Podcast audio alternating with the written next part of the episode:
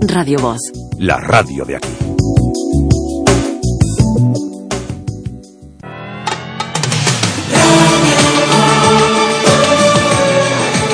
Radio Voz presenta Voces de Galicia. Con Isidoro Valerio.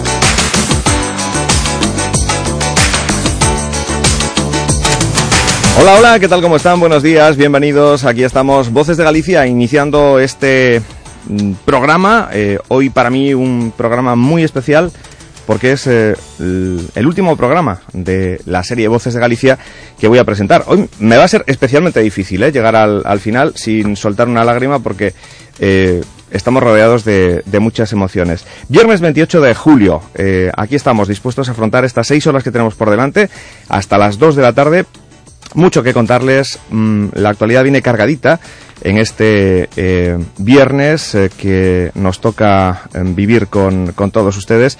Enseguida vamos a repasar eh, actualidad, enseguida vamos a contarles muchas cosas. Evidentemente, la actualidad pasa por lo que ayer se vio concretamente en el juzgado de instrucción número 3 de Santiago, en donde eh, comparecía como imputado Andrés Cortavitarte, el que fue director de seguridad de la DIF cuando se produjo el accidente de Angrois. Luego les contaremos eh, lo, que, lo que dijo, para indignar una vez más a eh, pues las víctimas del Albia que le esperaban a la salida de los juzgados, dado que mm, eh, entró mucho antes de cuando estaba citado, casi tres horas antes de cuando estaba citado llegó a los juzgados de Compostela, precisamente suponemos que para evitar la presión a la que fue sometido a la salida por las víctimas del, del Albia, eh, que ayer se mostraban indignados porque, eh, ¿qué dijo Andrés Cortavitarte? Pues ha asegurado desconocer el cambio en el proyecto de la vía Ourense-Santiago que incluye la curva de Agrandeira. Luego les resumimos lo, lo, dicho. También hablaremos de Ferroatlántica, de la decisión de la Junta de bueno, no permitir los planes de, de Ferroatlántica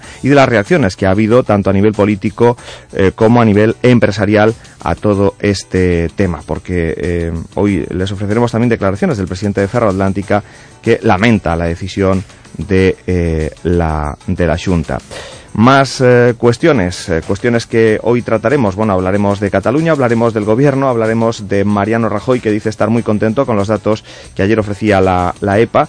Son algunas de las cuestiones que forman parte de la actualidad de este día. Y les contaremos más aquí en el programa, porque miren, hoy eh, vamos a eh, hablar eh, aquí en el programa de muchas cosas. Por ejemplo, tendremos con nosotros a la diputada socialista Loli Toja, Con ella hablaremos de esa decisión de la Junta que impide a Ferroatlántica vender las hidroeléctricas eh, en la costa da Morte. Hablaremos también de otras eh, cuestiones. Tendremos con nosotros al presidente de Agalber. Eh, hablaremos de los albergues y con los empresarios que tienen albergues en el Camino de Santiago, que firmaron esta semana un manifiesto en el que reclaman una mayor protección de las actividades regladas en la ruta ante el auge de la competencia que califican de desleal y que va en detrimento de la calidad del servicio que prestan. Además, estaremos también con el presidente de la Federación Gallega de Municipios eh, Españoles y mm, de los, la Federación Gallega de Municipios y Provincias, queremos decir.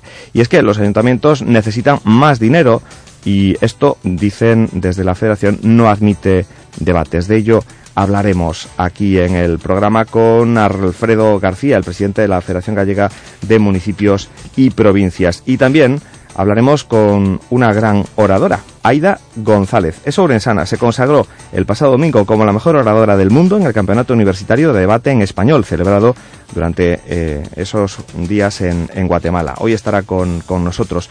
Como también estará eh, con nosotros Jacobo Sutil, el director de la GADIC. Con él hablaremos del festival Son Rías, eh, que contará con zona de acampada, gastronomía, playa, cine y sobre todo música. Mucha música hasta que el cuerpo aguante. El Rías Baixas de Bueu, que se presentaba oficialmente esta semana y que afronta su decimoquinta edición y que escoge un lugar emblemático, la playa de Bandado Río, la zona cero o el sitio donde empezó eh, todo. Así que, bueno, hablaremos de ese festival con Jacobo Sutil. Antes tendremos nuestra sección de cocina, también nuestra sección de barismo. Hoy despedimos eh, secciones, despedimos a nuestros eh, colaboradores y, bueno, despedimos este, este programa.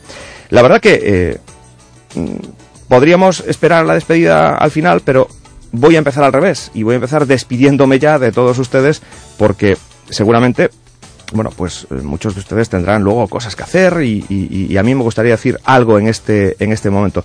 Sobre todo que todo este tiempo, estos casi 11 años que llevamos juntos en esta eh, fórmula de Voces de Galicia, eh, fue bonito y lo disfruté. Casi 11 años que hemos estado dando formato a este programa, Voces de Galicia, con diferentes configuraciones y con diferentes tramos horarios, equipos e incluso estudios.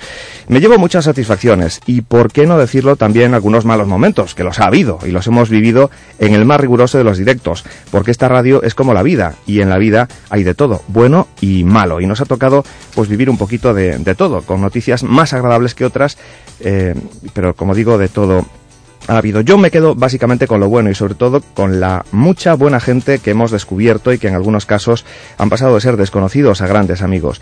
Los colaboradores, por ejemplo, que han sido muchos y que desinteresadamente han puesto cada uno de ellos su valioso e imprescindible granito de arena para hacer cada día que este humilde programa eh, se convirtiese en algo un poquito más grande. Atrás dejamos, eh, por tanto, por mi parte, otra etapa profesional con muchas horas de radio en las que hemos puesto todo nuestro cariño y ganas de hacer y eh, hemos procurado transmitir lo que nos rodea en un tono desenfadado y también diferente de lo habitual en otros medios. Nuestro compromiso ha sido con lo cercano, sin quitar la mirada sobre el resto de la actualidad, porque al final, como saben, todo acaba afectándonos. Cientos de horas en antena y también en la redacción, buscando contenidos con los que captar su interés. Ustedes, los oyentes, como digo, han sido testigos de todo en ocasiones incluso implicándose, compartiendo puntos de vista o discrepando abiertamente, pero haciendo grande este medio, el más interactivo y en el que siempre hemos procurado darles la bienvenida. Gracias, por tanto, por su apoyo, por su complicidad. Sabemos que están ahí, aunque no nos lo hayan dicho nunca, y que hemos sido cada vez más, porque lo dice el Estudio General de Medios. Les sentimos, de verdad. Me esperan otros retos dentro de la casa, pero confieso que me voy de este programa con pena, porque eh, haciendo balance del tiempo transcurrido me doy cuenta de que ha sido la etapa profesional más larga y que sin embargo eh, se me ha pasado en un abrir y cerrar de ojos, tal vez porque ha sido la más intensa, probablemente también en la que más he disfrutado, o tal vez porque van pasando los años. Bueno, ahora toca descanso, vacaciones y en septiembre nos reiniciamos en todos los sentidos. No quiero citar eh, a nadie en especial, pero sí a todos en particular. Gracias a la dirección de Radio Voz por su confianza en estos años, a los compañeros de redacción y al equipo de técnicos por su apoyo, los colaboradores por su inestimable ayuda y a los oyentes por estar ahí cada día. Infinitas gracias y de verdad, hasta pronto.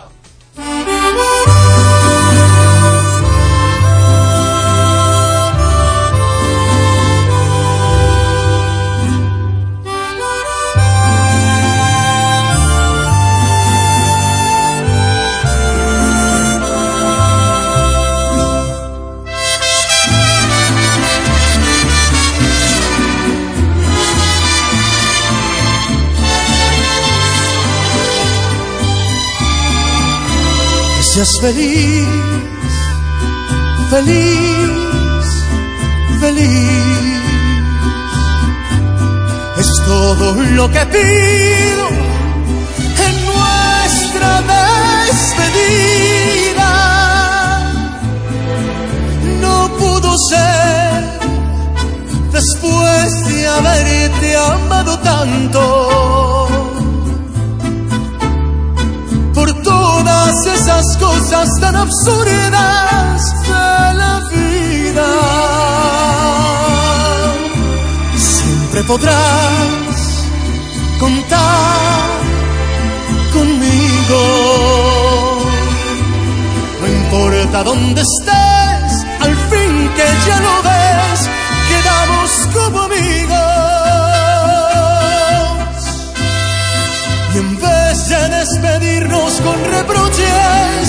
Y con llanto, yo que te quise tanto, quiero que seas feliz, feliz, feliz.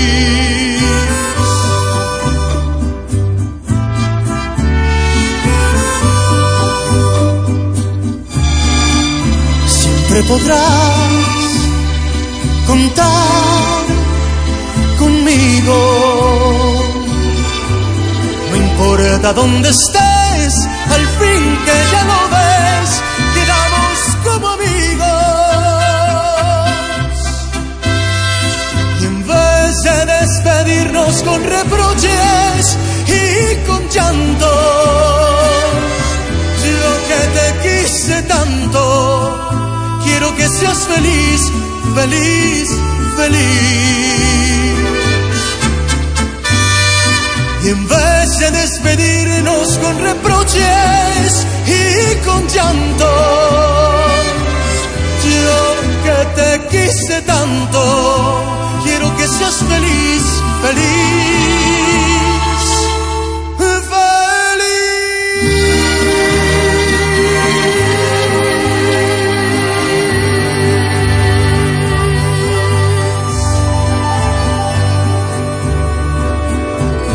Vamos ya con el resumen de actualidad aquí en Radio Voz. De lunes a viernes, Voces de Galicia, en Radio Voz.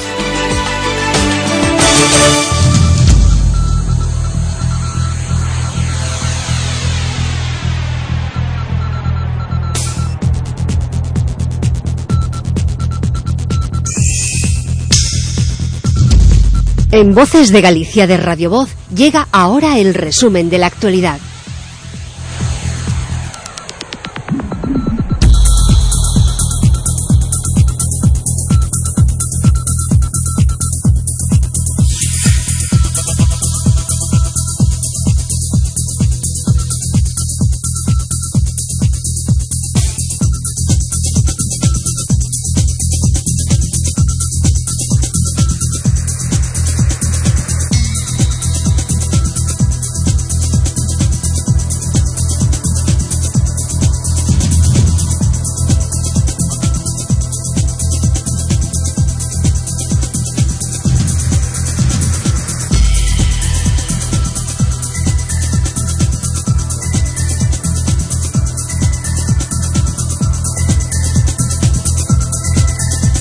De la mañana, 14 minutos, repasamos actualidad en este viernes 28 de julio y les eh, contamos de el paso ayer por los juzgados de Andrés Cortavitarte, el exdirector de seguridad de la circulación de la DIF, que estuvo en los juzgados de Santiago, donde compareció ante el juez eh, que lleva el caso Albia. El director de seguridad de Adif, cuando se produjo el accidente, Andrés Cortavitarte, comparecía en el juzgado número 3 de Santiago como imputado y aseguraba desconocer el cambio en el proyecto de la vía Ourense-Santiago que incluye, como saben, la curva en la que ocurrió el fatídico accidente del Albia eh, hace cuatro años, la curva de Agrandeira. Según fuentes jurídicas, Corta Vitarte expuso ante el juez, como ya había afirmado anteriormente en los recursos, que la responsabilidad recaería en su homólogo en Renfe y sobre Ineco, la empresa de consultoría que comparten Renfe y Adif. Eh, las eh, fuentes jurídicas han señalado que Corta Vitarte también habría asegurado ante el magistrado instructor Andrés Lago Louro que el sistema RTMS, del que desconocía que había sido eliminado de los últimos eh, kilómetros del trazado, no hubiera evitado que se produjera el accidente, por el que se le imputan 80 delitos de homicidio y 144 de lesiones por imprudencia laboral grave. En la jornada de ayer, Cortavitarte cambiaba su estrategia y respondía a las preguntas de su abogado, del juez y del nuevo fiscal del caso, Mario Piñeiro, que ha, revelado por primer, ha relevado por primera vez al anterior, Antonio Roma, que lo dejó en el pasado mes de mayo. El alto cargo de la DIF, que estaba citado para declarar a la una, se negó a responder a los medios tanto cuando llegó a los juzgados a las diez y cuarto como a su salida alrededor de las cinco y cuarto de la tarde después de unas dos horas de interrogatorio. A lo largo de la mañana también declararon dos de los tres peritos que han elaborado informes sobre el accidente. El designado por la Junta, Juan Carlos Carballeira, cambió su versión. Carballeira, que había afirmado que no era obligatorio realizar una evaluación integral de riesgos en el trazado según la normativa europea, ahora ha pasado a asegurar que sí se realizó una evaluación completa, según las modificaciones verbales que ha hecho ante el juez de su informe original. Escuchamos a Juan Carlos Carballeira. Eh, hay mucha más documentación en este momento de la que tenía cuando hice el informe y creo que se ha demostrado objetivamente, bueno, que el informe mucho más objetivamente, de que eh, no puedo contar más. También ayer prestó declaración otro de los peritos, el independiente César Mariñas, que ratificó su informe y cuya visión coincide con la Agencia Ferroviaria Europea, que todavía está pendiente de publicar su propia investigación al respecto. Este es Carlos Mariñas. Simplemente han sido preguntas respecto a mi, a mi informe. ¿eh? Muchas gracias. Sí, sí, me ha ratificado en, todos los puntos. Queremos decir César Mariñas, es el al que escuchábamos. Mariñas ha defendido el contenido de su informe que apunta a que, de haberse hecho los controles pertinentes en el tramo Ourense-Santiago, se habrían detectado deficiencias en la curva de Agrandeira que se podrían haber subsanado. La propia Agencia Ferroviaria Europea también había ratificado en su momento la versión de Mariñas, aduciendo además que el riesgo en la curva de Angrois había sido identificado y que Adif no cumplió con sus responsabilidades al no haber hecho nada para subsanarlo, traspasando de esta forma la responsabilidad al maquinista del tren Albia, Francisco José Garzón Amo. Un portavoz de la plataforma de víctimas del Albia, Arturo Domínguez, que estaba en el exterior de los juzgados, calificaba de patética la declaración del perito designado por la Junta y celebraba con optimismo que la declaración de Corta Vitarte pueda dar lugar a nuevas imputaciones tanto en Renfe como en INECO. En la misma línea, el abogado de la Asociación de Perjudicados por el accidente ferroviario del Albia de Santiago de Compostela, Javier González, se expresaba. Escuchamos, por tanto, a Arturo Domínguez y a Javier González. Hombre, no mitigó el riesgo, y no puede estar ahora mismo en un, en un cargo público, con lo cual exigimos su, su cese inmediato. Y si se hubiera cumplido la normativa, como dice Europa, este accidente no hubiera ocurrido. Y este hombre es el máximo responsable de seguridad de ADIF. Hay unos fallos tremendos en cuanto a los análisis de riesgos y las medidas de seguridad que tenían que haber sido adoptadas por ADIF y que sin embargo no lo fueron. La señalización existente hoy en la curva y las medidas de seguridad en la curva hoy hubiesen evitado el accidente ese, ese triste 24 de julio. Bueno, pues ahí está eh, esta cuestión eh, que sigue evidentemente abierta y pendiente pues eh, de todo ese proceso judicial que continúa adelante. Vamos con más cuestiones ahora. Hablamos de Ferroatlántica. El consejero de Economía, Empleo e Industria, Francisco Conde, subrayaba ayer que la Junta va a velar por el cumplimiento de la concesión de Ferroatlántica y ha apelado al diálogo que dice es el principio rector que debe regir entre Ferroatlántica y los trabajadores de la empresa. En rueda de prensa y tras participar en una reunión del Grupo Parlamentario Popular, Conte, cuestionado por las repercusiones que tendrá la negativa de la Junta a la segregación de actividades eh, de Ferroatlántica en Acosta de Morte, incidía en que el gobierno gallego va a velar por que se cumplan las condiciones de la concesión. Francisco Conte nos, que abogamos sempre eh, porque se opte pola vía do diálogo. E a partir de aí a nosa posición é moi clara e nós eh, seremos eh, contundentes co cumprimento das condicións do título concesional e polo tanto eh, a Xunta de Galicia sempre estará ao lado da lei eh, mantendo a actividade industrial na Costa da Morte que é precisamente o requisito que marca ese título concesional. Las reacciones a la negativa de la Junta a la segregación de las centrales de Acosta da Morte y eh, lo dicho por los responsables de la empresa también ha provocado reacciones eh, políticas. Por parte, por ejemplo, de la portavoz nacional del BNG, Ana Pontón, que ha calificado de lamentable la reacción de Ferro Atlántica tras conocerse la resolución de la Junta de negar la solicitud para segregar las actividades industriales y energéticas y así poder vender las centrales hidroeléctricas que explotan en la Costa da Morte, en los ríos Xayas y Grande. Desde Marea también destacaban ayer que en, vigilarán el cumplimiento de todos los términos de la concesión de Ferro Atlántica, consideran inaceptable que la empresa pueda adoptar represalias tras la decisión de la Junta de negarles la segregación de actividades para poder vender las centrales hidroeléctricas. En rueda de prensa, el portavoz de Marea Luis Villares criticaba que ahora se pongan en cuestión puestos de trabajo y la viabilidad del plan industrial. Escuchamos a Ana Pontón e a Luis Villares. Nos parece lamentable a resposta de Ferroatlántica, non? que pensa pois que Galiza é claramente a súa finca particular, que pensa que pode seguir eh, chantaxeando e amenazándonos porque non lle permitimos facer unha venta que sería unha venta ilegal. É inaceptable que se diga que agora se poñen en cuestión os postos de traballo, que se pon en cuestión a viabilidade do plan empresarial que fora anunciado previamente. Non cabe botarse atrás niso e non cabe porque está vinculado na propia concesión e polo tanto en Marea vai estar vigilante para que se cumpla en todos os seus términos. Entre tanto, el presidente de Ferro Atlántica, en declaraciones a Radio Voz, lamenta la decisión de la Junta tumbando las intenciones de segregar actividad en las centrales de Acosta da Morte. Este es Pedro Larrea. Evidentemente, la, la decisión de la Junta es una, es una decepción. Eh, pensamos que, la Junta se equivoca en, eh, en, el, en, la defensa de los intereses de Galicia. Nosotros habíamos presentado un plan muy importante de desarrollo industrial, de creación de empleo, invirtiendo 100 millones de euros, creando 500 nuevos empleos y asegurando el futuro de otros 500 empleos. Y, y la Junta ha optado por otro criterio y por uh, anclarse en el pasado en vez de eh, favorecer el, el, desarrollo, la inversión y la creación de empleo. Por tanto, una decepción, sobre todo para Galicia. Yo creo que es una mala noticia para Galicia y, y, no creo que sea un motivo de satisfacción para nadie el que, el que no se lleve adelante un, un gran proyecto. Este era Pedro Larrea, el presidente de Ferroatlántica, que se refiere en la entrevista concedida eh, a Radio Voz también a los puestos de trabajo. Dice que se habrían creado puestos de trabajo adicionales de ser creado el plan. De 90 empleos directos y, y nosotros calculamos que al menos otros 150 empleos eh, indirectos. Eh, en el total de Galicia estábamos hablando de la creación de 200 empleos directos y, unos 300 indirectos, en total la creación de alrededor de 500 empleos y lo que es muy importante también la garantía de estabilidad de los eh, 533 empleos existentes hoy en Galicia.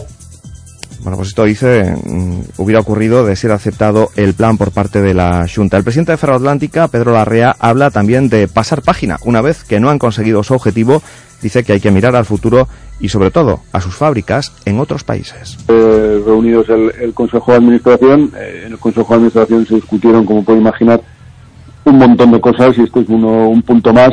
Eh, una decepción, pero tenemos proyectos en nueve países, en 26 fábricas en todo el mundo. Eh, desde luego el plan industrial que habíamos presentado para Galicia ahora mismo con esta decisión está muerto y eso para la empresa, bueno, pues es, insisto, pasar página, mirar al futuro eh, y buscar oportunidades de inversión. En Dice también el presidente de Ferroatlántica que como empresa no se podían dejar eh, llevar por las presiones. Eh, como empresa, afirma este mm, responsable de Ferroatlántica, han de buscar siempre, defiende, la máxima eficiencia.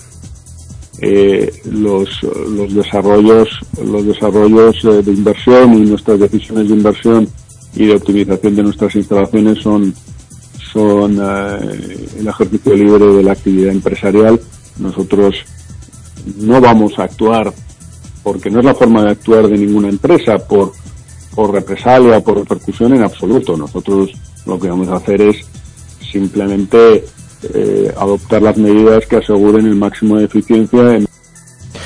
Bueno, pues este era eh, Pedro Larrea, el presidente de eh, Ferroatlántica. Por su parte, desde el comité de empresa de la planta de Ferroatlántica en Acosta da Morte, el presidente del comité, Alfonso Mouzo, muestra su satisfacción por la decisión de la Junta. Este es el presidente del comité de Ferroatlántica.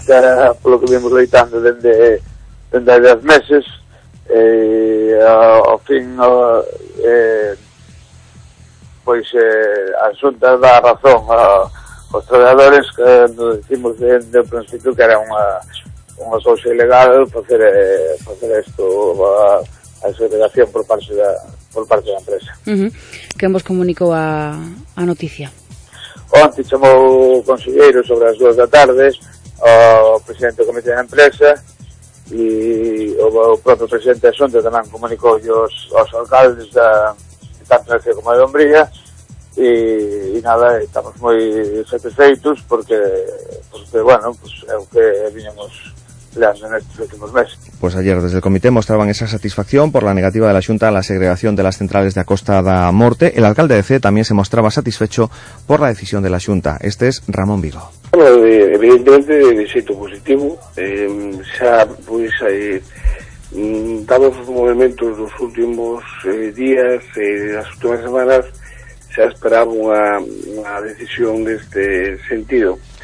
E, bueno, eh, onte a última hora da mañan, pois o presidente da Xunta tuvo deferencia de, de chamarnos, eh, darnos a, a noticia. E, bueno, en principio, pois, eh, eh, bueno, unha decisión importante para o territorio, pero estou convencido que, bueno, a actitud da, da empresa de, de retomar a situación, de intentar chegar a acordos cos eh, traballadores eh, cos alcaldes é dicir, que as sociedades eran de, no territorio que de, era a forma que, que, que debería haber actuado eh, pois, pois antes e que non o fixo saben todo por riba pensando que isto eran feitos consumados ao final do seu conta de que non é así pois entendo que pretenderá algún tipo de intento de, de, de bueno, de, de levar a súa idea pois a, cabo, pero de unha forma diferente a que iniciou no seu momento.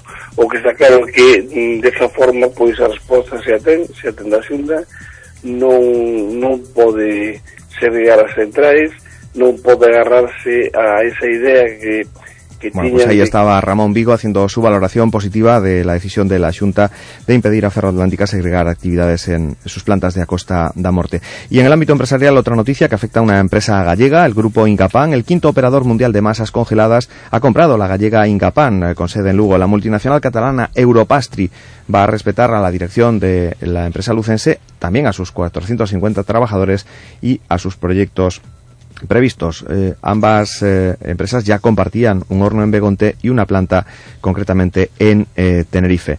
Y por otra parte, hablamos de la Junta que convierte en ley su batalla contra Portugal por las inversiones industriales. En octubre estará lista la normativa autonómica que permitirá comprar terreno a plazos sin intereses. Habrá facilidades para comprar y establecerse en Galicia, rebajas de impuestos autonómicos y locales y especial atención a sectores como el eólico y el forestal. Eh, a través de esa ley gallega se agilizará la puesta en marcha de empresas industriales, de asentamientos industriales en Galicia. Y hablamos ahora de la actualidad, de lo que hoy nos espera. Hoy hay Consejo de Ministros y em, les contamos en un instante lo que pasa, pero ayer hubo eh, reunión de los líderes del PSOE, Pedro Sánchez, y de Podemos, Pablo Iglesias. Llegaron ayer a su primer acuerdo desde la vuelta de Sánchez para enfrentarse a Mariano Rajoy. Van a pedir conjuntamente la comparecencia del presidente del Gobierno tras su declaración en el juicio del Gürtel.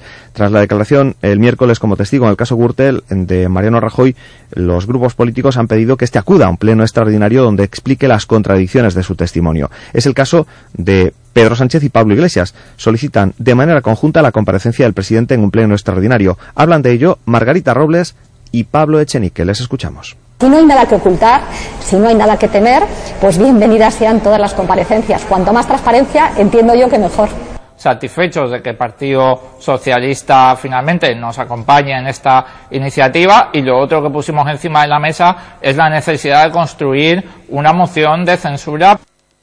Sobre este asunto se ha pronunciado el presidente de Ciudadanos, Albert Rivera, quien apuesta por una comisión de investigación. Dice que eh, un pleno extraordinario como el que solicitan Podemos y el Partido Socialista sería un chollo para Rajoy. Y la comisión, dice eh, Rivera, es un lugar más concreto y mucho más incómodo para alguien que no puede mentir. Este es Albert Rivera. Tenemos un problema grave, que es que tenemos un gobierno con un presidente y con un gobierno cargado con mochilas de corrupción, que Ciudadanos impulsó una comisión de investigación precisamente para que Rajoy venga al Congreso y no pueda mentir y esté bajo juramento y se le pueda hacer un careo. Un pleno extraordinario sería un chollo para Rajoy porque podría darnos un meeting sin ningún tipo de, de, obligación. ¿no? En cambio, en la comisión de investigación, por cierto, como el PSOE decía también en su día, es el mejor ámbito para poder hacer un careo con el presidente de gobierno. Así que Rajoy vendrá al Parlamento, vendrá a la comisión de, investigación, que es un lugar mucho más conciso, mucho más concreto, mucho más incómodo también para alguien que no puede mentir. ¿Eso quiere decir, señor Rivera, que ustedes votarán no a que Es- venga a pleno? Eso quiere decir que preferimos la comisión de investigación. Prefieren comisión de investigación a pleno y por tanto, mm, bueno, no lo dijo, pero parece que no votarán a favor de la propuesta de Partido Socialista y de Podemos. Y 24 horas después de su declaración como testigo en el juicio Gürtel, eh, que se sigue contra la trama corrupta de Francisco Correa, el presidente del gobierno, Mariano Rajoy, se centraba ayer en la entrega de medallas al mérito en el trabajo. Pero la comparecencia en la sede de la Audiencia Nacional era muy cercana, tanto que uno de los asistentes al acto, el periodista Tico Medina, felicitaba a Rajoy por su comparecencia el miércoles y lo hacía con un lenguaje taurino. Le dijo, bueno, lo van a escuchar, ayer toreaste como Curro Romero, Tico Medina. ¿Toreó usted a veces con el arte de Curro Romero? Y también hizo el salto de la rana que hacía mi compadre el Curro Romero. Bueno, pues así le dedicaba eh, sus palabras Tico Medina a Mariano Rajoy diciéndole que toreó como Curro Romero al tribunal de la Gürtel y que hizo el salto de la rana. En fin, más cosas. El número de desempleados, eh, como saben, disminuyó en 340.700 personas durante el segundo trimestre del año hasta los 3.914.300, de forma que baja de los 4 millones de parados por primera vez desde 2008. El paro juvenil se redujo en 8.000 personas y los hogares con todos sus miembros en paro disminuyeron hasta eh, 1.277.600, la cifra más baja desde 2009. Son datos que ayer dio a conocer el Instituto Nacional de Estadística con la encuesta de población activa. Mariano Rajoy, en ese mismo acto al que hacíamos referencia, en el, en el que le dijeron que hizo el salto de la rana y que toreó como Curro Romero, aseguraba ayer que los datos de la EPA del segundo trimestre le han producido una enorme alegría y le proporcionan estímulo y gasolina para seguir haciendo frente a la crisis más dura que ha vivido España en décadas. Mariano Rajoy.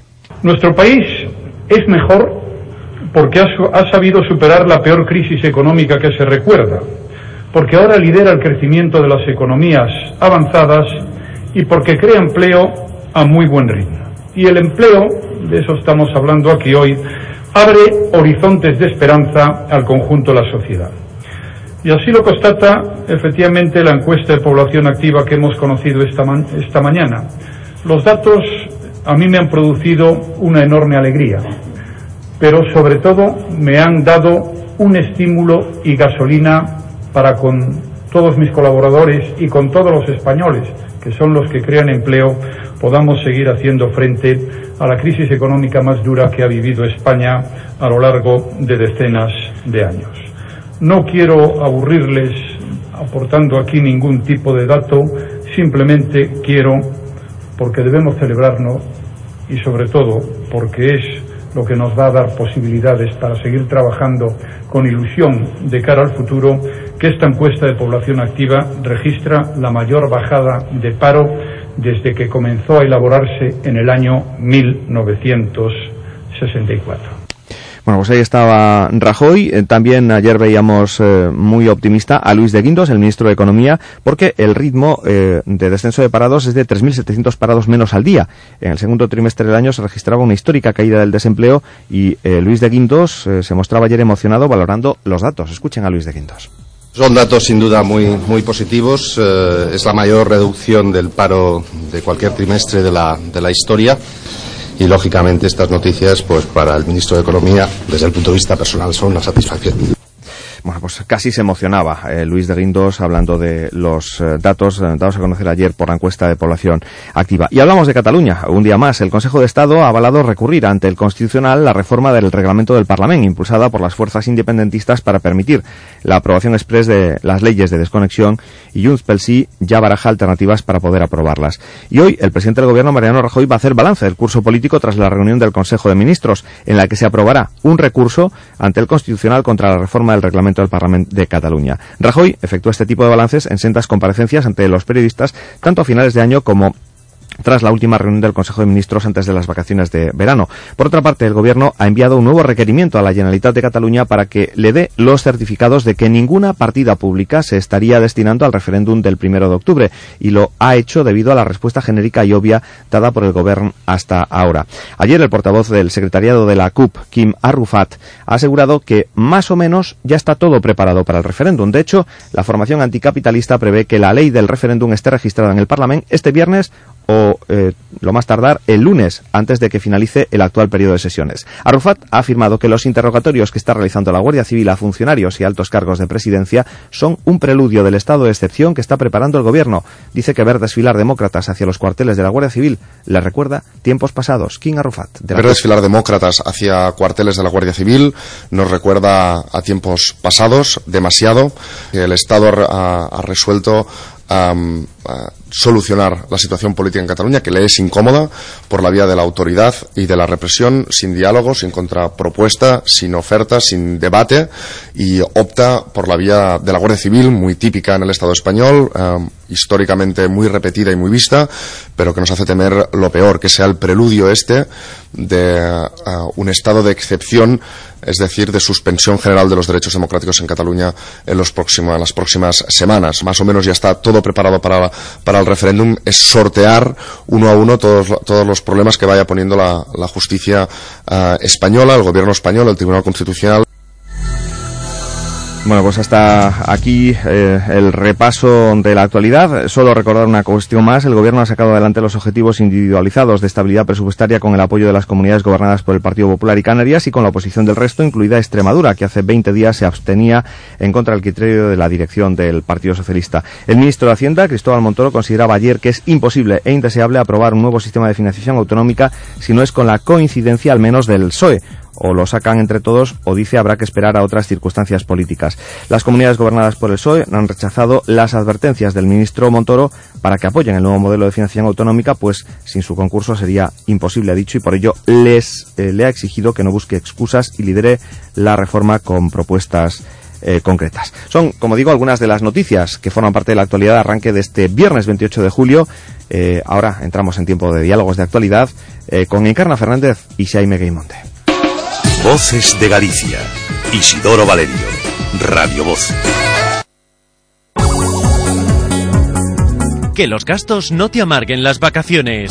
Porque en Feubert, del 24 de julio al 27 de agosto, te regalamos el importe del montaje y equilibrado al comprar tus neumáticos Michelin en un cheque regalo para tu siguiente operación de taller. Consulta condiciones en feubert.es. Feubert, tu coche en buenas manos.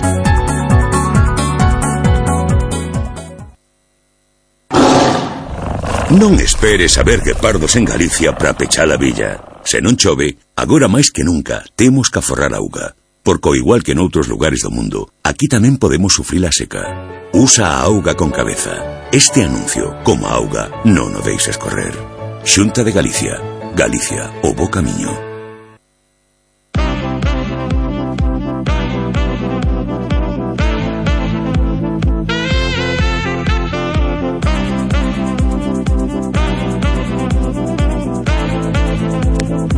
Son las 8 de la mañana, 38 minutos y quiero saludar ya a nuestros eh, dos eh, contertulios en la que va a ser nuestro en el que va a ser nuestro último espacio de diálogos de, de actualidad, porque hoy eh, bueno, pues se termina esta etapa del, del programa. Encarna, buenos días. Buenos días. Eh, hoy hoy mm, estoy a punto de soltar la lágrima minuto tras minuto. ¿eh? eh Xaime Guimonte, buenos días, ¿cómo estás?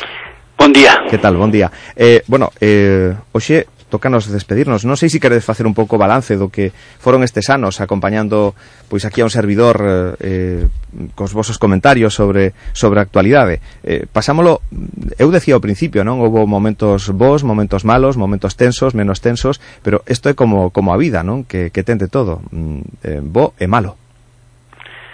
Bueno, eu eh, a verdade que facer un balance é complicado, non?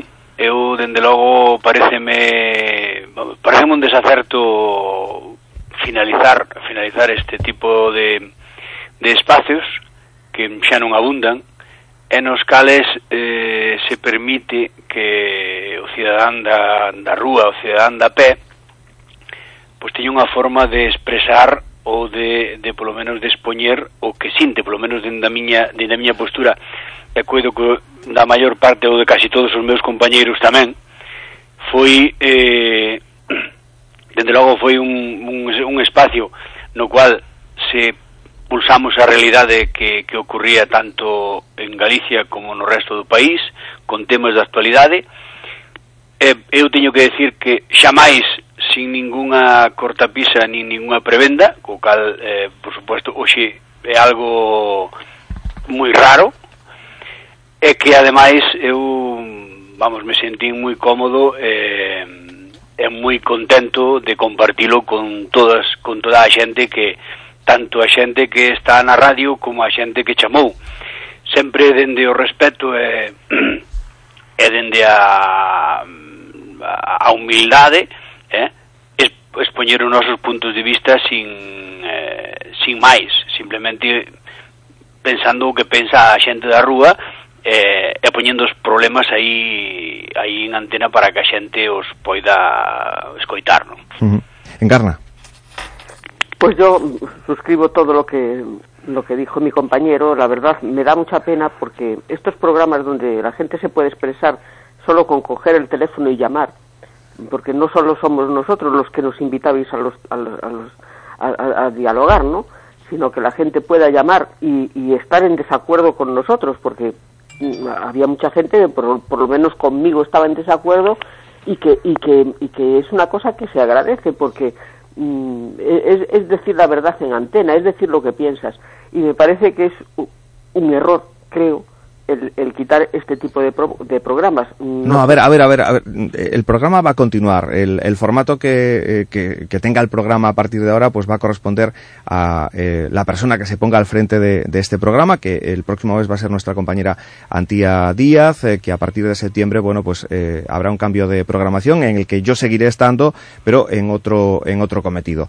Em, yo quiero dejar clara una cosa, que los oyentes siempre van a tener la, la puerta abierta y aunque cambien los formatos, aunque cambie el contenido, la filosofía mm, eh, va a seguir siendo la, la misma, ¿eh? O sea, que aquí no vamos pues a cerrar de de, puertas de eso a nadie. me alegro me alegro mucho, lo siento por, por ti Isidoro, porque vamos, mm, has sabido llevar muy bien el programa y, y aunque vas a seguir haciéndolo bien donde estés, pues, pues oye, no te vamos a escuchar, porque desde aquí pues no te vamos a escuchar. Bueno, Entonces, no pasa nada pues pues nada, pero estaremos en contacto. Eso Por espero. supuesto, yo yo lo decía yo lo decía esta mañana, ¿eh? eh queda atrás una etapa profesional eh, con muchas horas de radio, pero también quedan muchos amigos, porque yo creo que de, de ser desconocidos, porque eh, la primera vez que os invité pues a, a, todos y cada uno de los de los tertulianos, porque bueno, hoy estáis vosotros dos en el último mm, programa, pero eh, aquí por aquí ha pasado muchísima gente, unos que han estado unas temporadas, otras no, eh, pero yo creo que hemos hecho un, una piña y un y un equipo eh, más que de colaboradores, de amigos, ¿no? De hecho, yo creo sobre que te, todo, tenemos sobre pendiente todo, tenemos pendiente una quedada conjunta sí, para, sí, sí, por, por para supuesto. despedirnos. Pero sobre todo de amigos que no nos conocíamos. Claro, claro.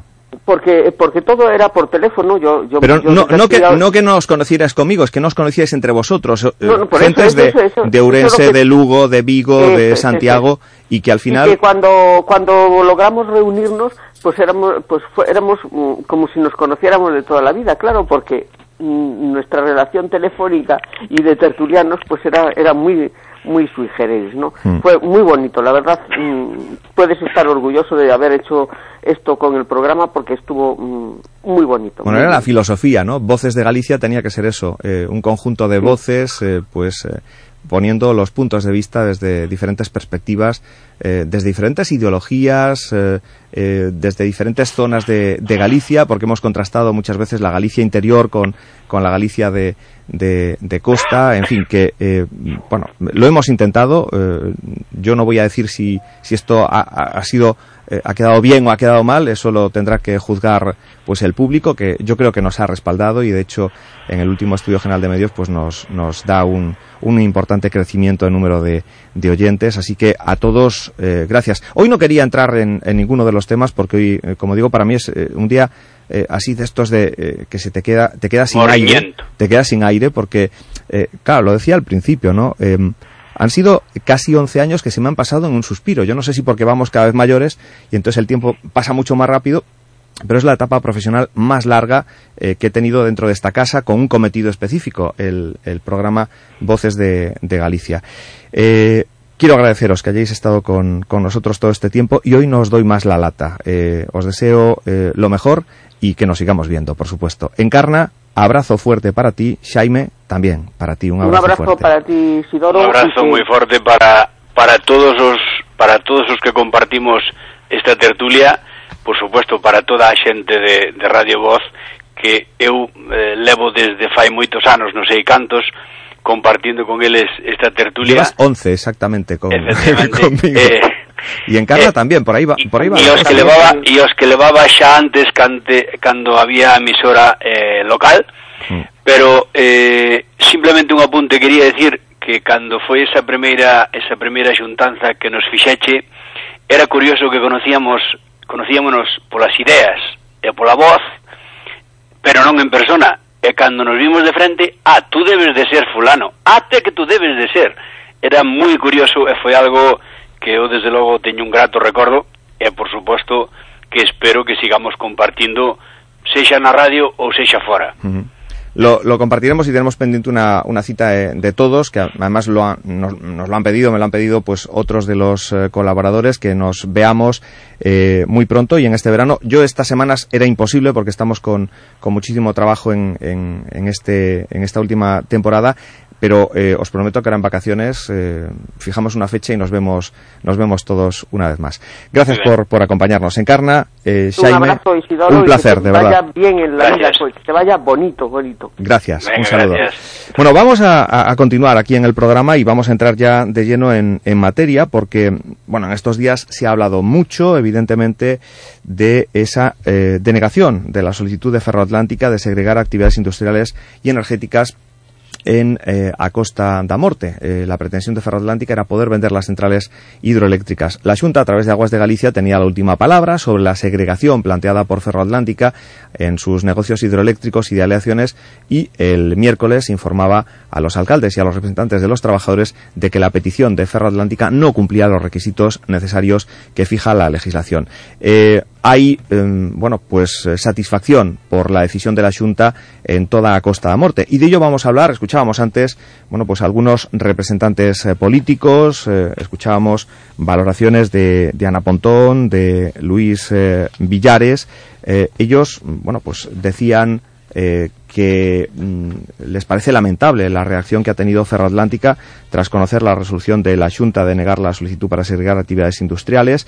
Decía, por ejemplo, eh, Luis eh, Villares eh, que no es de recibo que ahora se ponga en cuestión puestos de trabajo y la viabilidad del plan industrial. Pero vamos a saber qué dicen también desde el Partido Socialista. Loli Toja es diputada socialista y una persona que ha seguido muy de cerca todo lo acontecido pues desde que comenzó a hablarse de esa intención de Ferroatlántica de segregar eh, sus centrales hidráulicas en, en Acosta da Morte. Loli Toja, bo día.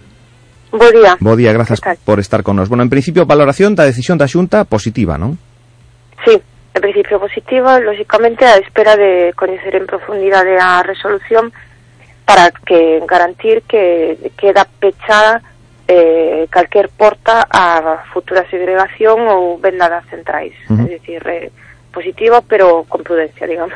En calquera caso, como valora isto que comunicaba inmediatamente de coñecerse a, a noticia da negativa da, da Xunta a segregación de que Ferroatlántica poña agora en cuestión os postos de traballo e a, habilidade, a viabilidade do seu plan industrial. E máis, onte eh, Pedro Larrea, que é o presidente de Ferroatlántica, eh, falaba do desenrolo eh, da, da empresa, eh, afirmaba que como empresa, mm, bueno, pois... Eh, eh, tiñan que pasar eh, eh, páxina e que unha vez non conseguido o seu obxectivo teñen que mirar hacia o futuro e concretamente as fábricas en outros países, é dicir, fala de, eh, de, de continuar eh, traballando pero co obxectivo posto noutra zona que non seña a Costa da Morte. Escoitamos a, a Pedro Larrea. Eh, los, los desarrollos, los desarrollos eh, de inversión y nuestras decisiones de inversión y de optimización de nuestras instalaciones son, son eh, el ejercicio libre de la actividad empresarial.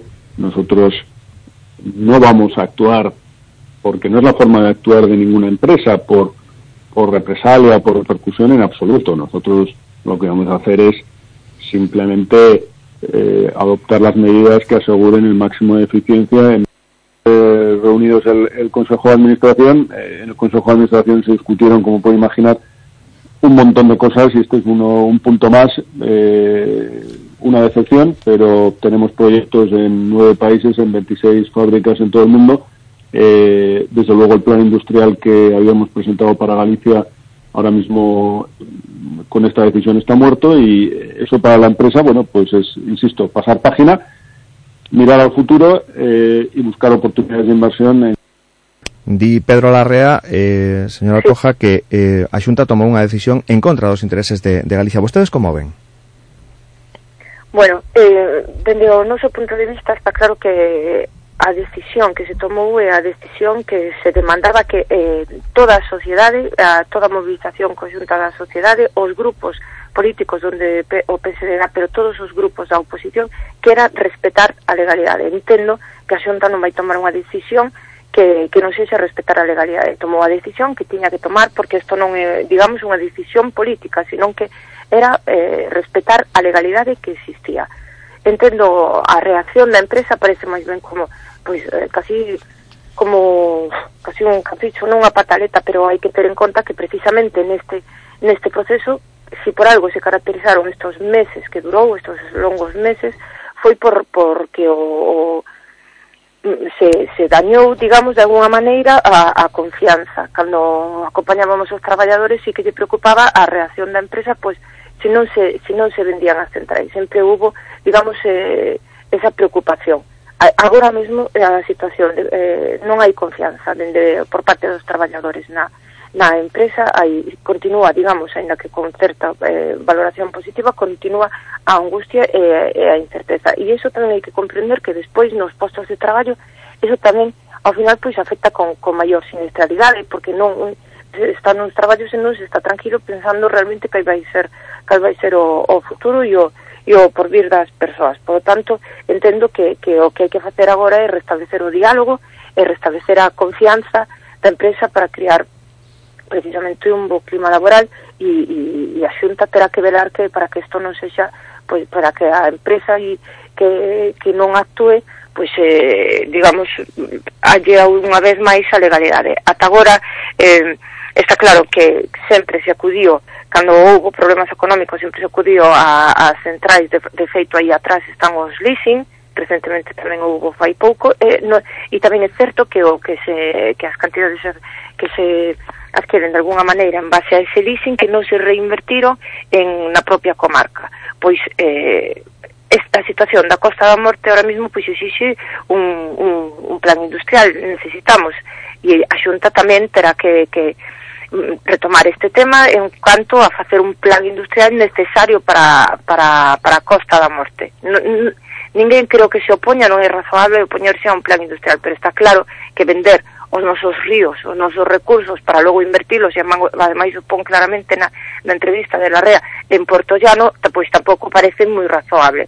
Habrá que mirar por, por, por Costa da Morte. Habrá que mirar pola Costa da Morte para, para claro, pero, que non Pero a ver, di, sí. di Pedro Larrea eh, que eh, os alcaldes da zona, o comité, eh, estiveron anclados en preservar o pasado eh, en lugar de mirar o, o futuro. E onte, na entrevista que concedía aquí a Radio Voz, Larrea Mm, eh, referíase aos postos de traballo que se terían creado de ser aceptado o, o plan. En este sentido, pode, mm, pode mm, eh, ter ocurrido que, que a empresa explicase non axeitadamente o que era o seu obxectivo e que eh, todo isto seña un gran, un gran erro. Imos escoitar a Larrea o que decía sobre a creación de postos de traballo de sair adiante o plan que, que perseguía. De 90 empleos directos e y nosotros calculamos que al menos otros 150 empleos eh, indirectos.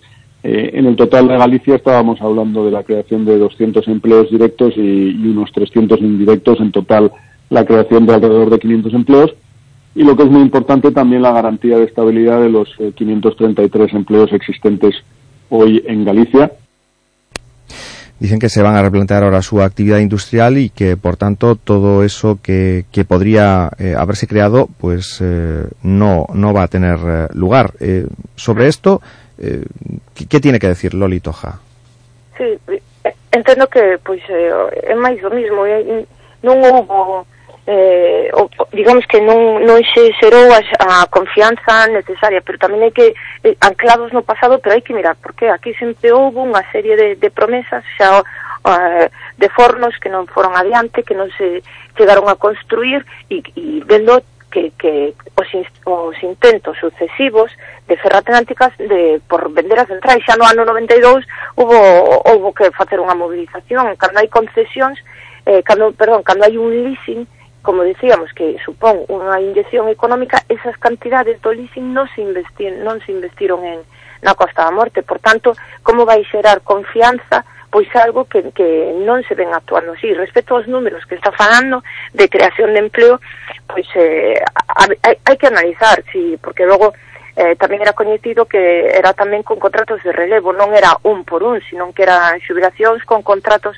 con era un, un xubilado máis un, un contrato, un relevista, non era novas creacións, senón que era un por un, bueno, se, hai que hai que profundizar e, e hai que analizar e hai que sentarse, hai que dialogar, hai que hai que restablecer o proceso de diálogo, como dicíamos, ninguén se vai opoñer a un plan de industrialización da Costa da Morte, pero está claro que sempre mantendo a legalidade, o que non o que non non nos parece ben dende o grupo socialista e así os defendemos dende o principio é que non se cumplan as condicións da legalidade que se eh, se leve a cabo a segregación e sobre todo que se venda e que non se invista na Costa da Morte. Sempre parecemos que somos de, de segunda, de terceira e, e non todo a, nos costa moito máis que na, que aquí na Costa da Morte que, que en outros lados e xa está ben e este proceso non nos conocía. E aparte, de, eh, o que é unha cousa moi clara, que a Xunta actúa de acordo á legalidade, que non pode actuar de outra forma non entendería non se entendería que se actuase de outra forma defendendo os intereses precisamente dun, dun empresario cando hoxe en día fai dous días estaba declarando Rajoy precisamente pola financiación do seu partido. E que ten que, que como vai como vai a digamos a a tomar unha decisión que non sexa en base á legalidade e que ten que ser así, non uh -huh. pode ser de outra forma. Eh, confían que, por lo tanto, todo isto mm, eh, teña eh, solución e que non haxa consecuencias para as plantillas de, mm, de ligadas a Ferroatlántica? Sí, claro, pois eh, volvemos outra vez, é necesario pois un proceso de, de oh de diálogo e despois... Onte apelaba, onte apelaba elo precisamente o Conselleiro de, de Industria, Francisco mm. Conde, que decía que eh, velarán polo cumplimento da concesión e apelaba, sobre todo, o diálogo que dio o principio rector que debe rexir entre Ferro Atlántica e os traballadores da empresa. Este Francisco Conde, o Conselleiro de Industria. Nos o que abogamos sempre é eh, porque se opte pola vía do diálogo. E a partir de aí a nosa posición é moi clara e nos eh, seremos eh, contundentes co cumprimento das condicións do título concesional e polo tanto eh, a Xunta de Galicia sempre estará ao lado da lei eh, mantendo a actividade industrial na Costa da Morte que é precisamente o requisito que marca ese título concesional. Aí están de acordo absolutamente todos, un goberno e oposición, non? Claro, é que, é que non pode ser de outra forma. Digamos, é que isto non, non é unha decisión política, é unha decisión de acordo a unha legalidade. Un goberno non pode actuar de espaldas á legalidade e a legalidade estaba clara dende o principio. Había unha, conce unha concesión ligada a unhas determinadas condicións e, e sinceramente tiveran aforrado un montón de angustia neste proceso tan longo se a postura da xunta tivera sido máis firme dende o principio porque as, as condicións estaban claras. Así se defendeu por parte de todos os grupos e en base tamén a, a informes xurídicos e, e a opinións de, de, de, de persoas do mundo do dereito administrativo. Entón, pois, se, se houbera forrado este proceso, a, as condicións estaban claras dende o principio. Entendemos que se, que se houbese aforrado este proceso e a que a decisión da xunta non podería ser de outra maneira diferente. Uh -huh. Loli Toja, moitísimas grazas por estar con nos. Seguiremos pendentes de todo este asunto. Unha aperta forte. Pois, gracias a vos. Grazas. Seguimos aquí na sintonía de Radio Voz en este 28 de xullo eh, en directo con todos vostedes Ecuas Voces de Galicia.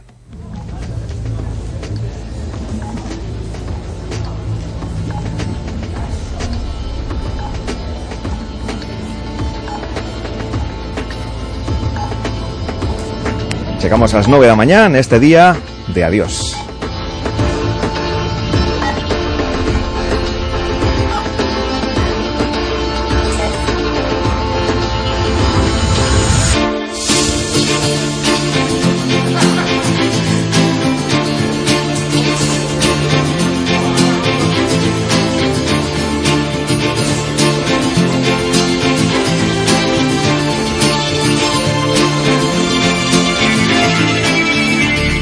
Sabes cuál es la gota que despierta el vaso y reposa. Bien puedes dejar que la inercia haga con tu vida lo que quiera.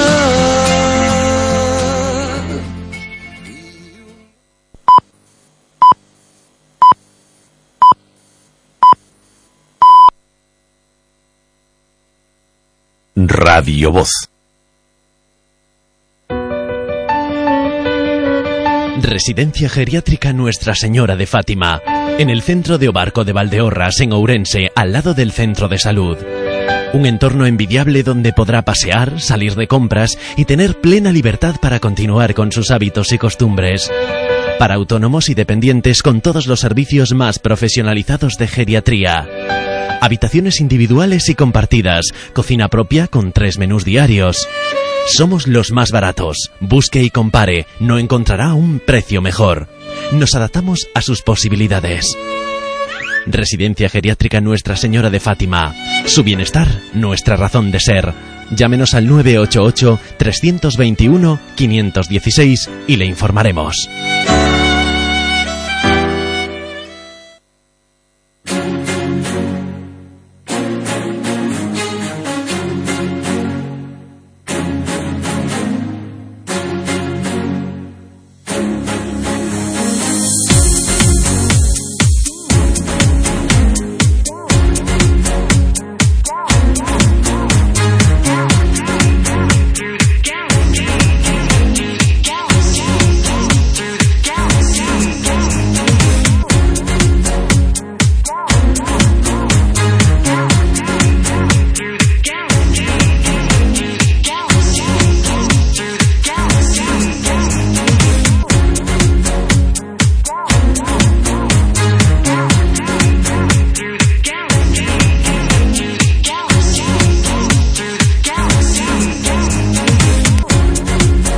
Estamos en la sintonía de Radio Voz. Vamos a contarles cómo están las cosas ahora mismo en las carreteras gallegas. Primer contacto con la Dirección General de Tráfico, DGT. Alicia Gutiérrez, buenos días, cuéntanos.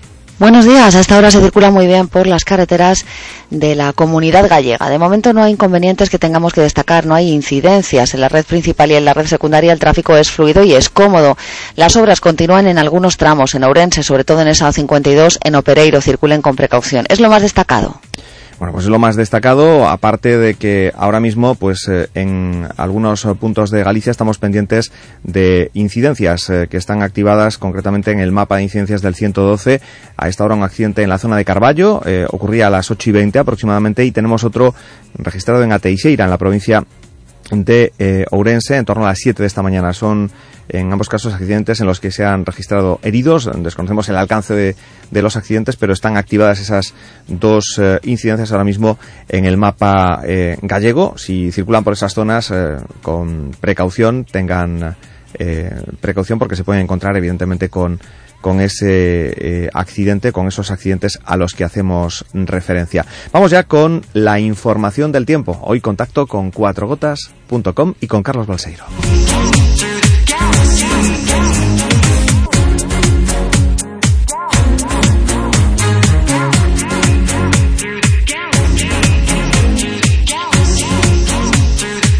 Don Carlos Balseiro, buenos días. Muy buenos días, don Isidoro, ¿qué tal? ¿Qué tal? Bueno, pues eh, hoy yo alegrándome mucho de escucharte, eh, esto quiere decir que te tenemos mejor de, de salud, porque a todo esto, Carlos, en estos días no ha estado todo lo católico que sería de desear, ¿no? No, así es, pero bueno, ya ya mejor, ya ya mejorando y ya casi casi casi en plena forma. Aún no, aún no de todo, pero bueno, casi casi. Bueno, pues me, me alegro mucho que al menos en este último día podamos saludarnos en, en directo, No, Carlos. no podía ser de otra forma, no Bueno. podía ser de otra forma. Hablamos del tiempo, de cómo, de cómo viene, porque, a ver, no pinta nada bien este fin de semana y sobre todo la despedida de este mes de, julio, ¿verdad? Sí, eh, tanto la despedida de julio como el inicio de agosto, pues no, no parece que corresponderán mucho con, con el tiempo que esperaríamos en estas, en estas fechas. Eh, sobre todo la primera semana de agosto, que, que bueno, se, todo apunta a que eh, se acabará poniendo una borrasca y los mapas que, que vemos, si no le vemos la fecha, pues, pues diríamos que eran de, que son de marzo o de octubre, porque realmente eh, el anticiclón se acaba alejando mucho de, las Azores, se acaba situando bastante al suroeste de las Azores y permite la llegada de, de varias borrascas desde el, desde el norte y bueno, eh, nos dejarán eh, ya, ya en el final de este mes y sobre todo el inicio de agosto, pues eh, poco poco veraniego, pero bueno. Hoy aún así amanece, amanece despejado en gran parte de, de Galicia, con, con muchos, con muchos claros, pero a medida que avance la mañana ya irán llegando nubes. Ya lo notarán primero en la zona de Costa Morte, ya a fin, a media mañana ya irán llegando nubes hacia el litoral, eh, todo lo que es el mediodía ya llegarán a todo el litoral de, de Rías de, de Oeste, Galicia, Barbanza, Rías Baixas, ya estarán con, con muchas nubes. Por contra, pues toda la zona eh, norte, eh, Coruña, Ferrol y sobre todo la zona amarilla, pues quedarán con, muchos claros durante, durante la mañana, mediodía, incluso amarilla durante todo el día y también el interior de Galicia eh, pues tendrá un día de, de sol y con unos contrastes de temperatura eh, muy significativos. Volveremos a repetir esos eh, más de 30 grados en buena parte de la provincia de Ourense, incluso llegando a los 32 y por contra el, el litoral pues eh, oeste, toda la zona de Costa Norte, Rías Baixas se quedarán en torno a los 22, 23 nada más. Ujú. Bueno, pues así viene el, el tiempo. Para el fin de semana también eh, un poco chafado. No vamos a tener un fin de semana playero en, eh, en Galicia. Eh, los mejor parados van a ser los, los de Amariña, ¿no? En Amariña Sí, Lucense- justo, eso, eso es decir, que eh, no tendremos un fin de semana de playa en las provincias atlánticas, lo que sería más habitual, ¿no? Sobre todo la zona de Rías Baixas, más habitual el, tiempo despejado y por contra este fin de semana será al revés. Muchas nubes, incluso lluvias, eh, lluvias débiles de- durante todo el sábado en la zona de- del litoral oeste, Costa da Morte, Barbanza, Rías Baixas, incluso también metidos en el interior de la provincia de Coruña, Santiago y también buena parte de la provincia de Pontevedra con, con lloviznas durante prácticamente todo el sábado y por contra en amarilla pues todo el sábado pues prácticamente despejado y con subida de temperaturas 25 26 grados. Así que el plan de ir a playa el fin de semana el sábado sobre todo será eh, coger el coche o los que estén en amarilla pues disfrutar de ese de ese de esos días de sol que, que bueno que no son muy habituales en verano y que con esas temperaturas. Así que bueno fin de semana perfecto para eh, en amarilla, por contra, en Rías Baixas y zona del oeste de A Coruña con, con muchas nubes, con lloviznas, con lloviznas también el domingo de madrugada, el domingo pues irán abriéndose y sí que quedarán bastantes claros durante durante el día, especialmente también la, la zona de Coruña, Ferrol, pero no hará calor. Eh, ahí sí que ya bajarán las temperaturas también en amarilla y se quedarán en torno a los 22 grados en la costa, 27, 28 en la provincia de Ourense, cuando el sábado también estaremos en torno a los 32, así que bueno, eh, contraste muy muy importante entre las provincias de Lugo y Ourense y las de Coruña y Pontevedra y contraste en el litoral porque habrá que buscar la zona de, de amarilla para poder disfrutar de la playa. Ujú. Carlos, eh, por mi parte, agradecerte infinitamente tanto a ti como a Bea Arbella, que desde que os planteé un buen día, eh, que fueseis nuestros hombres del, del tiempo, hombres y mujeres del tiempo, eh, eh, aceptasteis gustosamente y, y hasta, hasta este día pues nos habéis venido acompañando todos y cada uno de los, de los programas. Gracias por estar ahí y decirte que seguiremos en contacto, eh, porque espero Al seguir revés. contando con, con vosotros. Un abrazo fuerte. Sí, claro, al revés, yo quería agradecerte a ti eh, toda la, bueno, la confianza que, que has depositado siempre en Cuatro Gotas, eh, todo lo que nos has aportado y aguantar, ya ves que este no quería, no quería despedirse, quería despedirse Que se despida Carlitos también. quería despedirse también, Dani, de ti y darte las gracias Ah, Dani, por, Dani, por Dani, aguantar, por aguantar también estos, estos llantos y esta, bueno, poca profesionalidad a veces de, de tener aquí al crío a veces. Bueno, Muchas pero gracias. es- esto es, es la vida real y yo lo decía hoy al principio, que este programa ha transmitido mucha vida, ¿no? Y, y la vida real, que es eh, a la que nos intentamos acercar cada día sin ponerle a ningún tipo de, de filtro. Un abrazo fuerte, Carlos. Eh, Un abrazo. Y quería también agradecer que, que, bueno, que, que no, no está en antena, pero todos los que estáis por detrás, eh, sobre todo Sonia, pues eh, muchas gracias por, por todo el trato recibido estos, estos años. a Sonia le tengo Y- preparado y luego algo, no me desveles. eh. Mucha suerte, Isidoro. Un abrazo fuerte para ti, gracias. Y para Bea, que, mm, bueno, pues eh, le tenemos también desde hace tiempo eh, perdida la pista, pero, pero A, sabemos a- que, a que punto, ahí a está. punto, a punto de ser mamá. Bueno, pues nuestra enhorabuena para, para Bea Arbella, la otra parte de cuatrogotas.com. Gracias. Nueve y nueve minutos estamos en Radio Voz. Nos vamos a la redacción digital de La Voz de Galicia. Residencia Geriátrica Nuestra Señora de Fátima, en el centro de Obarco de Valdeorras, en Ourense, al lado del centro de salud. Un entorno envidiable donde podrá pasear, salir de compras y tener plena libertad para continuar con sus hábitos y costumbres. Para autónomos y dependientes con todos los servicios más profesionalizados de geriatría.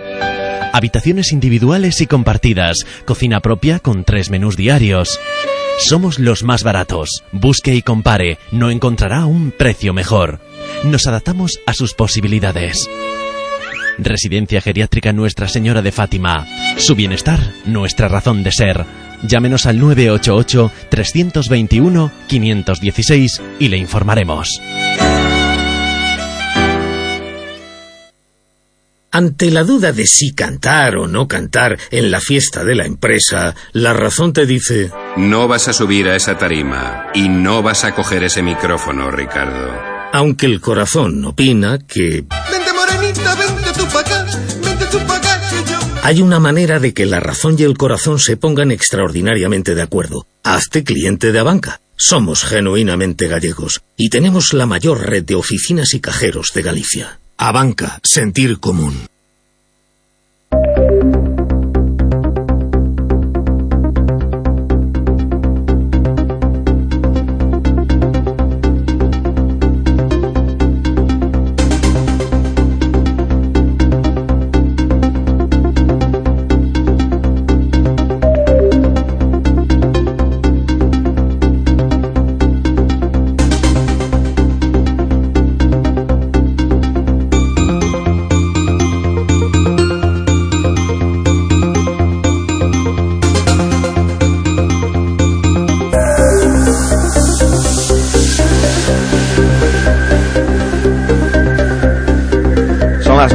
Mañana, 11 minutos. Nos vamos a la redacción digital. Repasamos los eh, temas clave en el arranque de esta jornada de viernes 28 de julio. Saludo a Fran Balado, nuestro compañero de la redacción digital. Fran, buenos días. Hola, buenos días, Isidoro. Buenos días. Hoy comenzamos hablando de bueno esa ofensiva eh, que lanza la Junta contra la oferta de bajo coste portuguesa para atraer inversiones empresariales. ¿no? Eh, la Junta quiere traérselas, atraerlas a territorio gallego. Eh, sí, ayer el, el consejero de Industria y el portavoz del PPDG en, en, en Ohorro, eh, Pedro Puy, eh, bueno, desvelaron unas líneas maestras, ¿no? Que, que es lo que la línea de actuación que va a seguir el Ejecutivo gallego para, para competir contra ese low cost eh, de- del norte de Portugal, pues que, que está quitándole muchos inversores a Galicia y que está provocando que, muchos empresarios que ya estaban también asentados en Galicia que decidan cruzar el Miño, ¿no? Para, para eh, desempeñar sus, sus, sus, sus funciones económicas. Bueno, eh, tenéis un gráfico en el que eh, nos mostráis la ocupación de los polígonos industriales. Eh, queda mucho espacio en Galicia para asentamientos industriales. Sí, sí, sobre todo, eh, según comentaron ayer, en- es el, el principal eh, aumento, el principal fomento de estas de este establecimiento de empresarios de, para atraer a nuevos inverso- inversores va a ser en las zonas industriales, las que no, no en las que son las ciudades, en los nuevos polígonos que, es- que se han impulsado desde, desde la Asunta en, los últimos años. En materia de sanidad también nos contáis los últimos avances en la investigación contra la hepatitis C, eh, Fran. Sí, eh, bueno, eh, cuenta el caso de, de Mercedes Herrera, ¿no? que es una, una señora de, de 66 años que, que ha sido, fue diagnosticada eh, hace más de tres décadas con, con hepatitis, porque en esa época no se sabía si era A, B o C lo que tenía. Y bueno, comenta que, que lleva una vida casi con, con normalidad y dice que, que, desde hace dos años que le han matado el bicho y que desde entonces su vida ha cambiado por completo, ¿no? Entonces es un, bueno, una gran esperanza para estos enfermos. Claro, es que la noticia es que los nuevos antivirales van a permitir erradicar esa enfermedad en un plazo de, dicen, cinco años. Y continúa, entre tanto, el escándalo de la Federación Española de Fútbol. Eh, ¿Qué pasa con Ángel María Villar? Cuéntanos. Sí, bueno, son diez días eh, súper turbios en, en, en, el fútbol español, ¿no? Desde, desde que se destapó todo todo esto que era un secreto a voces, todos los, los asuntos que, que, tenían y que se cocinaban en la Federación Española de Fútbol, el, el presidente eh, entró en, en, prisión hace hace diez días y bueno ayer eh, dimitió de sus cargos en FIFA y UEFA. Dimitió porque si no en FIFA y UEFA le iban a, a dimitir. Pero sin embargo se, se, se aferra y se agarra eh, desde, desde la prisión a sus, a sus cargos en, en la Federación Española de Fútbol, ¿no? Porque, bueno, como se cuenta hoy en, las páginas de La Voz de hoy, se ha eh, mostrado cierta tibieza desde, desde el Ministerio de Educación, Cultura y Deportes que no, no, le han, le han puesto los puntos sobre las IES a este dirigente del fútbol español. Y hablamos de una investigación abierta por la policía eh, en torno al alcalde de Xunqueira de Ambía, José Luis eh, Gavilanes, a su exmujer y a su hijo por una supuesta explotación a inmigrantes. Sí, eh, el alcalde de este municipio urensano, de, de de Ambía, eh, bueno, se destapó que, podía estar eh, teniendo a gente contratada en una situación irregular. Eh, el asunto este se destapó a través de, de un matrimonio de un senegalés con, con, una española, parece que era por cuestiones de papeleo, y, y la policía eh, parece ser que ha encontrado indicios de que, de que el alcalde de Sungueira de Ambía, José Luis Gavilanes, ha tenido gente trabajando en situación irregular en trabajos de limpieza para una empresa de su propiedad, en hogares de familiares y en pisos relacionados con el Copa Urense de baloncesto, que es el club que el año pasado presidía el hijo de este alcalde. Que por cierto, alcalde que ha sido detenido. Y Andrés Cortavitarte fue ayer protagonista del de, paso por el juzgado de instrucción número 3 de, de Santiago, ¿verdad?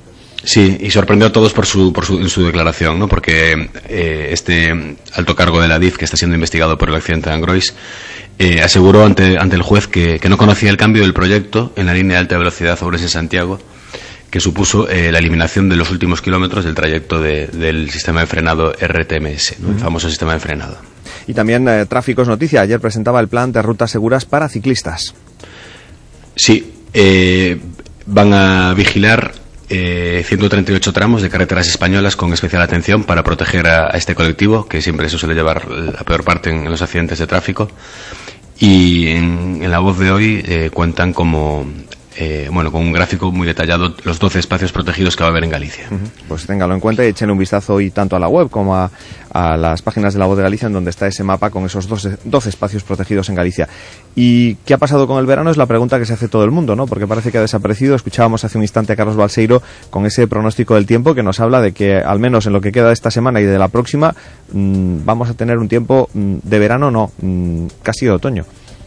Sí, pues la verdad es que arrancó bien, ¿no? Incluso antes del verano, la verdad es que el tiempo en Galicia arrancó muy bien, estábamos todos sorprendidos y sin embargo, desde mediados de julio se ha venido torciendo. Eh, parece ser que son las altas presiones que no consiguen eh, afianzarse en, el norte de la península y esto genera una situación de inestabilidad con un descenso de temperaturas y la presencia de lluvia en algunos puntos.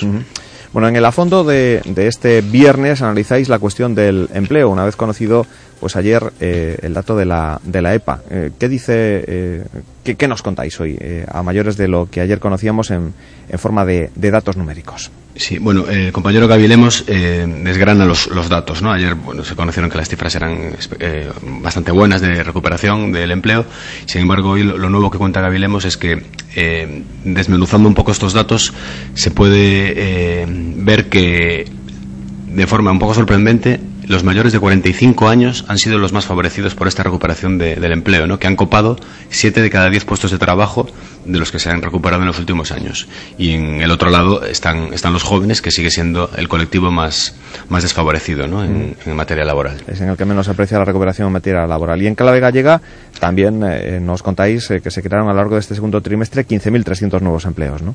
Sí, 15.300 nuevos puestos de trabajo que, que sobre todo eh, vienen de, de, los dos grandes motores que son eh, el sector servicios, ¿no? Con, con la llegada del verano eh, y después también las, las contrataciones en tiendas para, para atender las rebajas.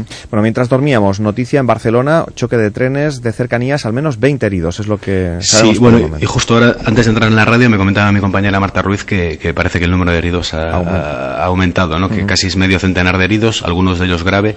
De momento, hay un- aún no se conocen muchos datos, simplemente se sabe que, que al- el tren, al llegar a la estación de Barcelona, eh, ha chocado con el tope de, de final de, de la vía y parece ser que había bastante gente ya esperando de pie a, a salir de a salir por la puerta con prisas y, y si se ha lesionado alguno de ellos de, de gravedad de momento no hay ningún número de muertos Bueno, pues ahí está ese accidente, viene de esta madrugada esta, esta noticia que conocíamos y también eh, nos llega otra de Estados Unidos con Donald Trump como protagonista, ¿verdad?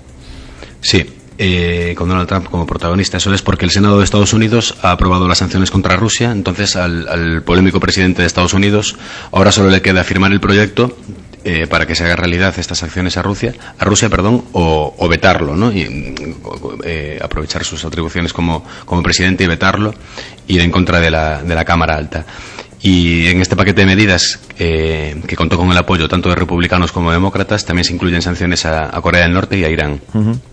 Bueno, pues aquí lo vamos a dejar. Hoy nos quedamos pendientes del presidente del gobierno, preside en Moncloa, la que será la reunión del Consejo de Ministros, a la que asisten todos los miembros de su gabinete y posteriormente habrá rueda de prensa de, de Mariano Rajoy, que hoy, mm, bueno, pues además eh, tiene previsto, eh, pues, eh, dar cuenta mm, dar cuenta de mm, pues todo lo que está ocurriendo con, con Cataluña. Así que veremos qué es lo que hoy cuenta tras eh, la reunión del gabinete eh, Mariano Rajoy. Eh, Fran, aquí lo dejamos. Fran Balado, un abrazo fuerte, gracias y hasta Muy siempre. ¿eh? Un Hoy abrazo. Día de despedida aquí en el programa 9 y 19 minutos. Estamos en Radio Voz, estamos en Voces de Galicia. Seguimos, no se vayan, enseguida contactamos con el presidente de la FEGAMP, con el alcalde de Obarco Alfredo García. Con él vamos a hablar, bueno, pues de esto que algunos ayuntamientos pretenden hacer, que es cobrar una tasa que permita retornar a las arcas locales el gasto que generan los turistas que llegan eh, a, a España. Hay ayuntamientos como Santiago, Bayona y Ogrove que lo tienen claro y que quieren ir por esa línea. Hablamos de qué le parece esto al presidente de la Federación Gallega de Municipios y Provincias. Voces de Galicia. Un programa de Radio Voz con Isidoro Valerio.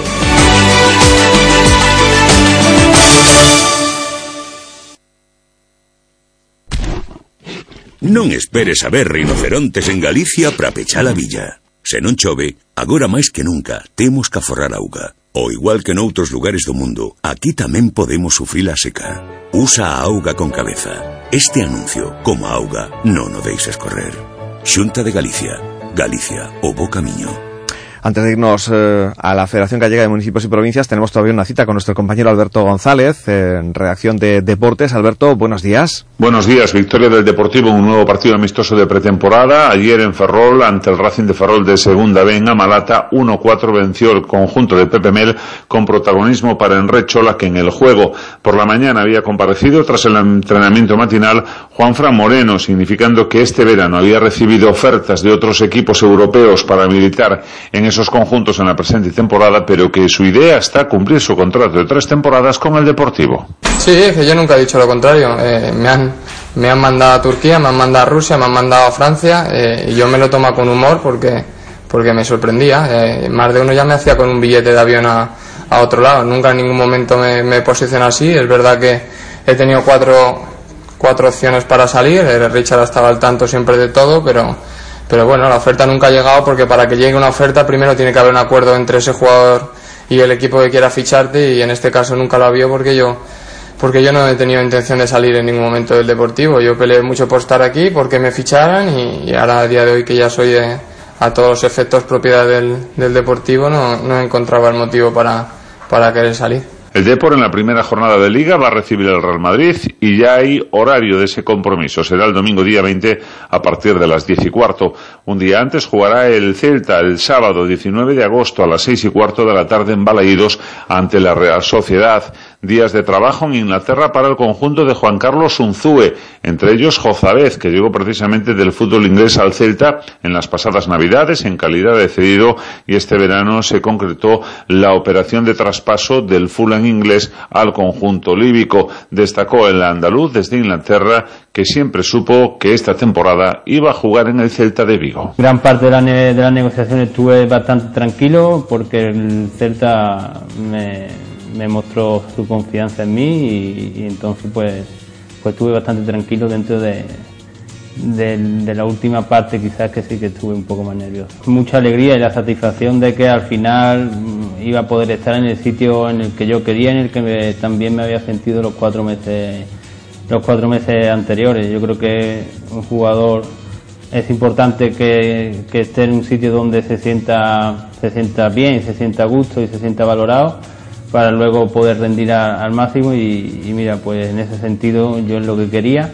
También tiene horario del primer partido de Liga el Club Deportivo Lugo en Segunda División. Jugará el lunes 21 de agosto a partir de las 8 de la tarde en el Ancho Carro ante el Reus. Sergio Gil, futbolista que va a cumplir la segunda temporada en el conjunto de la ciudad de las murallas, indicó que empezará jugando en casa le gusta, cree que es positivo por el apoyo de la gente y a ver si son capaces de sacar los tres primeros puntos de Liga en el primer partido. Eh, bueno, que se empiece en casa eh, es positivo para nosotros, para la gente que, que venga con, con ganas, con ilusión de ver a este nuevo Lugo y, bueno, esperemos que, que venga mucha gente, que nos apoye, que eso siempre es un plus para nosotros y poder sacar los tres puntos aquí en casa para empezar el nuevo inicio de temporada con un buen pie. En balomano ya tenemos la primera jornada de liga en la Soval con dos equipos gallegos esta próxima temporada 17-18.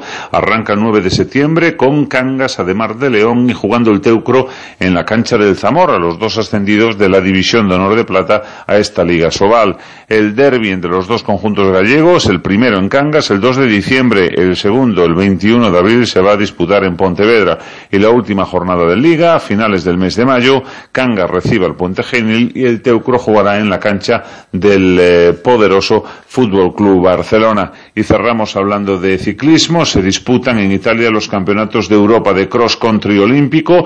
Dos eh, corredores gallegos estaban seleccionados por el seleccionador español Cristóbal Sánchez, Pablo Rodríguez del MMR y el junior Iván Feijó de la Academia Postal, también MMR este último. El macedano no va a poder competir. Sufría en los entrenamientos previos un accidente el circuito, perdiendo el conocimiento, teniendo que ser trasladado a un hospital en Italia y la recomendación médica es descanso. No participará el próximo sábado en la prueba junior de estos campeonatos de Europa de cross country olímpico de BTT. Iván Feijó lo contaba en Radio Voz.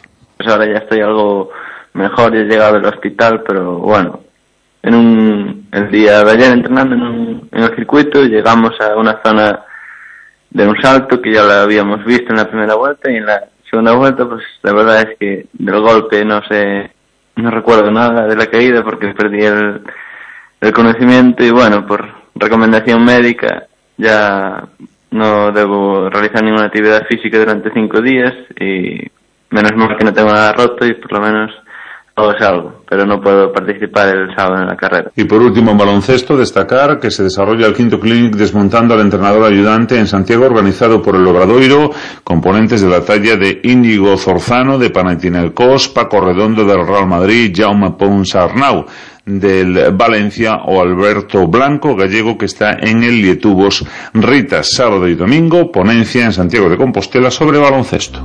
Completa información eh, sobre todo lo que nos espera en este fin de semana en el ámbito deportivo. Gracias Alberto, eh, gracias a, a Alberto por todo el apoyo de, de estos estas últimas semanas y también por supuesto a Mario Durán, nuestro titular de deportes eh, día tras día aquí en el en el programa. 9 y 26 minutos, eh, vamos ya con la noticia del ámbito agroganadero. Xenética Fontao, xenética de vanguarda feita en Galicia. Xenética Fontao ofrécelles a noticia agrogandeira. Pues vamos con esa noticia del ámbito agroganadero. La Consejería de Medio Rural y la Fundación Juana de Vega firmaban eh, ayer un convenio de colaboración mediante el cual se pretenden recuperar especies vegetales autóctonas eh, gallegas. Lo anunciaba la consellera mm, Ángeles Vázquez en compañía del presidente de la Fundación Juana de Vega, Enrique Sáez, eh, quienes han aseverado que este acuerdo va a servir para trabajar en la conservación de la biodiversidad genética de Galicia. Lo que persiguen es preservar, preservar las variedades, la biodiversidad genética vegetal, preser- preservándola, mejorándola y multiplicándola. Dotado con un presupuesto de 445.000 euros, aportados en el 60% por el Instituto Galego de Calidad Alimentaria y en un 40% por la Fundación, los trabajos se extenderán hasta el próximo año 2020 y su principal finalidad será la recuperación de especies vegetales como la castaña, diferentes variedades de vides, el maíz y otros cereales, además de los robles y castaños. Para ello, seis trabajadores con perfil técnico o personal de campo realizarán tareas de conservación y multiplicación de los recursos fitogenéticos de los centros dependientes de medio rural, entre otros el de investigaciones agrarias de Mabegondo, el investigación forestal de Lourizán o la estación de viticultura y enología de Galicia. Asimismo, el acuerdo va a permitir la movilización de cerca de un millón de euros eh, de fondos procedentes de eh, programa de desarrollo rural. 9 y 28 minutos, estamos en Radio Voz. Hoxe desplazámonos ata o Concello de Trabada para visitar a gandeiría Callobro Holstein. Esta explotación conta con 80 vacas cunha media de calificación de 84 puntos e un promedio de 13.000 litros. Estamos co seu dono Gonzalo Balea. Contanos Gonzalo, que touros usas? Uso touros de xenética Fontau. Con eles sempre consigo medias de calificación moi altas e uns niveis de produción moi elevados. Xenética Fontau, a túa mellor fonte de xenética.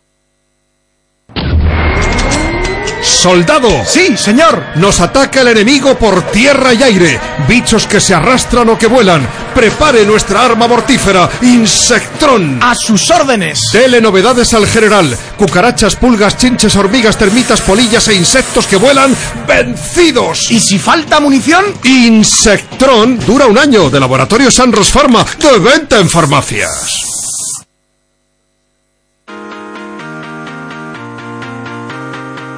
Voces de Galicia, un programa de Radio Voz con Isidoro Valerio.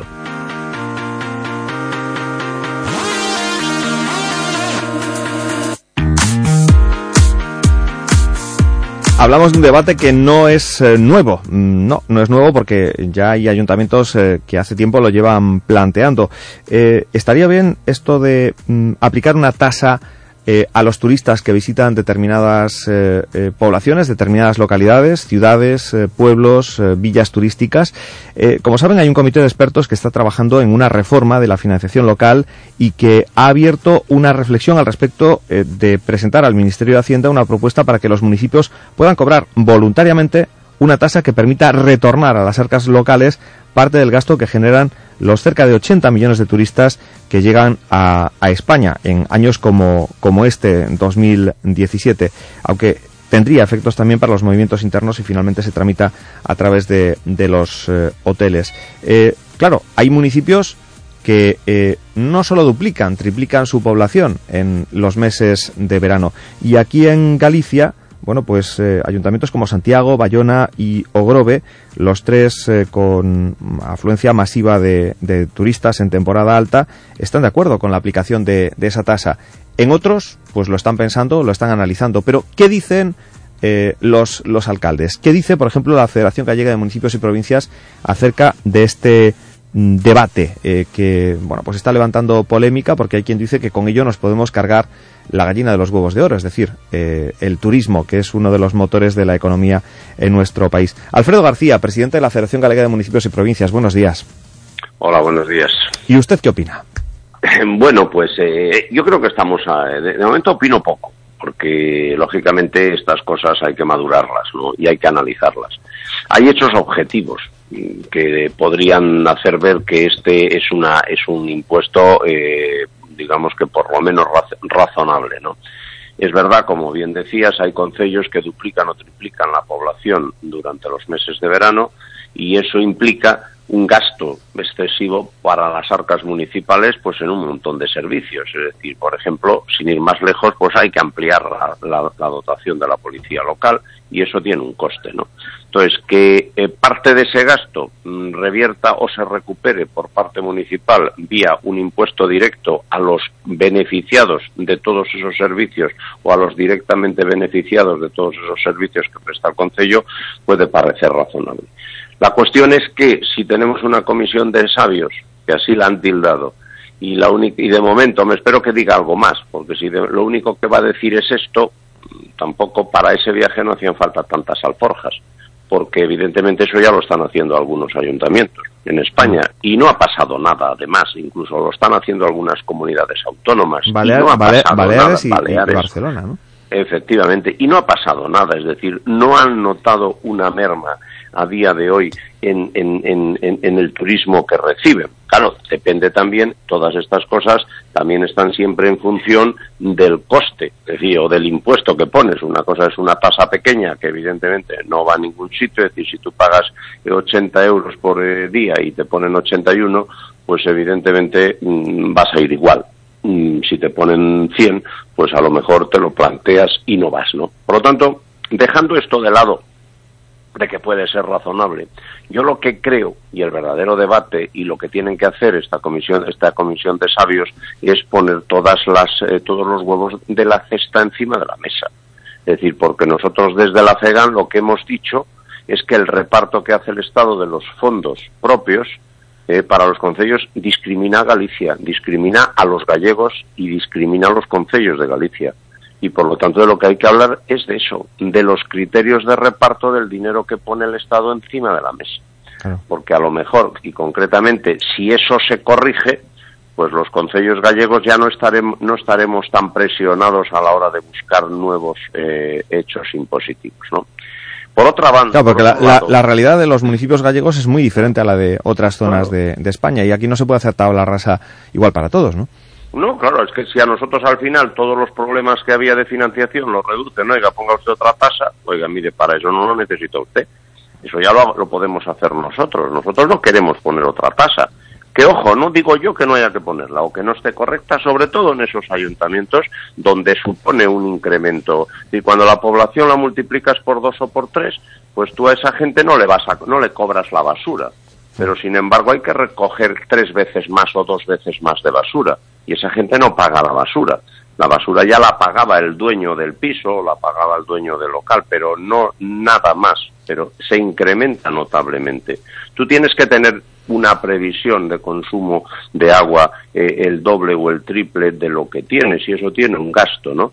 Y así sucesivamente. Es verdad que ahí el agua, como tiene contador, pues lógicamente va a haber más gasto y por lo tanto se va a recaudar más. Esa quizá esté más equilibrada, ¿no? Pero pongo el ejemplo de la basura, pongo el ejemplo de la policía local. Que los municipios eminentemente turísticos todos tienen policía local y por lo tanto tienen que ampliar con auxiliares de policía o como puedan eh, la plantilla en el, en el verano, ¿no? Por lo tanto eso es una realidad.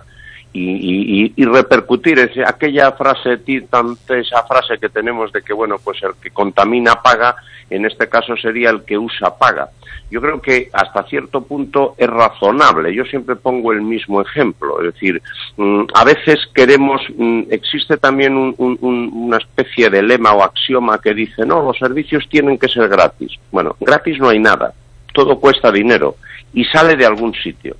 Entonces, el problema es cuando eh, los que no reciben los servicios le pagan los servicios al que los utiliza y eso sin tener en cuenta la capacidad adquisitiva. Y lo voy a explicar claramente. Si hay una piscina climatizada y es deficitaria, pues lo, lo, lo demagógico o lo, o, lo que, o lo que se vende bien es decir, oiga, la piscina, tarifas mm, bajas aunque no cubran el coste del servicio y lo que falte lo pone el concello. Ya, pero es que si lo pone el concello, le está pagando la piscina al que va, el que no va y a veces el que no va tiene un poder adquisitivo pequeño y también colabora con sus impuestos a ese pago y el que va tiene un poder adquisitivo grande. Es decir, a veces se dan estas circunstancias y por lo tanto tampoco es eh, por ahí, ahí es donde entra el concepto de mm, justicia de que el que use un servicio lo pague. Y si eh, un turista genera mayores gastos al ayuntamiento, lo lógico es que colabore de alguna manera, aunque sea en una pequeña cantidad, a la prestación de ese servicio. Por lo tanto, en ese sentido no hay nada que decir. No hay nada que decir. Pero a mí lo que me preocupa es que solo hablemos de esto. Es decir, oye, el problema de la financiación municipal se resuelve poniendo una más tasa. tasas, claro. No, No, eh, o claro, o más tasas. Usted defiende no, que, con un claro. reparto más justo de lo que se recauda vía, vía impuestos, Yo- porque al fin y al cabo todos pagamos impuestos y también, a ver, es que si, si entramos en estas eh, cuestiones, pues eh, tendrías que dejar de pagar determinadas tasas cuando estás de vacaciones, ¿no? Con- porque abandonas tu Claro, ciudad y no, no genera gasto, o sea... Parece, una, parece una chorrada, pero es que si aquí eh, todo, todo lo hacemos por adición y no por, por resta, pues mal nos va a ir, porque acabaremos eh, con, con una, eh, una presión eh, fiscal y de, y de tasas que, que hará insostenible absolutamente todo. Y mm, por ello hay quien apunta que todo esto puede tener... eh, bueno, pues una, una vía de retorno muy negativa, ¿no? En el sentido de que eh, se, se acabe la gallina de los huevos de oro, que es el, el turismo eh, que va increciendo en, en España y también en Galicia. Evidentemente, es decir, vamos, el turismo ya deja, ¿no? Evidente, porque el turismo genera una riqueza, eh, pues a nivel de pisos que se alquilan, a nivel de restaurantes, de comercio, es decir, genera muchos bares, restaurantes, genera una serie de empleos, ¿no? ¿Qué pasa? Que no siempre todos esos, todos esos, ese capital económico que genera el turismo no va al concello sino que va a, la- a otras administraciones, es decir, vía impuestos generales, vía IVA, eh, fundamentalmente a través del IVA y a través de, otro- de, otros, otras figuras impositivas. ¿no? Bueno, yo creo que lo que hay que hacer es, y ahora es el momento, es decir, ahí se- ahora se está hablando de la financiación autonómica y de la financiación local. Bueno, pues ahora es el momento de poner encima de la mesa de verdad los problemas. Es verdad que lo que hay que poner encima de la mesa es el dinero que hay, y hay el que hay. Porque a veces siempre estamos, no es que yo quiero más, mira, hay lo que hay. Y eso lo conocemos bien los alcaldes todos los días, cuando los vecinos nos vienen a pedir eh, servicios o nuevos servicios o nuevas inversiones. Mira, no hay. Y de momento eso está muy bien, pero no tenemos recursos. Y la gente lo entiende. Si se lo explicas bien, lo entiende. Por lo tanto, hay el dinero que hay. Lo que pasa es que ese dinero hay que repartirlo. Hay que repartirlo de forma correcta. No podemos ser eh, los gallegos, en este caso, siempre los perjudicados. Por lo tanto, distribuyamos bien ese dinero que hay. Y a partir de ahí, otra cosa que me parece interesante también, la habéis publicado.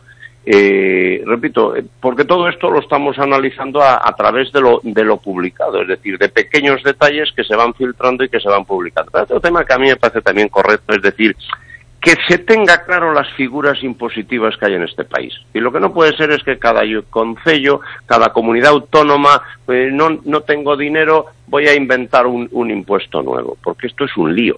Es decir, no es y además de ser un lío Nos, es injusto. nos hace desiguales. Es injusto. sí.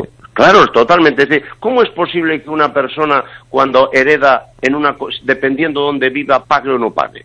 Oiga, o somos todos o vivimos todos en este país o qué pasa aquí. ¿O cómo es posible que en unos sitios se- no se pague el impuesto de patrimonio y en otros sí? ¿Qué estamos diciéndole a la ciudadanía donde paga? Oiga, venga usted y empadrones en mi comunidad autónoma, que aquí no paga. Y entonces estamos empobreciendo unas comunidades y enriqueciendo a otras. Y todo eso dentro del mismo Estado. Y, y ante eso no nos rasgamos las vestiduras, ni nadie levanta la voz y nadie dice nada. Por lo tanto, yo creo que una cosa es, mire, todos los, todos los edificios, todas las construcciones pagan el impuesto, el IBI. Muy bien, y lo pagan en toda España. Es verdad que después los ayuntamientos tenemos la posibilidad de cobrar un poco más o cobrar un poco menos, pero es un impuesto que es genérico para todo el país. Entonces, repito, el hecho de que haya una tasa sobre el turismo y demás, bueno, pues en principio y que esté regulada y que tenga normas y que se sepa lo que hay que hacer con ella, bueno, pues evidentemente por ahí mm, el problema no va a ser ese siempre que, repito, sea algo que sea que, que no ahuyente al turista. Claro, volvemos a lo de siempre. Si le subimos un 15% el- la estancia diaria en una ciudad, pues evidentemente el turista va a ir a otra donde no le cobren ese 15%, porque esas cosas se miran. Si la subida es pequeña y eso aporta, pues yo qué sé, pues una pequeña cantidad a ese concello, pues oye, pues probablemente no tenga ningún efecto disuasorio y sin embargo el Consejo recaude algo más, ¿no? Bueno, eso habrá que verlo con calma. Yo creo que estas cosas se tienen que ver, se tienen que analizar con calma. Llevamos toda la vida discriminados, nos da igual seguir seis meses más o un año más discriminados. Lo que queremos es dejar de estar discriminados. Bueno, usted sabe que otras federaciones eh, de municipios eh, a nivel autonómico, la Federación Andaluza de Municipios y Provincias, por ejemplo, sí se ha inclinado abiertamente hacia la aplicación de esta tasa. Dicen, bueno, esto ocurre en otros muchos países europeos, hay tasa a los eh, turistas por utilización de servicios y demás, no pasa nada por, por aplicarla. Y sin embargo, hay muchos alcaldes eh, que, que discrepan de esto, ¿no? Tienen miedo a que esto pueda tener consecuencias negativas y, y una baja para, para el turismo. Definitivamente, ustedes a la expectativa y un poquito viendo eh, qué es lo que dice el, el comité de, de expertos. Nosotros al- queremos, al queremos ver el documento definitivo, creemos que si la tasa que tiene aspectos positivos, lo acabo de decir, como que se regule para Sí. todo el país, por lo tanto todo, en todas partes se aplica, independientemente de la voluntad después de cada concello y de la autonomía municipal. A, nivel, a a de Federación Española de Municipios y Provincias también están haciendo, mm, bueno, pues una valoración, ¿no? Digamos, están haciendo un estudio para, para ver la conveniencia o no conveniencia de, de aplicar esa. Claro, yo, yo no creo tasa. que es ni es eh, mala por naturaleza ni es la solución. Decir, bueno, pero es un remedio que puede ser interesante y por lo tanto que cada concello, al final, ¿quién lo va a aplicar? Pues los concellos donde tengan una incidencia eh, económica para las arcas municipales. Aquel que pone el impuesto y va a cobrar eh, 500 euros al año, pues le es más complicado cobrarlo, o sea, no le es rentable cobrarlo, en una palabra. Porque le cuesta más la gestión de cobrar ese impuesto que lo que va a recaudar, ¿no? Por lo tanto, eso también hay que tenerlo en cuenta. Pero repito, yo creo que nosotros de entrada mm, creemos que, que lo que hay, lo fundamental es repartir bien el dinero, eh, repartir con justicia, es decir, valorar los servicios que prestan los ayuntamientos y financiar esos servicios. Y a lo mejor por ahí se resuelven los problemas. ¿Eh? porque, eh, bueno, creemos sinceramente, y así lo hemos demostrado en la documentación que hemos ido presentando a lo largo de este año, que, bueno, que hay una capacidad grande para que los concellos gallegos mejoremos económicamente sin necesidad de nuevas figuras impositivas. Pero, bueno, tampoco nos negamos de entrada mm, tajantemente a que esas se pongan y, como bien has dicho, hay concellos, lógicamente los más afectados, que están a favor de esta medida y por lo tanto no seremos nosotros los que digamos que no se que, que no la pongan en marcha no Bueno, pues pendientes nos quedamos de, de decisiones al respecto. Eh, está en estos días a, a debate la financiación autonómica, también eh, habrá debate sobre financiación eh, municipal. Eh, Alfredo García, presidente de la Federación Gallega de Municipios y Provincias, gracias por estar con nosotros. Un saludo. pues gracias a vosotros y hasta cuando querráis 9 y 44 minutos. Estamos en Radio Voz, esto es Voces de Galicia. Un pequeñísimo alto y hablamos con la mejor eh, oradora, sí, con una eh, ourensana, Aida González, que se ha consagrado este domingo como la mejor oradora del mundo en el Campeonato Universitario de Debate en español celebrado en Guatemala. Eh, hablamos con ella enseguida.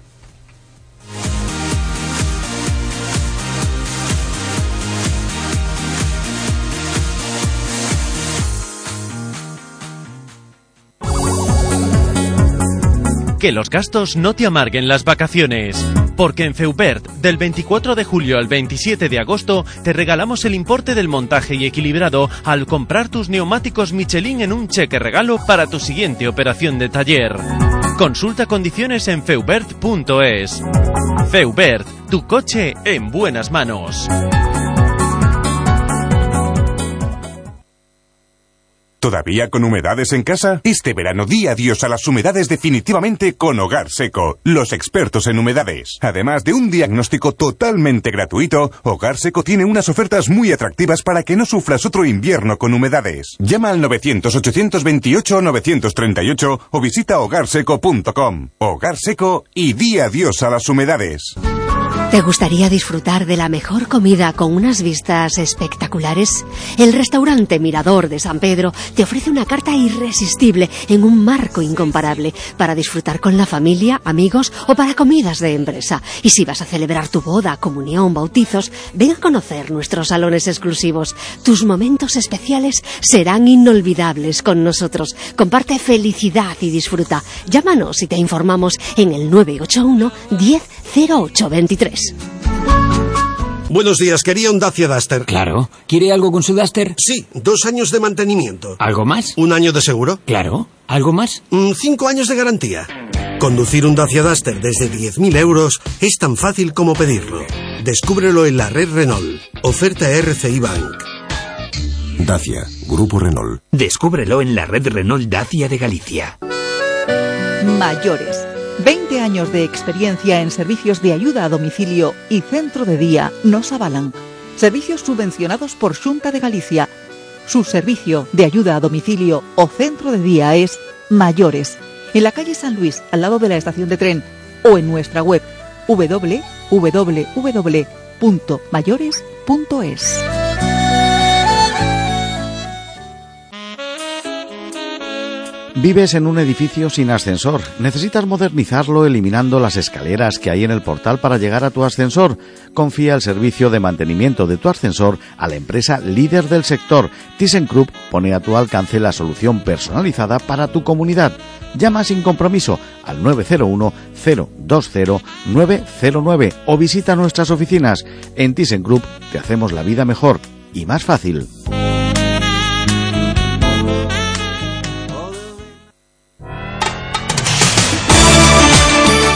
Escuchan Voces de Galicia, un programa de Radio Voz.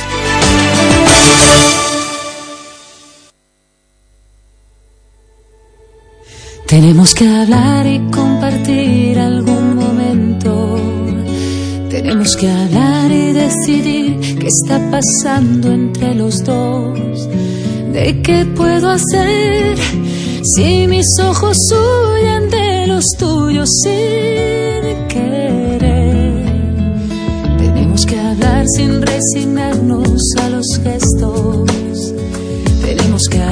Está claro que tenemos que hablar. Y hablar bien eh, pues eh, es eh, todo un reto para, para algunos. Desde luego para quien no es un reto es para la urensana Aida González que se ha consagrado eh, como la mejor oradora del mundo. ¿En dónde? En el Campeonato Universitario de Debate en Español que se celebró en eh, Guatemala recientemente. Aida, buenos días. Aida, buenos días. Buenos días. Hola, ¿qué tal? Eh, Yo pensé que, que- que no hablabas. Y digo yo, qué barbaridad. Mal empezamos. ¿Cómo estamos, Aida? Bueno, pues aquí recién aterrizada, ya de antes de ayer, peleándome un poquito con el jet lag, pero bueno, muy contenta. Ajá. Bueno, ¿cómo es esto de, participar en un campeonato universitario de debate en, español? Eh, ¿A ti te gusta lo de debatir, lo de meterte en un papel y defender a ultranza pues una determinada postura? Eh, esto hay que practicarlo, ¿no? Porque eh, no se nace eh, siendo eh, bueno en ese, en ese género, en el del debate. Claro, a ver, cabe aclarar que el debate de los torneos realmente es como un juego de rol, ¿vale? Es una adaptación académica de unos debates como los que se pueden hacer en el Parlamento británico, ¿no? Entonces, pues se toma eso por base, así como por ejemplo en el debate académico que se hace en España se toman las fases de la arteria de Cicerón, aquí lo que se adapta es el modelo parlamentario británico y a partir del conocimiento del modelo es donde se procede a debatir.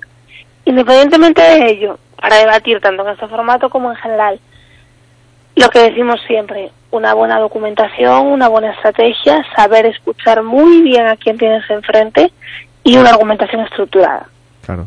Pero a, a- a ti te toca, o sea, te asignan un papel eh, con el que tú en principio puedes estar o no estar de acuerdo. Tú asumes un rol determinado y que tienes que defender a ultranza en ese debate contra el contrincante. Y, y, bueno, se van pasando las diferentes fases hasta que quedáis dos eh, y, y gana uno. A ver, no es exactamente así. O sea, a ti te dan tu postura 15 minutos antes del inicio del debate. Caramba. Entonces, claro, claro. Entonces, tú de repente solo sabes a qué atenerte. Tú no conoces ni el tema del debate ni la postura que vas a defender hasta 15 minutos antes. Una vez allí, cuando ya lo tienes, pues efectivamente te vas haciendo composición de lugar y tienes 15 minutos de preparación con tu compañero. Los debates son de cuatro equipos, ¿vale? Porque como imita el Parlamento británico, pues hay gobierno y oposición en Cámara Alta y Cámara Baja. Y lo que se hace es que al terminar, un jurado dará la intervención de todo el mundo y te coloca en primero, segundo, tercero o cuarto lugar. Para el primero se van tres puntos, para el cuarto se van cero y a partir de ahí se va sumando. Ya, ya. Qué barbaridad. O sea que difícil, difícil, eh, difícil. ¿Y qué tenéis los ourensanos para haber quedado también eh, situados? Porque tú fuiste la, la ganadora y en segundo puesto tenemos a otro ourensano, a Iván Olmos, ¿no? Pues sí, será cosa de chispa o no sé qué será, pero la verdad nos ha ido nos ha ido muy bien este campeonato y yo creo que es sobre todo, a ver, ahora ya en serio, la recompensa a un año de trabajo, principalmente. El año pasado, bueno, eh, Iván fue semifinalista, yo llegué a la final y como sabréis, pues la gané. Sí, tú, Y tú repites, que- recuncas. La, la pregunta es si estarás en, la, en el siguiente campeonato o, o no.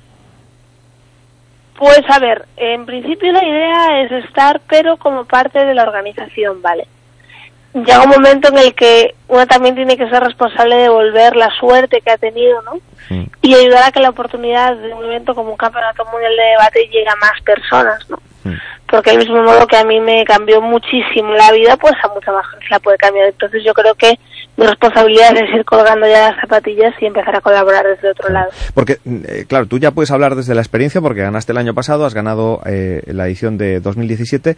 Te ha abierto muchas puertas. Tú eres eh, periodista, eh, estás recién graduada en periodismo, tienes, si no me equivoco, 21 años eh, y te, te abre puertas esto de conseguir este, este título por segundo año consecutivo. Bueno, yo estudié periodismo, lo cual no tiene mucho que ver con ser periodista, ¿vale? Eh, o sea, realmente yo no me considero periodista más que en el papel a día de hoy. Pero sí que es cierto que, sobre todo, mira, mm, la oportunidad de viajar, porque al fin y al cabo yo no me hubiera podido desplazar a Guatemala sin el apoyo de la Escuela de Finanzas de A Coruña y el apoyo de la Escuela de Finanzas jamás hubiera llegado si yo no fuese campeona mundial. Entonces, por ejemplo, eh, la oportunidad de viajar, la oportunidad de colaborar en la organización de eventos como precisamente el que Escuela de Finanzas organizó en Palexco. La oportunidad de, por ejemplo, yo estuve en el Consejo de Ourense dando clases en La Molinera, que es un centro de conocimiento y nuevas tecnologías, y todo esto llegó gracias a la publicidad del Campeonato Mundial. Entonces, realmente sí, sí me ha abierto muchas puertas. Tengo que estar muy agradecida porque lo cierto es que es un escaparate muy bueno para que te deje demostrar lo que sabes hacer. Oye, Aida, ¿y tú cuando ves un debate, cuando ves a los políticos en los, en los debates, qué piensas? ¿Qué pasa por tu cabeza? Y dices, uy, si yo estuviera ahí. Uy, me enervo, me enervo, me enervo, me enervo. Pero porque cuanta más teoría de la argumentación y cuanta más retórica estudias y conoces, más te puedes llegar a poner de los nervios cuando ves que se toma por debate una maniobra que es más bien efectista y que realmente no va al fondo de las cosas. Pero bueno, ya se acostumbra uno. O sea, realmente queda mucho por mejorar en el debate político de este país y creo que precisamente tenemos toda una generación de debatientes en las distintas universidades de España que podemos llegar a contribuir mucho con esto.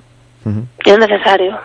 Eh, ¿Cómo, cómo eh, te enfocaste hacia bueno pues ese eh, campeonato de, de, de debates? Nos decías que eh, bueno en la escuela de, de finanzas eh, comenzó toda toda esta aventura, pero para llegar eh, tan lejos como, como has llegado, eh, te has tenido que emplear a fondo, imagino, ¿no? Bueno, yo llevo seis fines de semana seguidos. Este que viene será el primer fin de semana que pasa en mi casa. Como decía ayer, eh, al final el título de mejor habla yo creo que es una recompensa a mis amigos de Ourense que llevan queriendo hacer una barbacoa en Peares desde que empezó en verano y no puede ser por culpa mía. No, a ver, realmente yo llevo efectivamente, hace más de un mes salí para Asturias para organizar un torneo con gente que era novata. De ahí el fin de semana siguiente estuve debatiendo en Alemania, en inglés. El siguiente pues había debates en Madrid. Regresé. Al siguiente volví a debatir en Madrid. Al siguiente estuvimos debatiendo en El Salvador y ya finalmente pues llegó Guatemala. Entonces la verdad me he pegado un sprint bastante curioso en esta última temporada. Bueno, bueno. Pero Pues, pues eh, esperemos que, que, te veamos debatiendo y que te veamos llegando muy, muy lejos, eh, apostando pues por, eh, por debatir y por hacerlo bien. Aida González, gracias por estar con nosotros, campeona. Un abrazo. Muchísimas gracias a vosotros. Llegamos al final de esta segunda hora de programa. Volvemos enseguida. el precio no es un problema. Las oportunidades para hoy son... En frutería, melón bruño, kilo 89 céntimos. Y en pescadería, parrocha o showa, kilo 3 euros con 45 céntimos. Solo hoy y solo en Gadis. Colaborador del acontecimiento Prevención de la Obesidad. Aligera tu vida. Buscamos hombres y mujeres mayores de 18 años que pesen más de 50 kilos para papel protagonista. No se precisa experiencia previa ni currículo. Tampoco se requieren idiomas. Jornada de 10 minutos. Casting presencial. Es sentado. Imprescindible, saca lo mejor que levas dentro. Doa sangue, porque ti da lo tipo. Mais info en a2.sergas.es, Agencia de Doazón de Órganos e Sangue.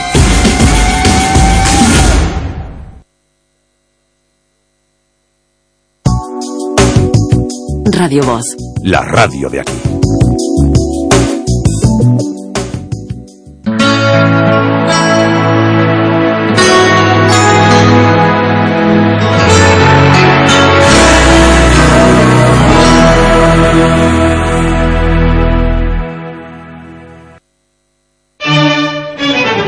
Alegro de domingo en Radio Voz.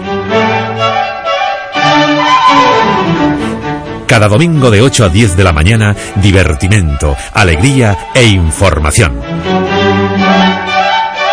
Escrito por Antón de Santiago. Hoxe desplazámonos ata o Concello de Trabada para visitar a gandeiría Callobro Holstein. Esta explotación conta con 80 vacas cunha media de calificación de 84 puntos e un promedio de 13.000 litros. Estamos co seu dono Gonzalo Balea. Contanos Gonzalo, que touros usas? Uso touros de xenética Fontau. Con eles sempre consigo medias de calificación moi altas e uns niveis de produción moi elevados. Xenética Fontau, a túa mellor fonte de xenética. Tienes problemas de salud? Los doctores José Luis Vázquez y Jacinto Valverde te aconsejarán cada tarde de lunes a viernes de 6 a 6 y media en Radio Voz y de 8 a 8 y media en V Televisión. Salud para todos. Radio Voz. La radio de aquí. En Radio Voz, la publicidad suena más cerca de ti, de tus clientes, de tu negocio, de tu ciudad. Porque nadie te conoce tanto como quien te escucha, anúnciate en Radio Voz, la radio de aquí.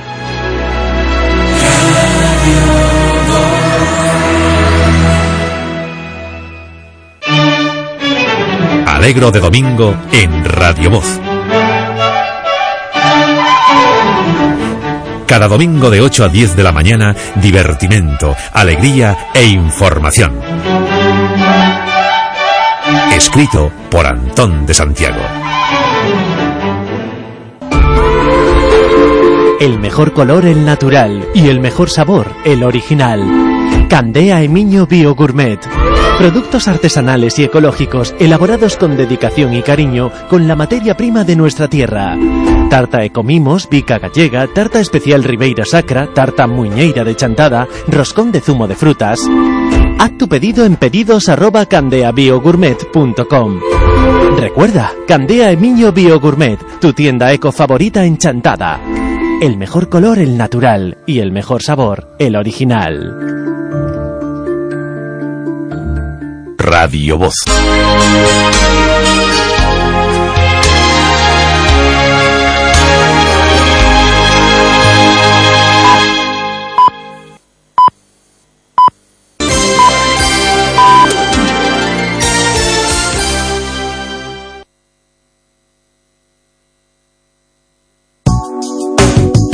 Radio Voz. La radio de aquí.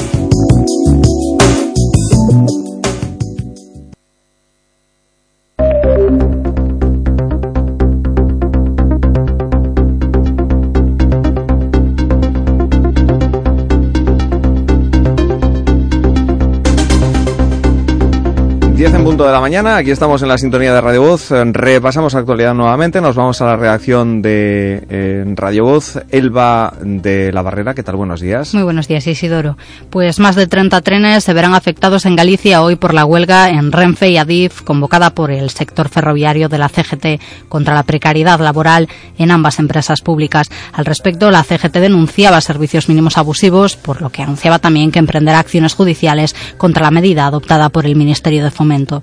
Y continuamos con más sucesos de la mañana. Dos personas resultaron heridas en un choque en Ateixeira. Se trata de una colisión entre dos vehículos registrada esta mañana, como decíamos, en Ateixeira, que deja dos personas heridas. El siniestro tuvo lugar en la carretera que une Ourense con a Pobra de Tribes a la altura de Balilongo, en la parroquia de Sistín y en Oporriño, un hombre fue trasladado a un centro hospitalario después de declararse un incendio en un bajo de un edificio en construcción. El varón estaba durmiendo en el inmueble. Aunque parecía encontrarse en buenas condiciones, los efectivos de emergencia decidieron evacuarlo por la gran cantidad de humo que pudo haber respirado. Esto ocurría al hilo de las seis y cuarto de esta misma mañana y a las siete y media el incendio quedaba sofocado. Y más actualidad, el consejero de Facenda, Valeriano Martínez, ha emplazado a afrontar con vocación política de encuentro la segunda fase de la reforma del modelo de financiación autonómica cuya primera parte ha dado por concluida el ministro de Hacienda y Función Pública, Cristóbal Montoro, con la recepción formal del informe del comité de expertos designados por cada comunidad. En declaraciones a los medios, al término de esa reunión del Consejo de Política Fiscal y Financiera que se celebraba ayer en Madrid, Martínez aseguraba que ahora dicho informe debe ser analizado con profundidad antes de que en el mes de septiembre o octubre de comienzo esa verdadera negociación política.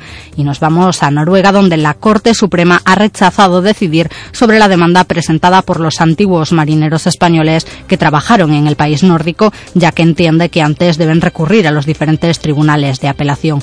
Estos marineros agrupados en la plataforma Long Hope reclaman a Noruega sus pensiones tras, tras trabajar durante años en buques mercantes noruegos sin recibir protección social.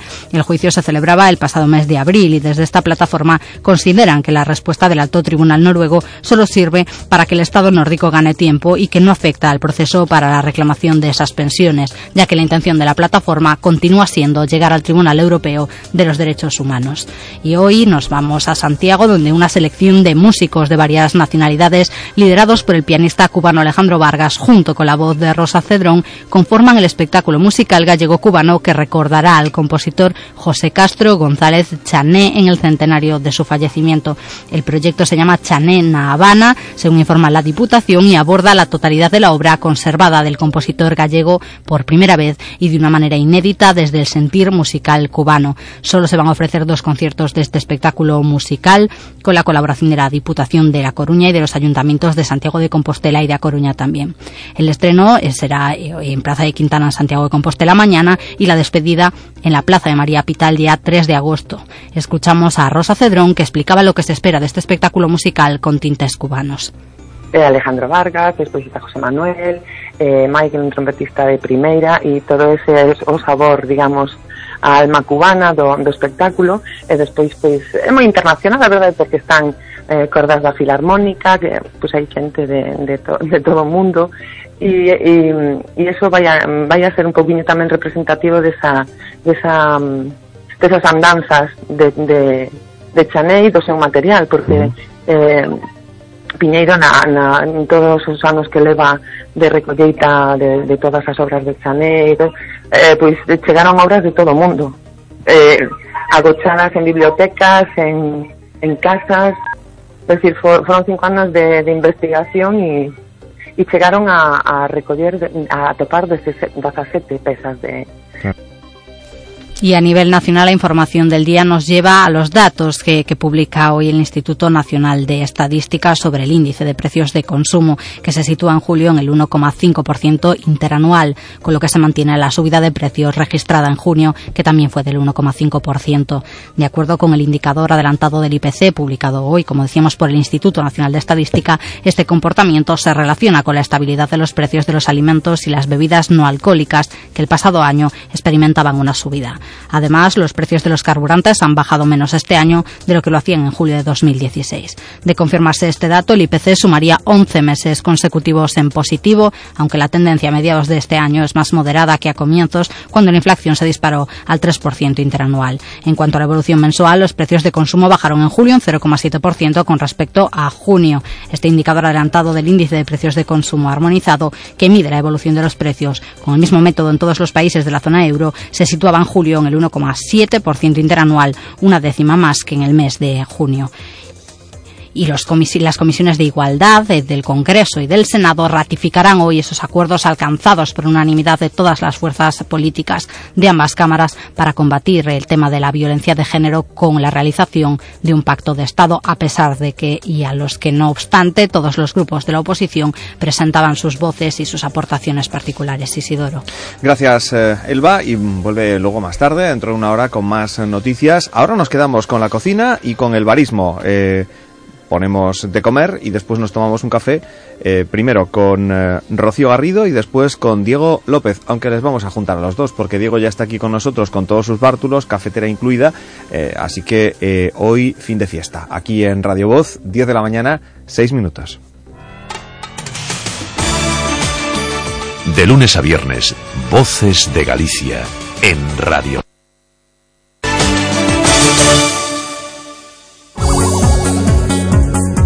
Que los gastos no te amarguen las vacaciones. Porque en Feubert, del 24 de julio al 27 de agosto, te regalamos el importe del montaje y equilibrado al comprar tus neumáticos Michelin en un cheque regalo para tu siguiente operación de taller. Consulta condiciones en feubert.es.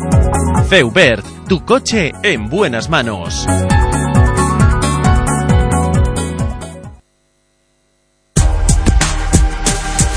Comprometidos co futuro do noso planeta. Súmate a facturas en papel de Viacua. Máis cómodo para ti, mellor para o medio ambiente. Contamos coa túa axuda. Infórmate na nosa oficina virtual na web www.viacua.gal. ¿Problemas de humedad en su vivienda? En Aquasec tenemos la solución definitiva y estamos tan seguros de nuestro trabajo que lo garantizamos por escrito. Solucione ya sus problemas de humedad. Pida su diagnóstico completo y gratuito en el teléfono 900-535-625.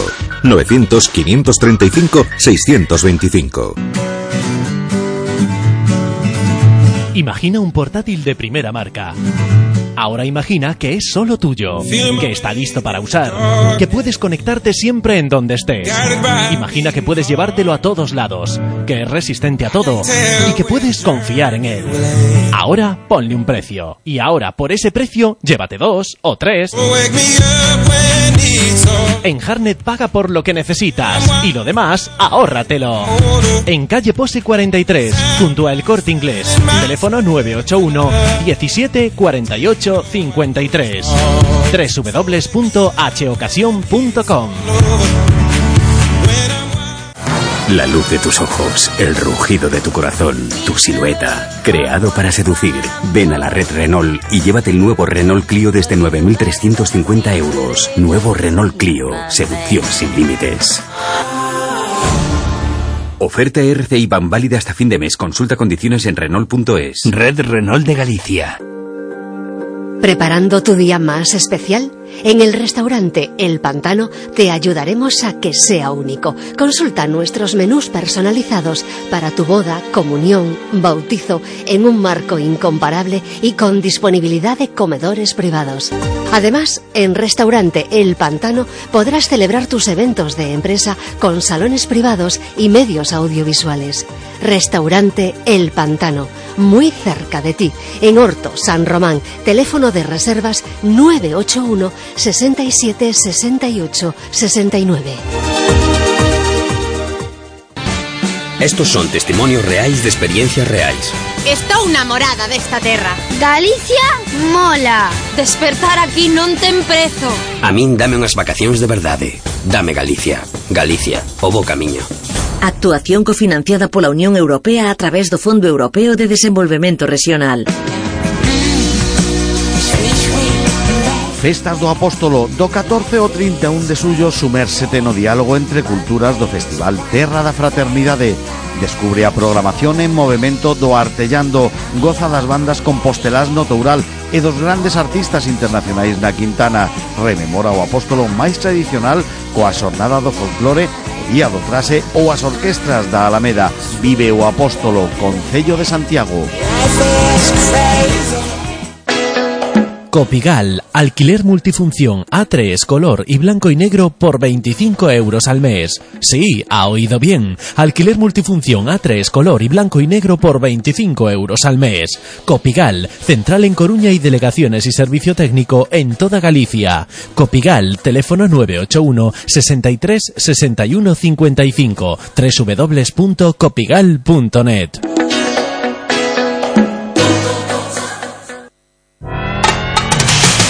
De Galicia. Un programa de Radio Voz con Isidoro Valerio. Yo ya le voy a ir diciendo a, mi compañera Sonia Rodríguez que vaya dejando abierto un micrófono porque en un momento determinado le vamos a pedir que se venga aquí al estudio, que deje eh, y abandone el, control, que se siente aquí con nosotros, porque queremos ponerle voz a la persona que está del otro lado del, del cristal. Ya está diciendo que no. ¿Tú, tú ves cómo es? ¿Cómo es? ¿Tú ves cómo es? Diego, buenos días. Buenos días. A, a, ver, espera, que ya se ha puesto nerviosa y te tenía el micrófono cerrado. buenos días, buenos días. A que la vamos a hacer hablar. Por supuesto. Porque que... además uno de los preparados de café que hoy vas a hacer eh, está preparado para ella. Por o sea, supuesto. Si no viene aquí no se lo toma. Claro, no. Tienes y... que atravesar el cristal. Y Sonia. además me, me, parecería hasta casi mal. Sí, o sea sí. Que... Nos parecería un desprecio uh -huh. en, en, este día. Eh, a nuestra querida Sonia. ¿eh? 10 y 12 minutos mm, tenemos eh, a otra querida persona que es Rocío Garrido y a la que saludamos a continuación.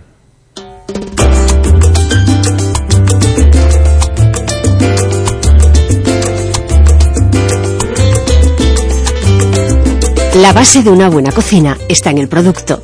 La receta. Voces de Galicia. Cocinero, cocinero, enciende bien la candela y prepara con esmero un arroz con habichuelas. Cocinero, cocinero, aprovecha la ocasión. Que el futuro es muy oscuro, que el futuro es muy oscuro.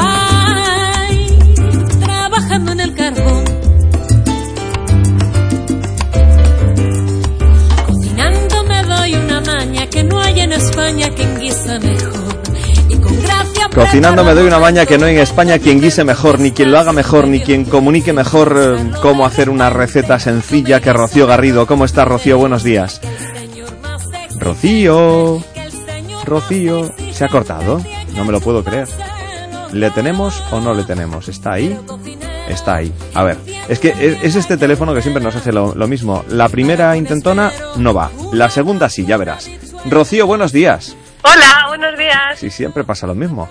Es el botoncito donde el teléfono que yo no sabemos no sabemos qué le pasa que, que siempre tiene que ir a la segunda. Es así como caprichosito. ¿Qué tal, Rocío? ¿Cómo estás? Muy buenos días. Bien, ¿y vosotros? ¿Cómo Decía estáis? la canción eh, que no hay en España quien guise mejor y ese eres tú. Bueno, guise, bueno. fría, horné, eh, ase, eh, haga lo que haga. Eh, Abra una lata de vez en cuando. También. Oye, que está aquí Diego que te manda un saludo. Venga. Buenos días, Rocío, ¿qué tal? Buenos días, Diego, ¿qué tal? ¿Cómo estamos? Pues muy bien, aquí un poco tristes hoy, pero bueno. No, nos, Sí. ve- nos veremos este verano. No, no hay que estar triste. A ver, porque además estamos como transmitiendo que como que me voy de, de esta casa y yo no me voy de esta casa. No, no, no. Eh, no. eh, yo me quedo en esta casa, pero lo que pasa es que dejamos este programa y vamos a hacer otras cosas eh, eh, que, que nos van a pues mantener más cerca de, del- de la ciudad en la que vi- en la que vivo y la ciudad eh, eh, que me vio nacer un buen día, que me voy a Ferrol, no pasa nada. eh. Pero a los que nos gusta este programa estamos tristes. Este Ah, bueno. formato. Pero este programa va a continuar. eh, Este Formato, Voces de formato. Galicia y, y- y, bueno, pues habrá otras personas eh, encargadas de, de hacer este programa y de llenarlo de, de contenidos. Así que eh, todo, todo tiene que evolucionar y todo tiene sus etapas. Y esta etapa Sí. termina y empieza otra. Pero mm, Claro. Yo- Pero bueno, que lo decía esta mañana y lo vuelvo a repetir, que eh, este programa ha intentado ser como la vida y en la vida eh, hay de todo. eh, Por suerte momentos en que empiezan unas cosas y en las que termina. Y toca toca terminar etapa que han sido 11 años, eh, que lo he pasado muy muy muy pero que muy bien en esta etapa de, del voces de, de Galicia. Bueno, vamos a lo que vamos, que hoy nos tienes que dejar una receta especial, ¿no? Por aquello de ser la, la última receta en esta sección de cocina que a lo largo de estos últimos años eh, pues ha eh, contado con, la inestimable ayuda de Rocío Garrido. Bueno, por aquí han pasado, por esta sección de cocina, antes de Rocío han pasado todos los cocineros del Grupo Nove. En, esta, en estos dos, tres, casi tres años eh, que, que, llevamos eh, colaborando, pues ha estado con nosotros ya Rocío Garrido, que además, Rocío, es muy curioso porque nos conocimos, yo lo decía también esta mañana, ¿eh? que muchos de los que han pasado por este programa, que no nos conocíamos de nada, habéis pasado a ser eh, colaboradores y no solo eso, sino grandes amigos, ¿no? Eh, como, Pues sí. como es el caso. Que por cierto tenemos que vernos próximamente en este verano, aprovechando las vacaciones de todos. Oye, eh, ¿qué receta nos preparas para, para esta Pues despedida? mira, ya como despedida voy a probar... Hoy una tarta, ¿no? No, pues no. Lo que se suele decir una receta para... A ver, aunque no va a quedar políticamente correcto, bien, ¿sabes? Una de estas que en gallego decimos para repugnantes. ¡Hala! pues ya no. dije que no iba a ser políticamente... Este- el último día me voy a permitir estas licencias, ¿no? Ya sabéis el chiste este de... La, ¿Cómo se dice vegano en gallego, no? ¿Cómo? A ver. Repugnantiño. Y va a ser, eh, voy a poner la receta, la primera que has probado mía y donde nos pusimos cara. Venga. ¿Te acuerdas, no? Sí, sí, sí, sí, sí, sí. ¿La de las algas? No, la otra, el taco vegetal de tofu. Ah, vale, vale, vale, vale, vale. Taco vegetal de tofu. Nos va- Bueno, vamos a preparar ese taco vegetal de tofu. Vamos con ingredientes primero. Pues perfecto. Venga. Con tofu, por supuesto. Para repugnantiños. Con cariño. Bueno, necesitamos tofu. ¿Que esto dónde lo encontramos? Tú vas a la tienda y dices... en cualquier "Me- súper. ¿Me da usted Ahora tofu? actualmente en cualquier súper lo hay. Junto a los quesos, allí tenemos una tarrina blanca que nunca sabemos qué hacer con ella. Pues Bueno, es eso. Tofu. Necesitamos tofu. Eh, necesitamos setas y shiitake mejor. Setas, Eh, de estas cebitas cocidas, que ya las compramos cocidas, ya de estas verdes, habas no vamos cocidas. a matarlos mucho. Sí. Hierbabuena, Hierbabuena. cogollos de lechuga, Cogollos de lechuga. chalota o cebolla. mm, Chalota o cebolla. Y después necesitamos aceite de oliva, Aceite de oliva. sal, Sí. vinagre de Módena, soja, Sí. pimienta y para decorar unas piparras o algo picante. mm, unas piparras o algo picante. Eh, que yo mm, voy a voy a abrir el Instagram y voy a ver la foto de, de aquel tofu que, que me ofreciste para, para irme haciendo la idea de cómo yo la, la verdad que ahora ahora que lo dices yo no era consciente de que llevaba tantos ingredientes es una barbaridad Pues, pues porque sobre esa me lo comí una- yo creo que me lo comí de dos bocados y la verdad que con tanto ingrediente tela marinera ¿no? ¿Eh? Pues ese, eh, eh, además es una receta que tiene una historia así de- detrás de cocina, bueno. Un día de estos que uno tiene una inspiración después de cometer, de cometer no sé cu- cuántos errores, pero bueno. Bueno, vamos, vamos con esa preparación. ¿Cómo, cómo procedemos para preparar ese, ese tofu? Bueno, pues vamos a poner lo que es una sartén un poquito alta al fuego con un poco de, de aceite, de oliva, Sí. y lo que vamos es añadir es el, el tofu cortado en tiras. Ajá. Tofu, lo cortamos en tiras y lo, eh, lo freímos en ese, en Lo ese aceite. freímos. Cuando, cuando vemos que ya empieza a coger color, eh, nada, sobre unos 3-4 minutos, lo que vamos a añadir sería la cebolla, eh, la chalota que cortada en, en tiras finitas también, y, y lo que vamos haciendo es saltear. Ajá. Después lo que vamos a añadir son las setas shiitake también cortada en, en tiras Ajá. Y, y las habitas, como las habitas están cocidas, pues nada, eh, esto nada, se saltea enseguida, esto, vamos, son 5 o 10 minutos, y después lo que vamos a añadir ya es un poco de salsa de soja, un poquito de vinagre y de módena, sal, y lo que vamos a, a moler es un poco de pimienta.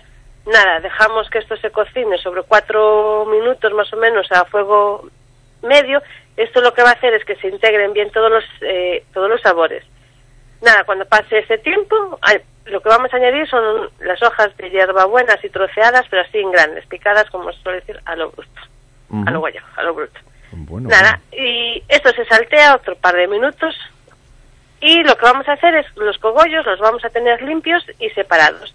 Entonces, una vez que tengamos nuestro salteado listo, vamos poniendo cucharadas encima dentro de las hojas de cogollo, decoramos con una piparra y ya tenemos listo para comer nuestro taco vegetal.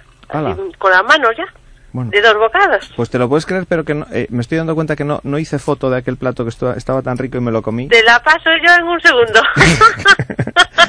Es que estoy viendo que, que de aquel encuentro me quedé con fotos de casi todo, menos de eso, que como estaba tan bueno y como era tuyo, y, me lo papé eh, sin pensármelo dos veces y me olvidé de sacarle foto. Qué barbaridad, qué barbaridad. pues ahora mismo, mira, te la subo al Facebook y te etiqueto. Bueno, vale, así la vemos. Eh, y, y- y de paso ustedes también la, la pueden ver. Eh, luego, Claro. luego ya la paso al Instagram eh, eh, para que para que la puedan ver. Oye, hoy la pena es que no estés aquí, porque lo que nos ha traído Diego, ¿eh? Bueno, ya, ya hoy casi hacemos el enlace, ya sin sintonía de por medio. eh, quédate tú también si quieres, eh, porque Sí, sí. Diego se ha venido aquí con tres botellas que yo me he asustado un poco, porque me dice, bueno, como entra ahora el jefe y nos ve aquí con bebidas, eh, porque trae tres botellas así con pinta de que trae alcohol. Y no, esto No, es no, todo, no. todo sanísimo, ¿no? Sí. Porque son siropes, dulces. Son, son siropes, sí. Eh, en este caso vamos a probar un café frío, un cold brew, como se suele llamar en, en el argot barista. Y acordaros que esto, ¿cómo se hacía? Pues eran eh, entre, no sé, ahí depende de la receta, pero entre 8 y 12 horas de infusionado. Se muele 70 gramos de café, se deja con- en contacto con un litro de agua a temperatura ambiente durante esas horas. Y luego se retira el filtro con el café o se cola, depende en qué recipiente lo hagas. Y eso lo, lo, lo metemos al frío y lo podemos tomar. En este caso estamos tomando con hielo perla, hielo este pequeño redondo. Y con estos se puede mezclar con estos siropes. En este caso elegimos, por, por traer alguno, uno de jengibre, uno de lima y otro de lavanda. Bueno, el de lavanda eh, mm, huele maravillosamente bien eh, y tiene un sabor eh, especialísimo. ¿eh? Bueno, lo- aún no lo he probado, pero me lo imagino, porque tal y como huele es así como, como muy rico, muy rico, muy rico. Es distinto. eh, cuando olemos a lavanda nos solemos oler a, a suavizante de ropa. No sé, nos recuerda a eso, ¿no? Porque al final es un...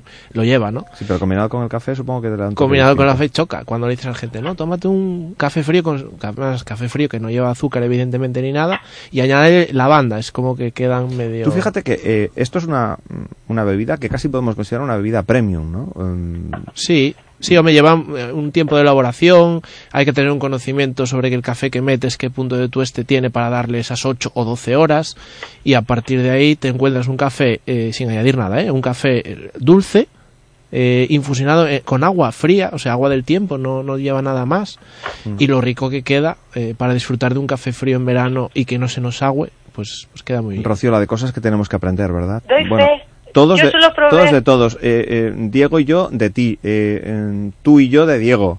Eh, eh, esto es, eh, es tremendo porque es todo un mundo el que hemos descubierto eh, que todos pensábamos que café, bueno, tomate un café y punto, lo sacas de la máquina y vaya que hay posibilidades de hacer cosas ricas y sabrosas con, eh, con, el, con el café. Incluso yo estoy pensando que en, en muchos locales de, de Claro. copas, ¿no? Tener esta alternativa de una bebida sin alcohol, eh, una bebida refrescante, una bebida que nos puede sentar igual de bien eh, pues a, Que cualquier a media tarde que, que Sí, por sí. la noche, que además bueno, pues nos va eh, a dar ese toque de, de cafeína pues para estar un poquito más sin excedernos tomando No, no. una bebida de estas energéticas, ¿no? De, que, que llevan una sobredosis de, de cafeína Y si, brutal. y si solo fuera cafeína, todavía... Claro, claro. bueno, cafeína, taurina y todas estas cosas que, que alguna que gente se mete en el, en el cuerpo y que, Sí, que sí, es sí. casi como drogadura, ¿no? Por, eh, Sí, a ver, eh, son, son bebidas diseñadas para eso, para espabilarte en ese momento.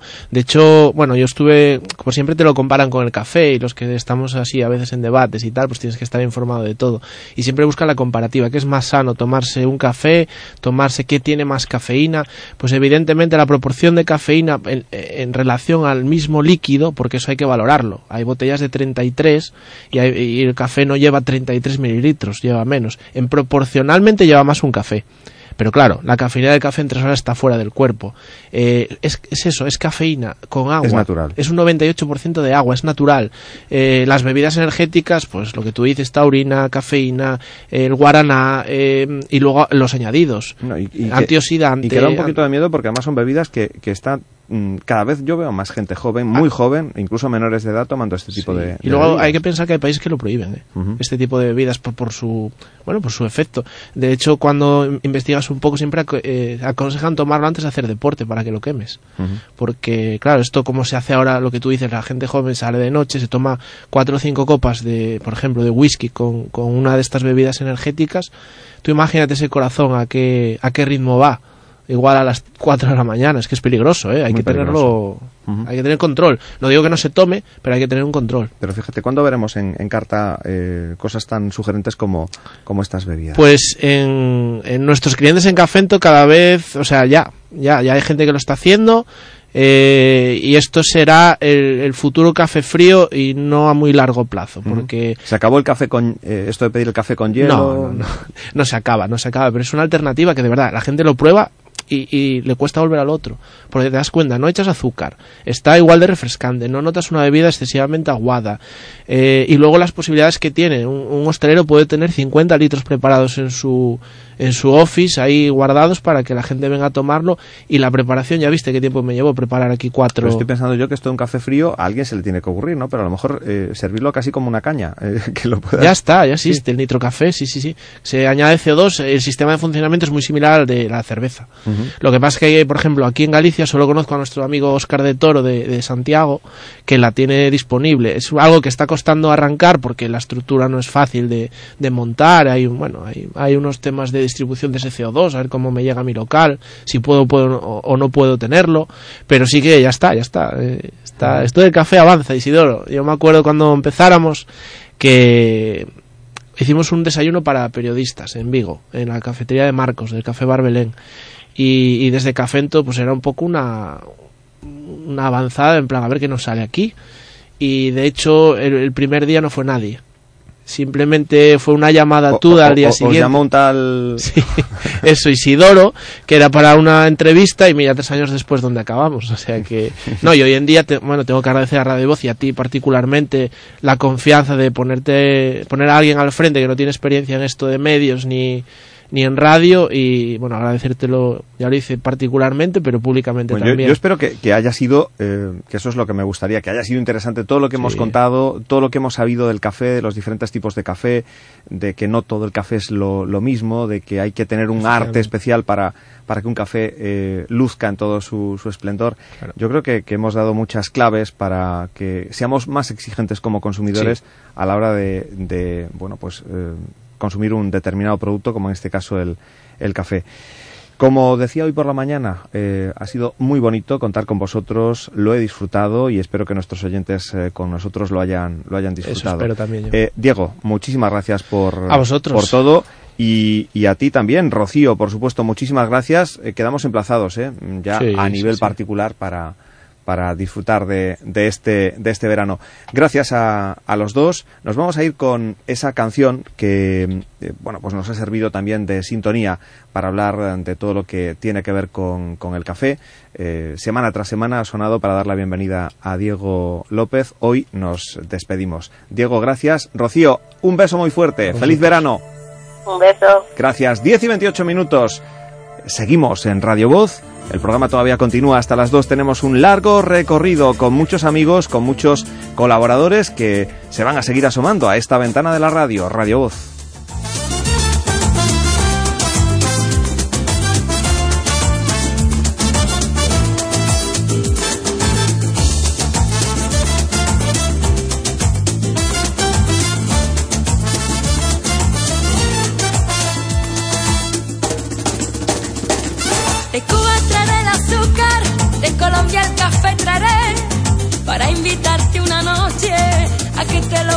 Lo pases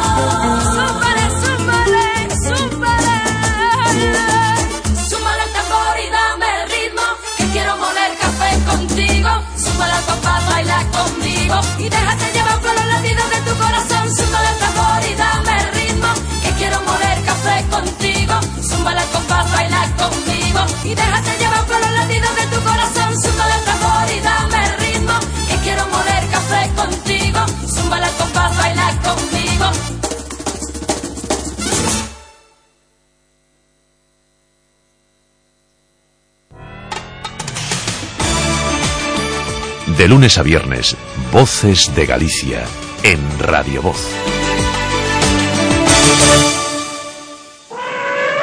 Non esperes a ver elefantes en Galicia para pechar a villa. Se non chove, agora máis que nunca temos que aforrar auga. O igual que noutros lugares do mundo, aquí tamén podemos sufrir a seca. Usa a auga con cabeza. Este anuncio, como auga, non o deixes correr.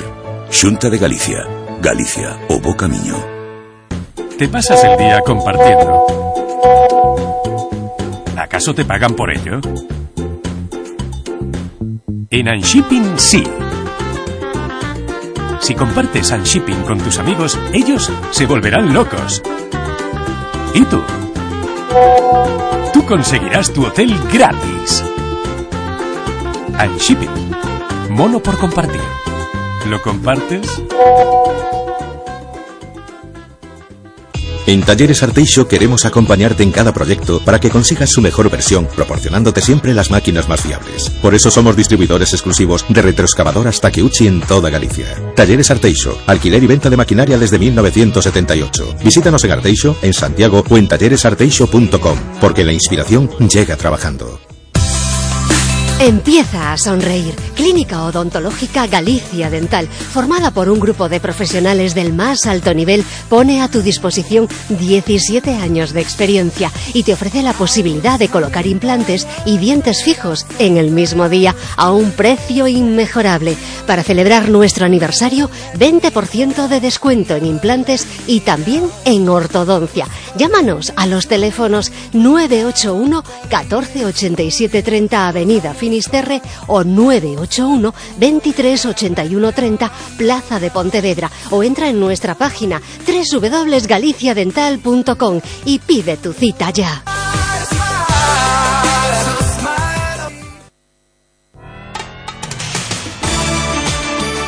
De lunes a viernes, Voces de Galicia, en Radio Voz.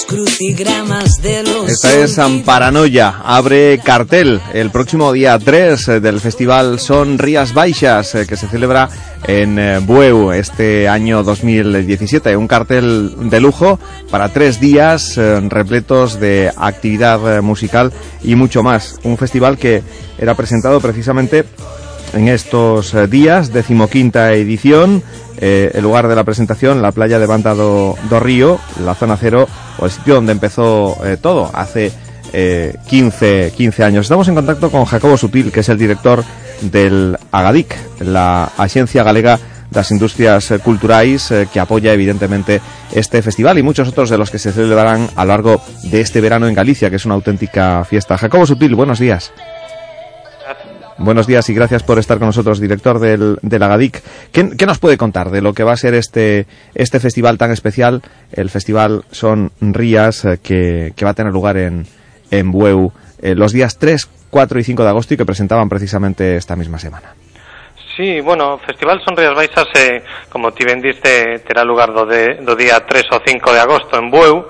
Eh, bueno, eh, terá una, un gran cartel eh, a nivel de, de toda España con Amparanoia, Estopa, eh, e despois ten unha moi boa representación galega eh, que estará a cargo de Seyes, Guaiza, eh, Exania ou de Soulbreakers. Breakers.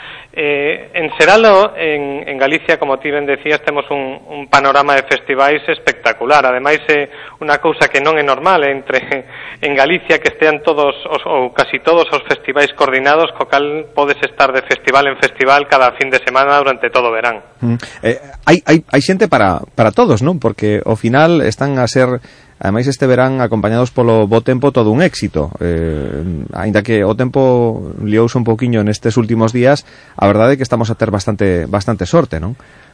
Sí, bueno, porque hai festivais eh, bueno, de estilos moi diferentes, pois eh, pasando por poñer dous exemplos de eh, o Resurrection en Viveiro, Atlantic Fest en eh, na Illa da Arousa en estilos totalmente diferentes eh, en espacios eh, totalmente alonsados. Pero sí que sí que hai xente, cada un pois irá o, o do seu estilo, pero hai moita xente que repite, eu que paso por casi todos os festivais, ves a moita xente coñecida que van repetindo, como decía, de fin de semana en fin de semana, eso é eh, maravilloso. E agora mesmo en Galicia pois temos a sorte de contar pois con empresas, con entidades que que se arriscan e, e, e promoven festivais de, de música moi interesantes e, e claro, nos a Xunta de Galicia estamos detrás de casi todos deles. Uh -huh. eh, porque isto mm, significa investimento, pero tamén retorno, moito retorno porque é moita xente de fora que a que ven a estes eh, festivais con cartéis moi apetecibles, non? Sí, claro, eu sempre nas, nas miñas intervencións públicas sempre trato de, de destacar pois por un, por un lado evidentemente o que supón a nivel de difusión cultural en Será, a difusión da nosa cultura, da nosa música, pero non hai que esquecer o, todo o que, o que serán ao redor os festivais, é dicir, eh, toda a xente que nos visita a nivel eh, turismo, a nivel económico, a hostelería, todo o que moven é tremendo. Eh, só hai que falar coa xente da hostelería dos lugares onde se celebran os festivais para, para ver que, que, bueno, que están eses días eh, cheos os hotéis, os restaurantes e, e bueno, eh, todo eso é eh, moi moi favorable a, a nivel seral para, para a economía seral. Mm. Eh, apoia orzamentariamente únicamente o, eh, o Agadic eh, a estes festivais ou eh, mm, digamos aportan outro tipo de, de, de, de apoios aos eh, mesmos? No, vamos a ver, normalmente teñen apoios de das tres administracións, esa deputación que cesa e o concello onde se celebren.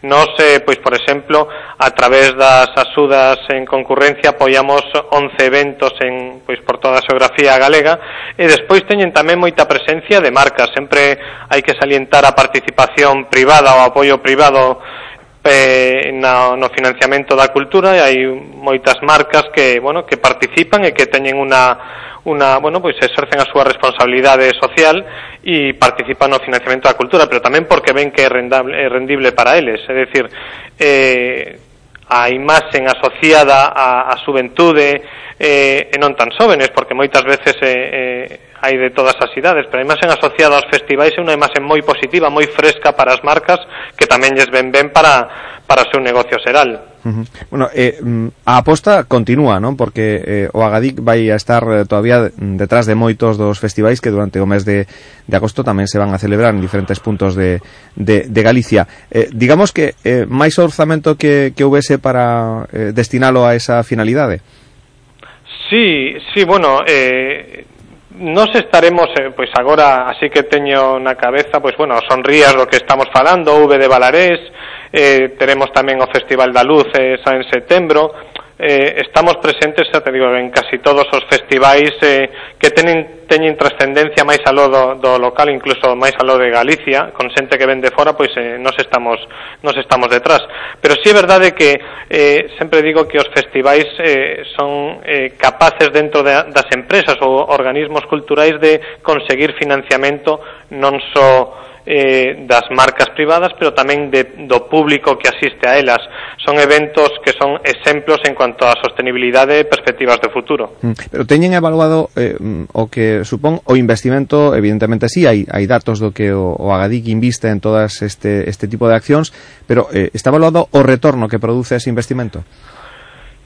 Sí, bueno, eh, hai, eu fixen, encarguei hai tempo algún estudo sobre, sobre ese tema, claro, esos todos son datos subjetivos, eh, pero, pero sí é verdade que nos sobre o gasto total depende moito do, do festival, o mellor eh, hai festivais onde é menos do 10%, pois falo, por exemplo, do, do Resurrection Fest, que é o, o monstro, o gran festival de, de Galicia, monstro en no bo sentido, e, e aí o gasto que se produce tanto en, en produción local como despois todo o gasto eh, indirecto, se queres, a través de eh, dos ocupacións hoteleiras, de, do gasto en comida, e despois un gasto máis directo en contratación de personal, bueno, é moito máis de 10 veces superior ao que nos investimos.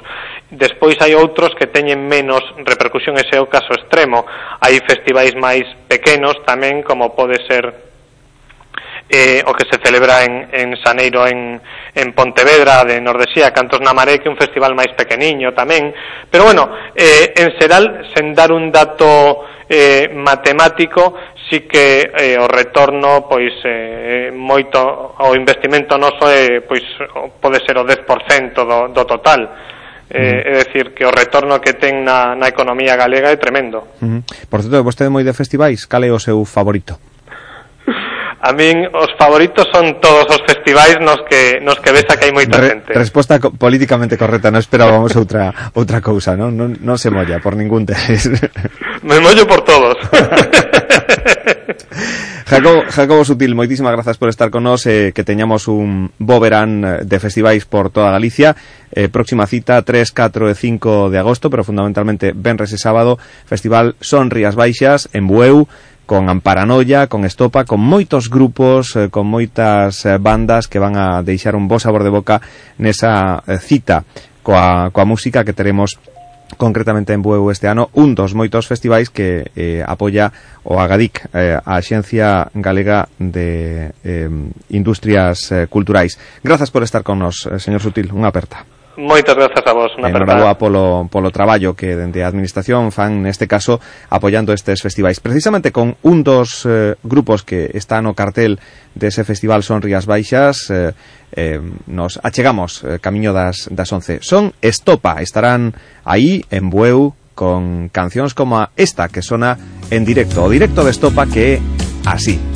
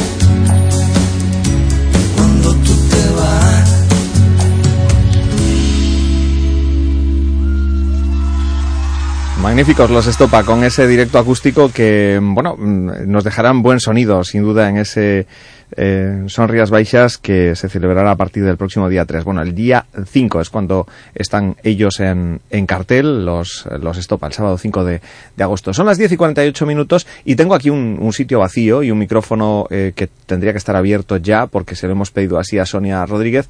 Eh, Diego, ¿tú me vas a ayudar? Mm, mm, porque yo solo no puedo dejar el micrófono, eh, dejar un, un vacío y hacer que, que Sonia que Sonia se venga para aquí. Está diciendo que no, que no quiere, que no quiere, que no quiere, que dice que se va, que no le gusta, que, que, que no nos quiere y que, y que no quiere decir absolutamente nada. Bueno, eh, mm, hoy, eh, que es un, un día muy especial porque es eh, eh, mi último Voces de, de Galicia, eh, quiero tener un agradecimiento muy especial para todos los que han sido nuestros técnicos, los que han estado al otro lado al otro lado del cristal, eh, en silencio siempre, porque ustedes no les escuchan, pero están ahí, hablan con nosotros, se comunican con nosotros, eh, nos eh, dan las indicaciones acerca de si está preparada una conexión, no está preparada una conexión. Durante una primera etapa, a lo largo de estos últimos 11 años, ha estado con nosotros Miguel eh, Patiño, nuestro compañero Miguel, para el que envío un cordialísimo saludo. Además, con él hemos viajado por prácticamente toda Galicia, porque la la primera etapa de este programa fue una etapa muy viajera, muy de programas eh, que hacíamos en, en exteriores. En, yo creo que eh, en todas las provincias hemos estado y en muchísimos municipios, en algunos hemos repetido en, en muchísimas ocasiones. Así que mi agradecimiento por todo el apoyo que, que nos prestó tanto desde estudios centrales como en los eh, desplazamientos exteriores y por supuesto también mi agradecimiento a eh, la segunda persona que más tiempo ha compartido con, conmigo a lo largo de estos 11 años, que es Sonia Rodríguez, que yo quería que, que la escuchasen, pero que, que como es tan tímida ella, ¿eh?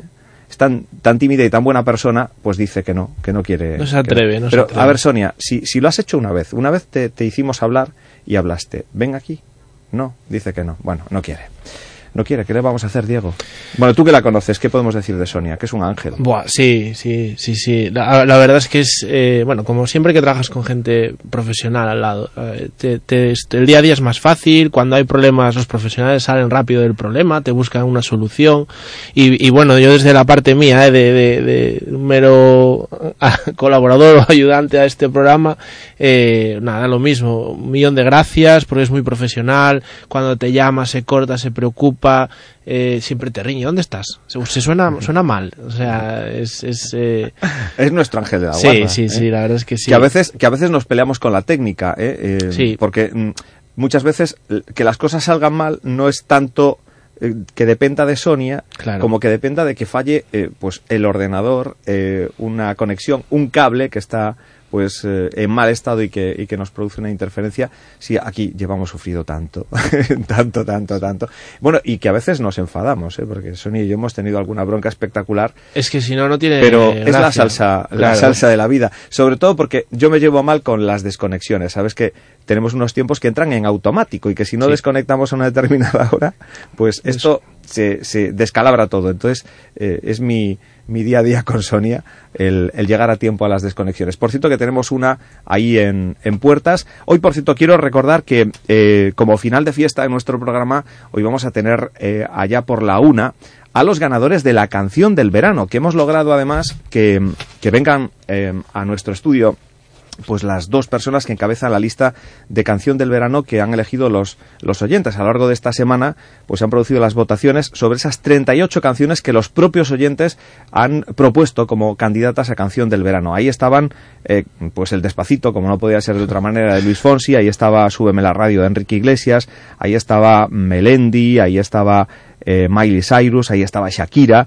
Había muchos de los que consideramos grupos mm, del top ten, ¿no? Pero sin embargo, los oyentes de Radio Voz eh, valoran más otro tipo de cosas y han dejado un poquito de lado toda esa música que nos acompaña en, en, el, en el verano, pues para aupar artistas gallegos. Y mm, pues por encima de todos estos que he citado, han quedado grupos como De Vacas, han quedado cantautores como Andrés Suárez, han quedado eh, intérpretes como, como Raúl, eh, Guillermo Castro y Lucía Pérez, que son quienes encabezan la lista de la canción del verano. La ganadora definitiva ha sido Lucía Pérez.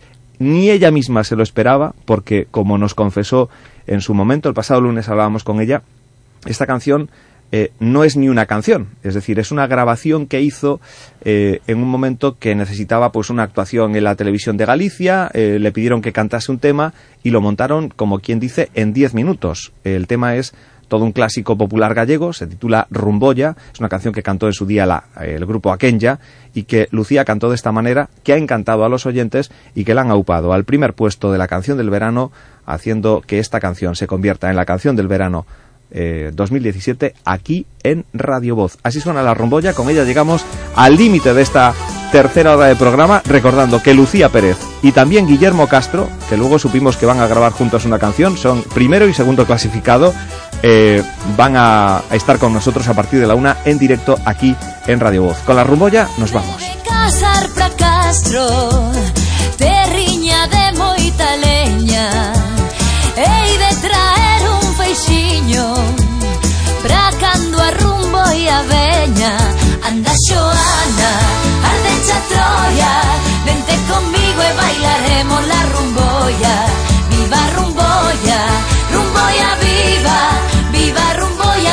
aunque sexa noite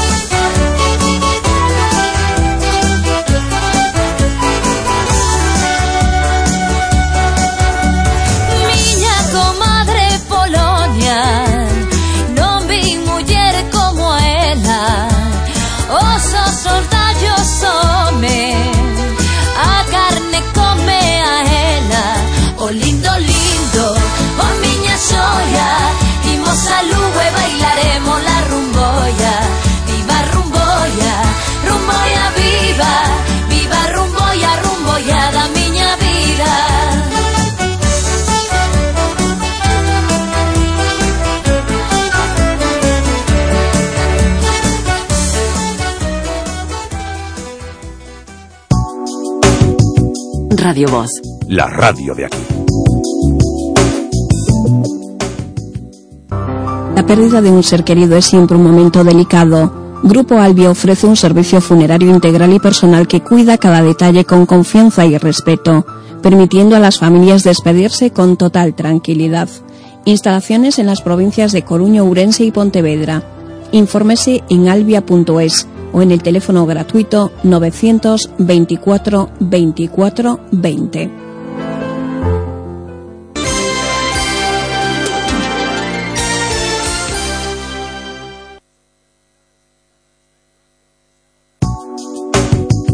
Radio Voz. La radio de aquí.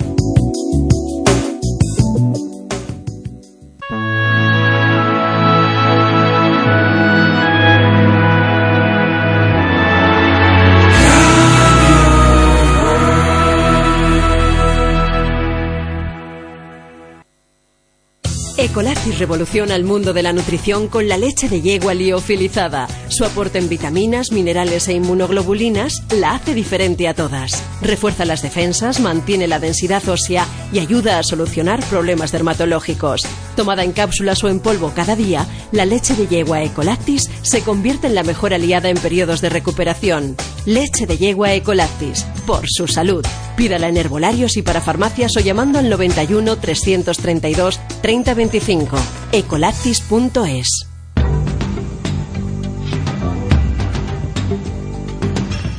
Todos os sábados e domingos de 4 a 5 da tarde, un mundo de músicas, unha viaxe musical polas distintas culturas do planeta. E de seguido, de 5 a 6 da tarde, Músicas de Raíz, unha selección de diferentes músicas étnicas na sintonía de Radio Voz, todos os sábados e domingos presentado por Vieito Romero. Radio Voz. La radio de aquí.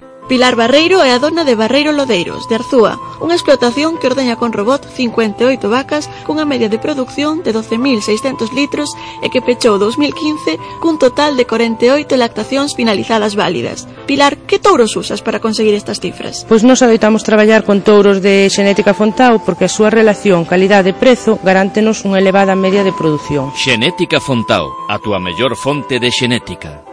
Porque el cuidado de la salud es lo más importante, en V Televisión tienes la oportunidad de aclarar dudas, de conocer los productos naturales más adecuados para ti. De lunes a viernes entre las 8 y las 8 y media de la tarde, Salud para Todos, con la colaboración de los doctores Vázquez y Valverde. Te esperamos. Radio Voz.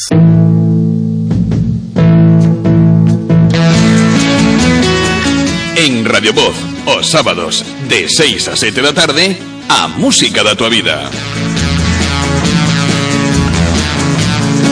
Un percorrido nostálxico polas melodías do pasado. A música da tua vida en Radio Voz, os sábados de 6 a 7 da tarde.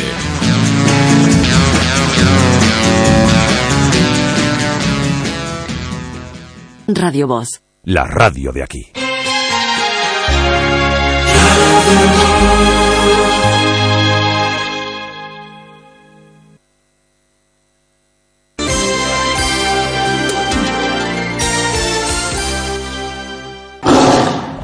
Non esperes a ver guepardos en Galicia para pechar a villa. Se non chove, agora máis que nunca, temos que aforrar auga. Porque, igual que noutros lugares do mundo, aquí tamén podemos sufrir a seca.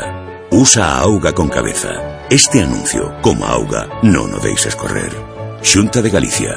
Galicia, o bo camiño.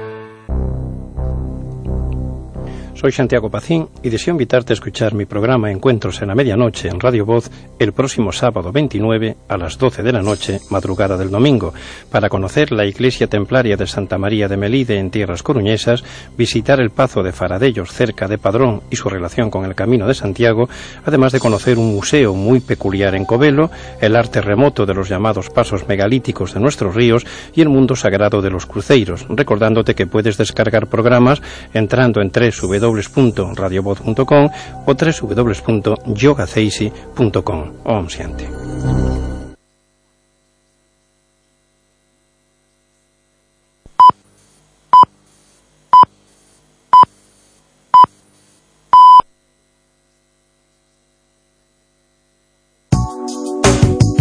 Radio Voz. La radio de aquí.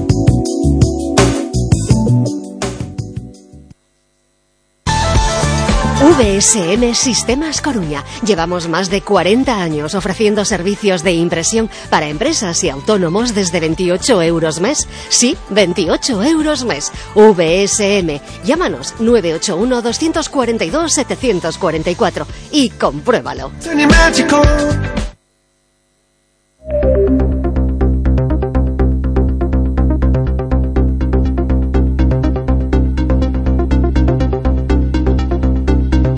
Voces de Galicia. Así va la mañana.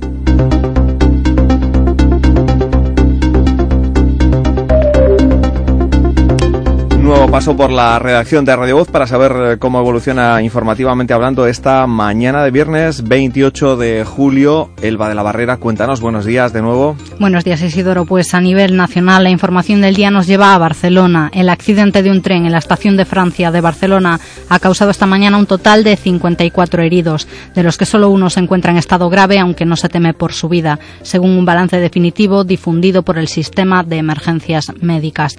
El presidente de la Generalitat la alcaldesa de Barcelona y el delegado de gobierno en Cataluña, Enric Millo, han acudido a la estación de Francia de Barcelona tras conocerse ese accidente de un tren de Rodalíes que ha dejado una cincuentena de personas heridas. A través de su cuenta de Twitter, el presidente catalán afirmaba todo mi apoyo a los heridos en este accidente y a los equipos de emergencias que intervienen, en contacto permanente con el conseller Josep Rull. Y continuamos con trenes, en este caso, pues en Galicia. Más de 30 trenes se verán afectados hoy por la huelga en Renfe y Adif, convocada por el sector ferroviario de la CGT contra la precariedad laboral en ambas empresas públicas. Al respecto, la CGT denunciaba servicios mínimos abusivos, por lo que decía emprenderán acciones judiciales contra la medida adoptada por el Ministerio de Fomento. Y continuamos con la actualidad gallega. El parador de Vilalba, situado en la antigua torre de homenaje de los Andrade, conmemoró su 50 aniversario en un acto celebrado en la capital chairega. El acto fue presidido por la responsable de paradores Ángeles Alarcó, que definió el establecimiento Vilalbés como impulsor de la riqueza de la comarca y sugirió que el nombre de Manuel Fraga Iribarne, hijo predilecto de Vilalba y uno de los grandes impulsores de su construcción, debería estar presente en su nomenclatura oficial. La directora general de Turismo, Nava Castro, destacaba el potencial económico del municipio chairego. Vilalba reúne muchos de los ingredientes que potencian la estrategia de Galicia 2020, señalaba Castro, en referencia al programa turístico auspiciado por el gobierno autonómico. Y nos vamos a Santiago de Compostela, donde una selección de músicos de varias nacionalidades, liderados por el pianista cubano Alejandro Vargas, junto con la voz de Rosa Cedrón, conforman el espectáculo musical gallego-cubano que recordará al compositor José Castro González Chané en el centenario de su fallecimiento. Este proyecto, Chanena Habanas, en informa a la Diputación, aborda la totalidad de la obra conservada del compositor gallego por primera vez y de una manera inédita, desde el sentir musical cubano. Solo se van a ofrecer dos conciertos de este espectáculo musical eh, con la colaboración de la Diputación de A Coruña y de los ayuntamientos de Santiago de Compostela y de A Coruña respectivamente. El estreno está previsto para mañana en Santiago en Quintana y cerrará el día 3 de agosto en María Pita. Y continuamos con las previsiones del día en 45 minutos en Santiago de Compostela el viceportavoz de Enmare, Antón Sánchez, hará declaraciones sobre la concesión a la Fundación Francisco Franco de la gestión de visitas al Pazo de Meirás. Y a las 12 la Diputación Permanente se reúne con un único punto en el orden del día, la solicitud de convocatoria de un pleno extraordinario sobre la transferencia de la AP9 y la inclusión social. En Vigo, a las 12, también a la misma hora, Bel Caballero y el rector de la Universidad de Vigo firmarán un convenio para el impulso de la candidatura de Illas Cies como patrimonio de la humanidad. Y bueno, cerrará, esta agenda informativa del viernes la reunión de la Junta de Portavoces a las 2 de la tarde con motivo de la formación del orden del día de la sesión extraordinaria del Pleno en el que se tratará el techo de gasto de nuestra comunidad de Galicia. Y despedimos el boletín con los datos que publicaba hoy el Instituto Nacional de Estadística que certifican la información de crecimiento de la economía española en el segundo trimestre del año. El índice de precios de consumo se situó en julio en el 1,5% interanual, con lo que se mantiene la subida de precios registrada en junio, que también fue del 1,5%. Gracias, Elba. Eh, pero no te vayas, eh, quédate porque nos tienes todavía que contar eh, de qué se está hablando a esta hora en las redes sociales. Son las 11 de la mañana, 5 minutos. Mi abuelo siempre quiso viajar a la luna, pero al final prefirió el sol del paraíso, el de San Censo. La experiencia se mide en lo que cuentan las personas, porque las personas cuentan. Viajes Interrías, 30 años de viajes. Consulta tu agencia de viajes. Viajes Interrías. Descubre mundos nuevos. Voces de Galicia, un programa de Radio Voz con Isidoro Valerio.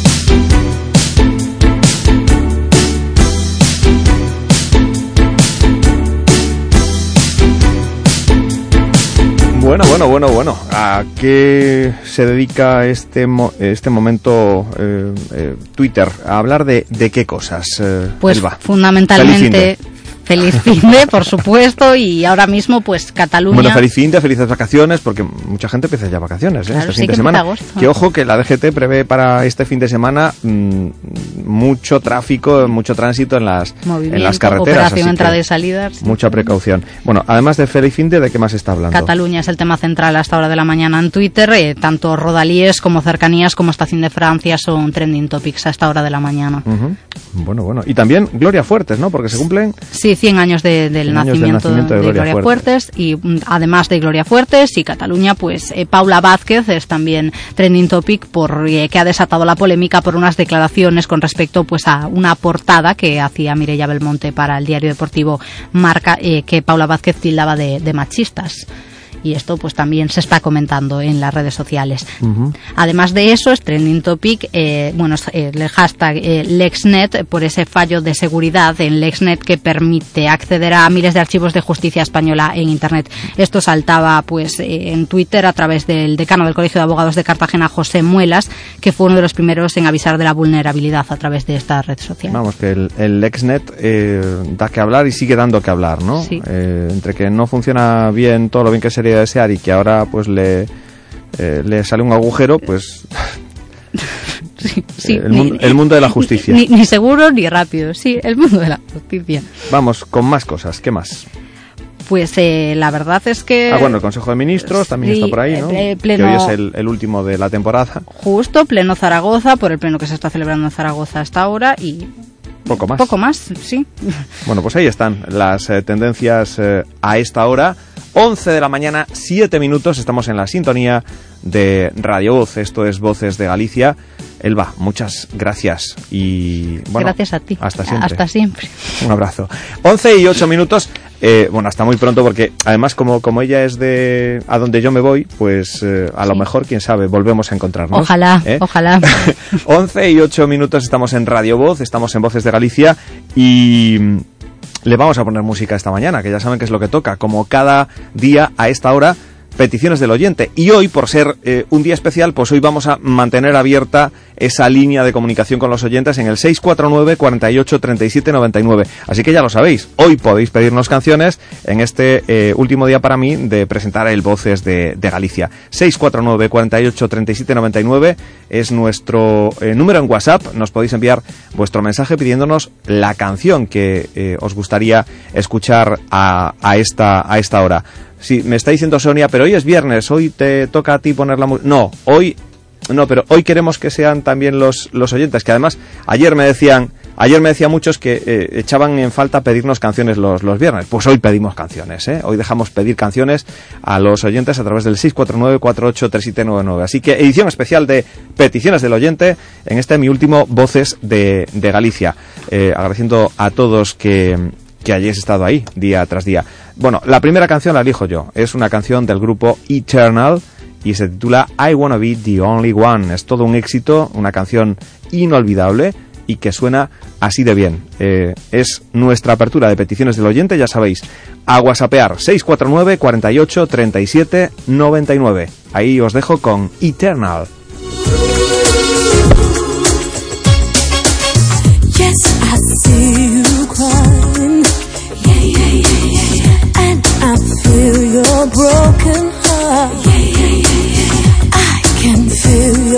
hurting.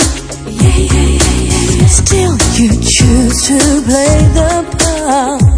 If you let me be, you let me be. I'll be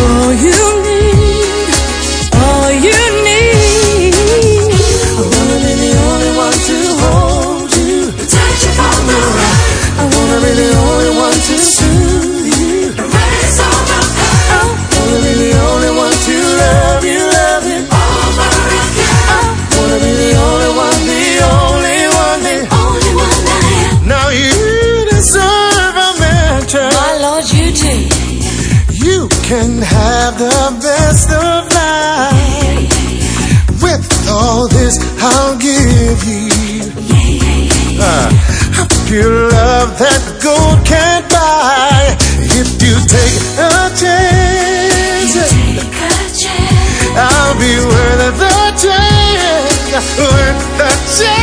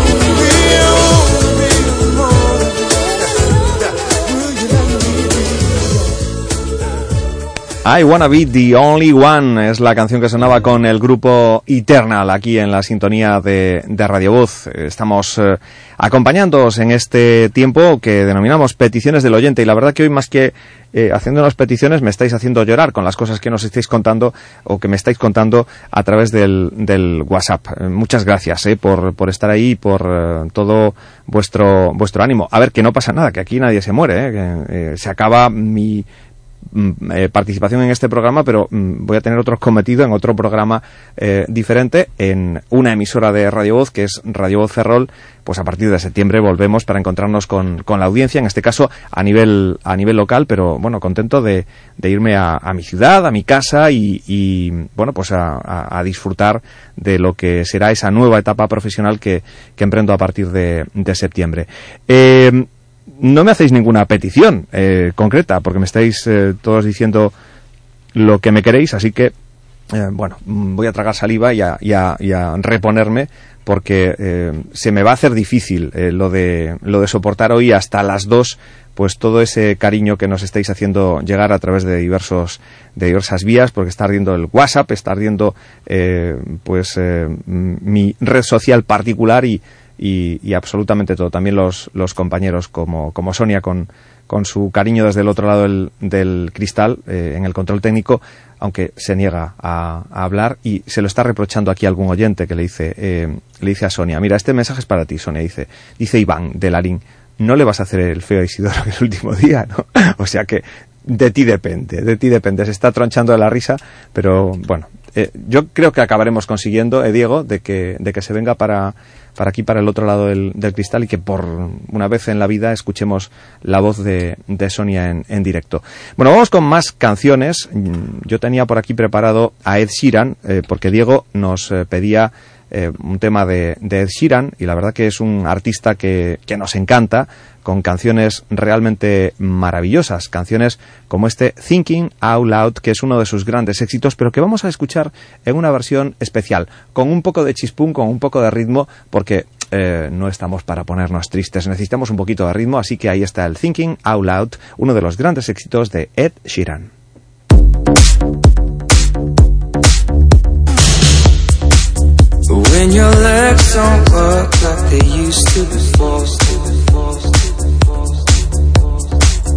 And I can't sweep you off of your feet.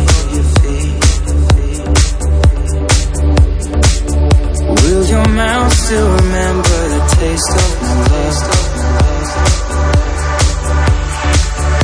Will your eyes still smile from the cheek? Darling, I will be loving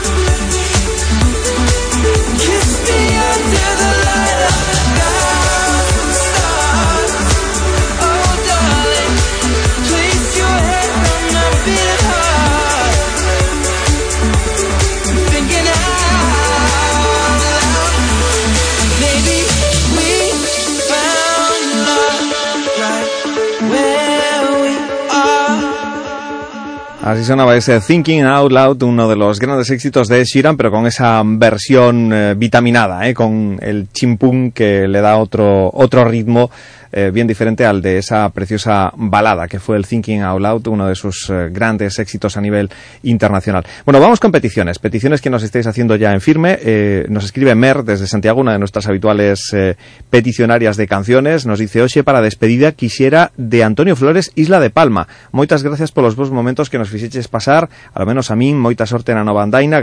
Mer. Un abraciño moi apretado para ti, e especialmente para todos os teus compañeiros. Así que para ti tamén, Sonia. Isla de Palma es la canción canción que nos eh, pide Mer con Antonio Flores. Esa canción suena así. Sí, ya sé que luego tú tienes pedida una. Eh, a ver, es que Sonia me ha dicho, yo no quiero hablar, pero te quiero poner una canción. Pero espera, primero pongo yo la de la que pide Mer y después pones tú la que, la que quieres poner, porque dice, yo no hablo que me da muchísima vergüenza. Entonces, eh, dice que lo que me quiere decir me lo va a decir con una canción. Bueno, pues lo interpreto así. Eh, vamos con Isla de Palma primero. Este es Antonio Flores.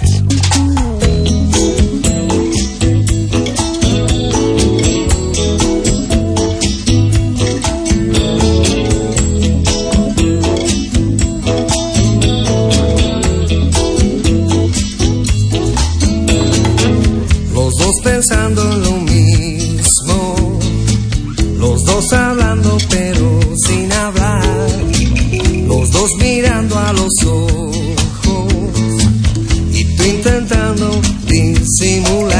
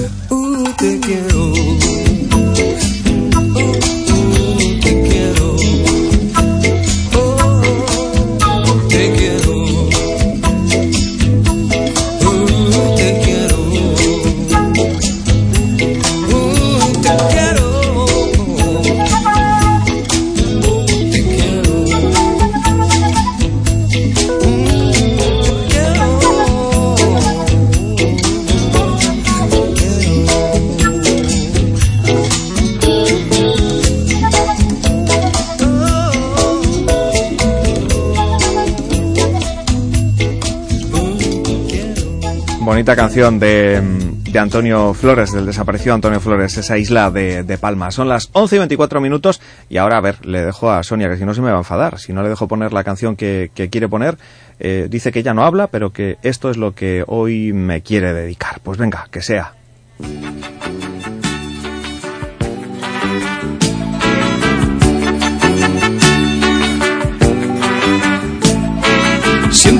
Mano fría correr despacio sobre mi piel y tu pecho en mi pecho y tu desnudez. Y olvido reproches que imaginé. Vente conmigo al huerto, que están las rosas queriendo ver la promesa que ha roto para volver. Y así creen lo que les conté. Dije que te quería como a nada. Que seguía tus pasos, tu caminar como un lobo en celo desde mi hogar con la puerta abierta de par en par, de par en par. Que tenía en penumbra nuestro rincón en aquel salón con dos cubiertos y tu canción y con tus flores en el jarrón.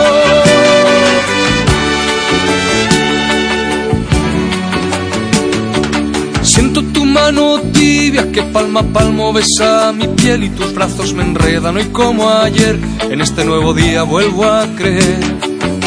Vente conmigo al puerto que hay una barca en el malecón con tu nombre pintado secando al sol con tu mano grabada junto al timón.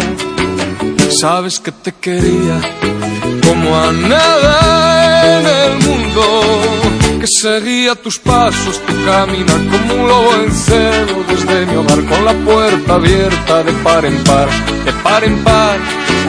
Que tenía en penumbra nuestro rincón en aquel salón, con dos cubiertos y tu canción y con tus flores en el jarrón.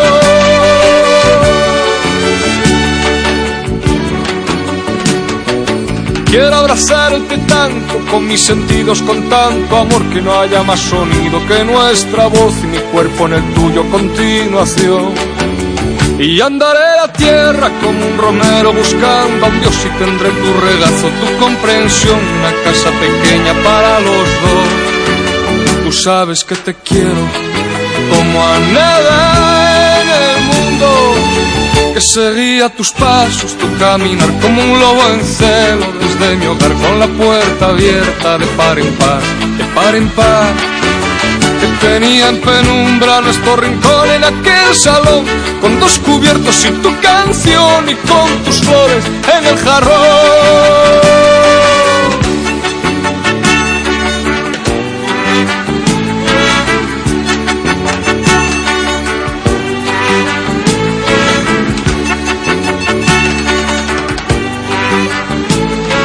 Sonia, me voy a poner colorado porque esta canción se puede interpretar de muchos modos y yo sé que es un amor profesional el que tienes por mí, pero nada más.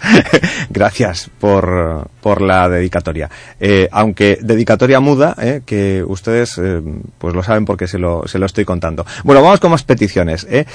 Nos dice Iván, buenos días Isidoro, pues yo también me quería despedir diciendo de que es una pena que dejes el Voces de Galicia, decirte que ha sido la voz con la que toda mi familia, especialmente yo, nos despertábamos y mientras nos poníamos en marcha te estábamos escuchando.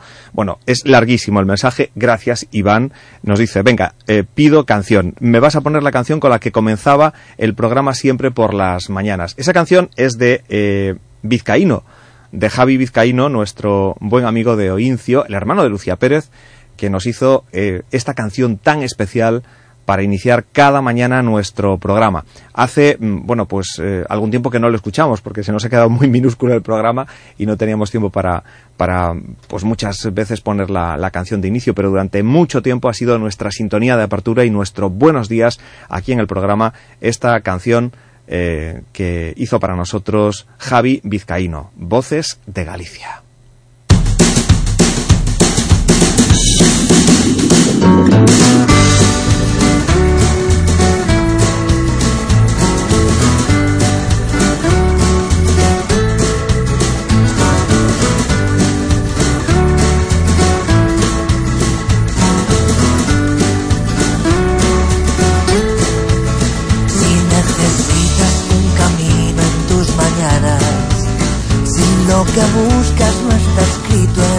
Este es el mapa callejero que te guía. Escucha atento, ya comienza la función. Voces de Galicia es tu programa. Sintoniza Radio Voz en tu dial. Personajes, entrevistas o debates, protagonistas de la actualidad. Bienvenidos al club de los que escuchan. Esta es tu radio y aquí tienes tu lugar. Con la voz de Isidoro Valerio. Comienza Voces de Galicia en Radio Voz. Déjate llevar.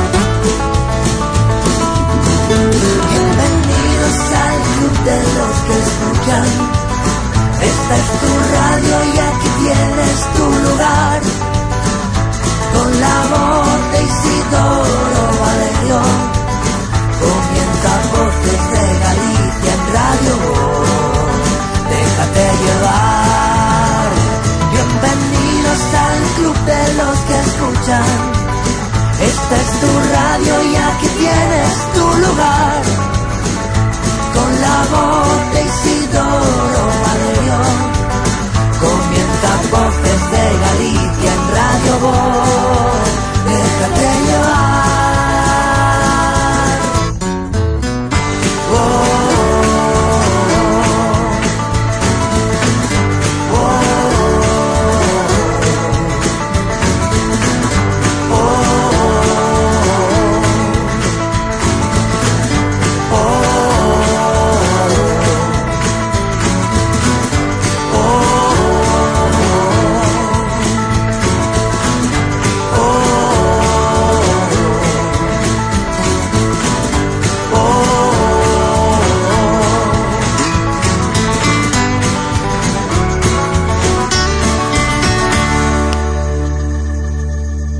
esta era la canción que nos pedía Iván eh, y tenemos más peticiones, como la que nos hace Sergio. Nos dice, buenas Isidoro, ¿puedes ponerme una de Rosento? Nos pide la canción titulada De qué vas y eh, nos envía un saludo y nos dice hasta, hasta siempre. Pues gracias Sergio.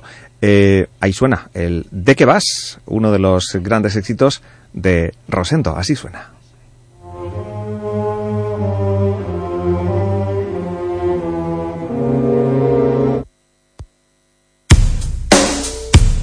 No era esa la canción, es esta, esta que suena lo que sonaba era Negra Sombra, qué barbaridad. 11 y 32 minutos, qué susto. ¿De qué vas? Rosendo.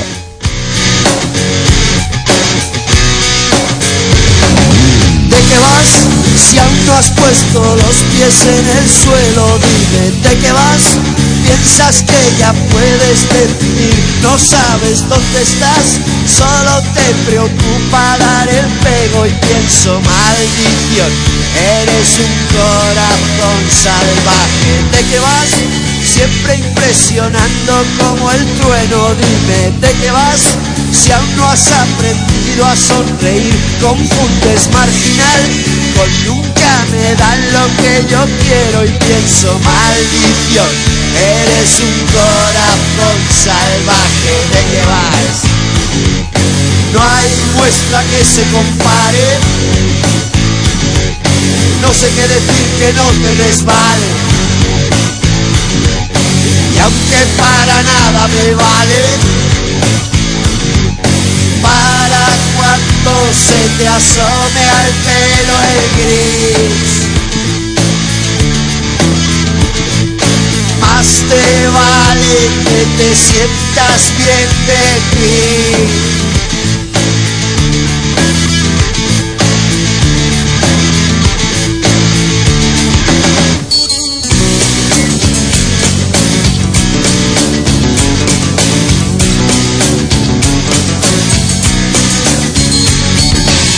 Qué vas? Pierdes mucha fuerza en la saliva, dime de qué vas. Si aún no sabes dar tu parecer, aguanta un poco gas. No siempre se gana la partida y pienso, maldición, eres un corazón salvaje, ¿de qué vas? No hay muestra que se compare. No sé qué decir que no te resbale. Y aunque para nada me vale, para cuando se te asome al pelo el gris. Más te vale que te sientas bien de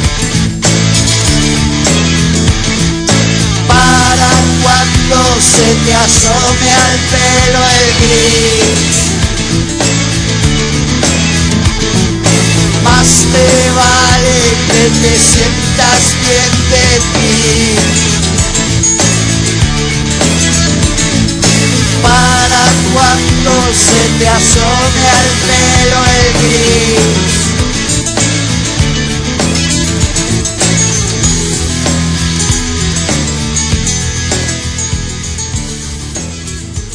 Ahí teníamos eh, esa canción de Rosendo que nos eh, solicitaba eh, Sergio y que ha sonado, por supuesto, aquí en el programa. Son las 11 y 36 minutos. Todavía tenemos un largo trecho hasta las 12 con esta sección hoy extra de peticiones del oyente, porque sabéis que los, los viernes, bueno, pues habitualmente mm, preparamos una selección especial de, de temas para adentrarnos ya en el, en el fin de semana. Así que hoy vosotros seguís teniendo la palabra en el 649 48 37 99. Y vamos con más eh, peticiones, como la que nos hace ahora Francisco. Francisco nos pide eh, una canción de, Vizcaíno. Bueno, a Vizcaíno la acabamos de, escuchar con la canción que nos hizo para nuestro, eh, para nuestro programa, para el Voces de Galicia, pero Francisco nos pide de Vizcaíno una canción de su álbum titulado Diáspora, y la canción que nos pide es la titulada Serendipia. Esa canción suena ya aquí en Radio Voz. Él es Javi Vizcaíno.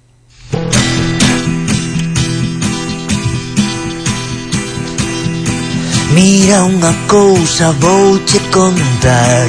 Nunca pensei que a min me puidera pasar. Hai moitas noites que non durmo. Non durmo por culpa dunha muller Ela chegou unha noite de inverno Cando o vento non bulía Cando andaba de amor valeiro Cando as musas batían sin xeito.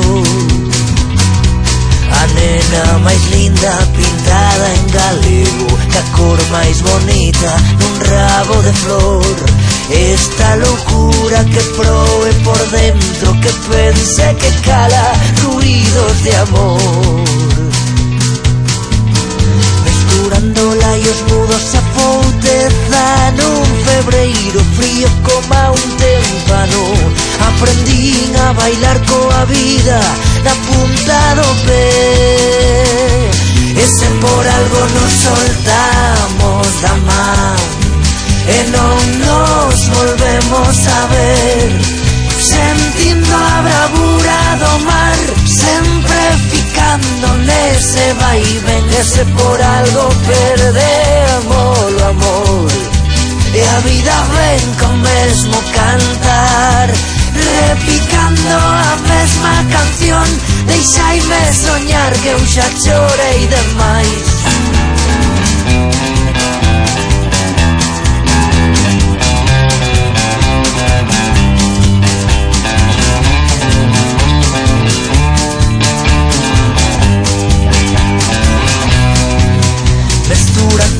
Mesturando laios mudos a fouteza Nun febreiro frío como un témpano. Aprendín a bailar coa vida Na punta do pé E se por algo nos soltamos da man E non nos volvemos a ver. Sentindo a bravura do mar Sempre ese ven ese por algo perdemos o amor. E a vida ven con mesmo cantar, repicando a mesma canción, deixaime soñar que eu xa chorei demais.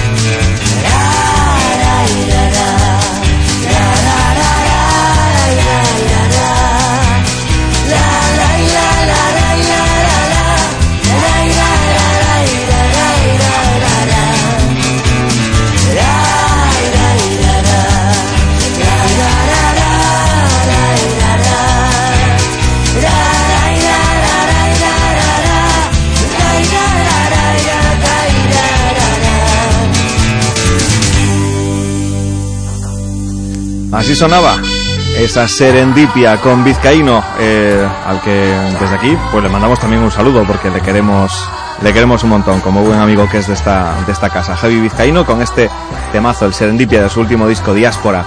Nos lo pedía Francisco y aquí sonaba en Radio Voz porque sois vosotros los que hacéis este programa con vuestras peticiones a través del WhatsApp 649 48 37 99. Y una petición eh, que nos eh, sorprende, ¿eh? Eh, porque hace mucho tiempo que, nadie nos pide canciones como la que va a sonar. Nos dice aquí Pepe, hola, me gustaría escuchar una canción que es todo un clásico y que interpretó en la serie Ali McBeal, Bonda Shepherd. La canción se titula I Only Want to Be With You y me gustaría escuchar ese tema. Bueno, pues el I Only Want to Be With You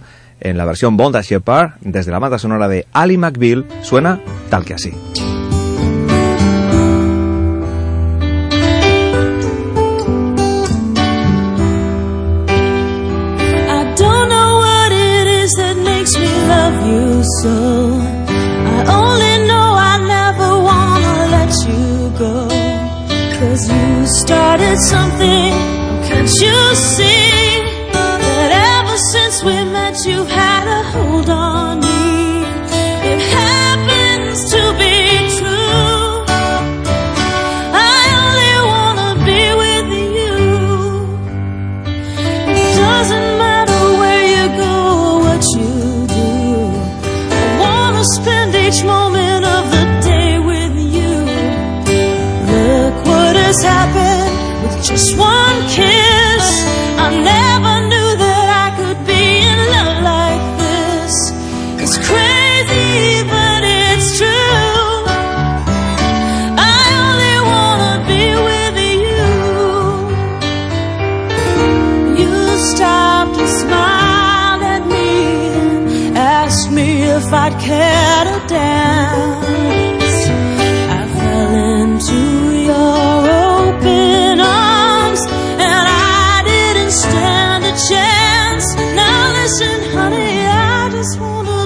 beside you everywhere. As long as we're together, honey, I don't care. 'Cause you started something, can't you see? That ever since we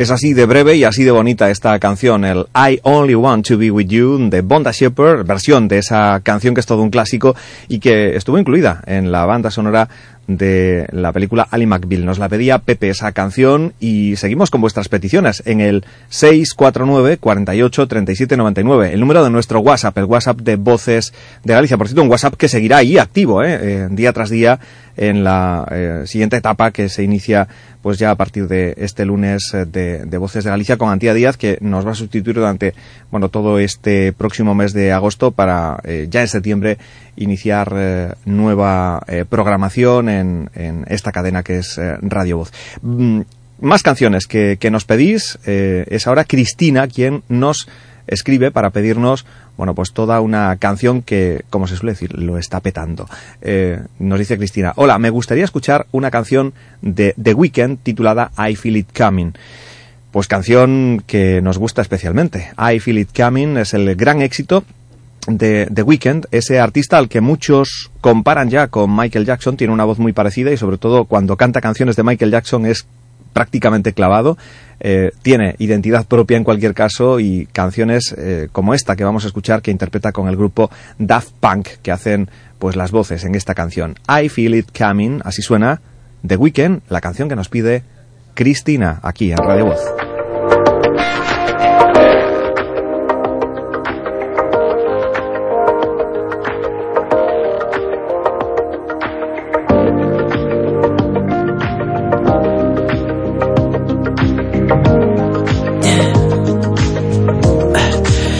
Me what you really like.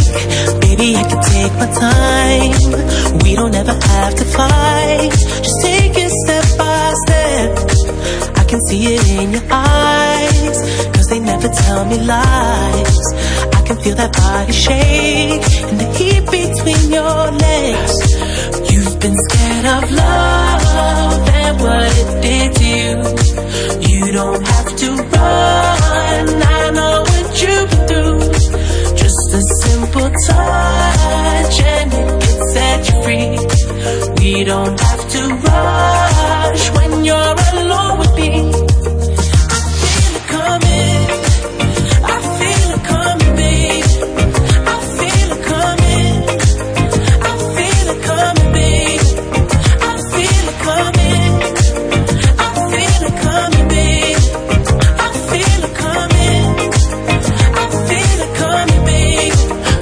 The single type, so baby, this the perfect time. I'm just trying to get you high, Fade it off this touch. You don't need a lonely night, so baby, I can make it right. You just gotta let me try to give you what you want. You've been scared of love and what it did to you. You don't have to run. I you've. Just a simple touch and it can set you free. We don't have to rush when you're alone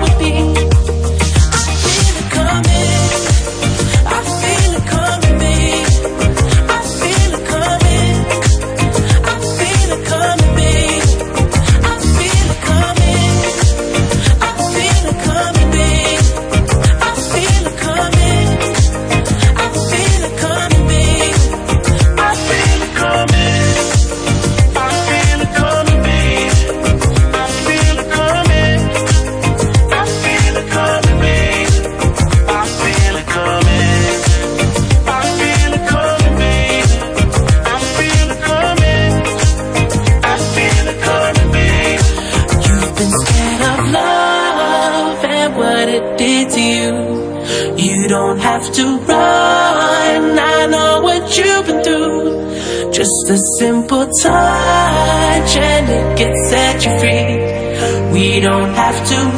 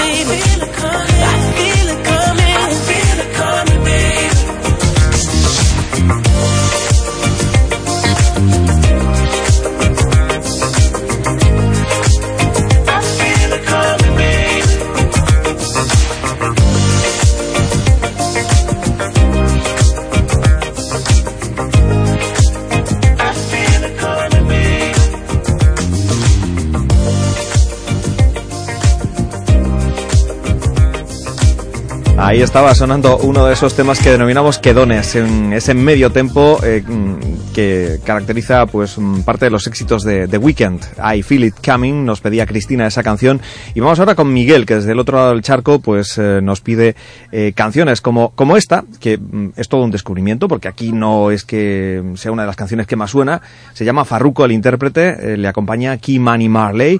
Eh, el álbum se titula Visionary y en ese álbum se incluye la canción que nos pide Miguel. Miguel nos dice, podéis ponerme Chillax de Farruko, así suena.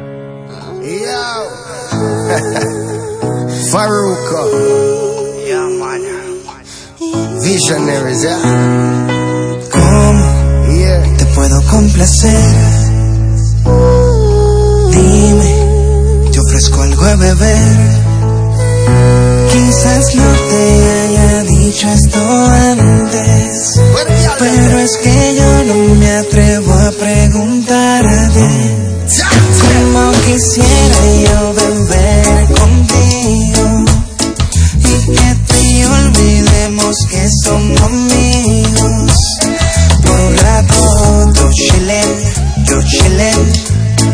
Vamos a pasarla bien, tú chillen, yo chillen. Nos sube la nota De las encendidas botella y champán dos copas. No hay que se resista a tu rico olor. Yo quiero ver más allá de tu ropa interior. Entonces bailame lento Que yo quiero sentir tu cuerpo.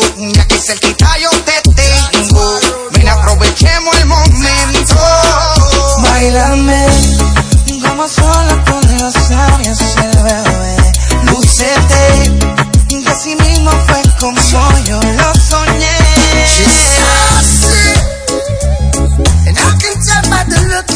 eyes that she wants me. So we drink till we drunk, now she calling me papi. No me importa lo que vaya a pasar, mami.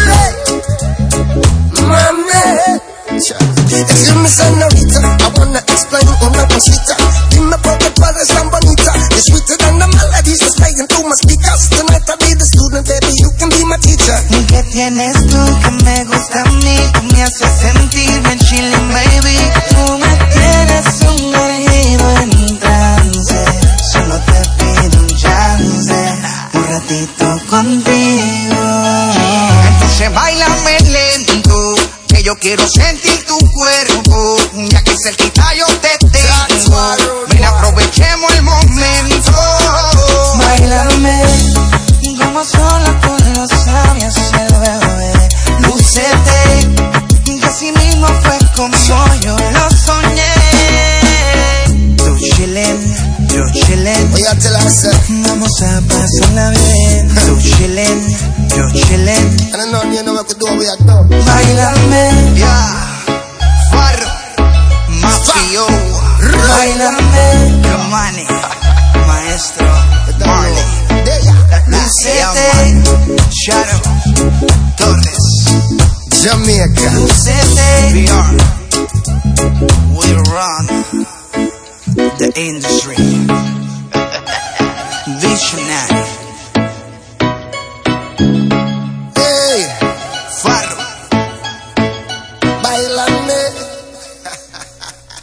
Interesante tema, el de Farruko, ese chillax eh, que así sonaba aquí en la sintonía de Radio Voz, petición que nos hacía Miguel.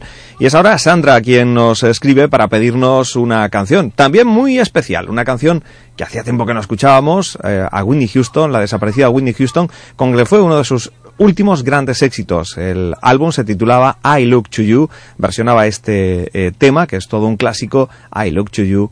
Ella es Whitney Houston.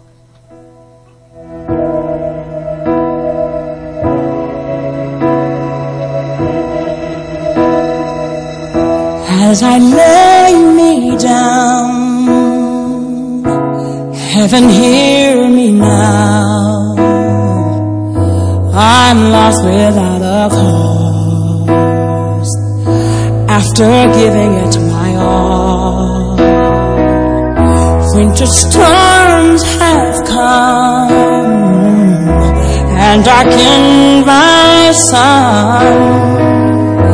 After all that I've been through, who on earth can I turn to? I look to you.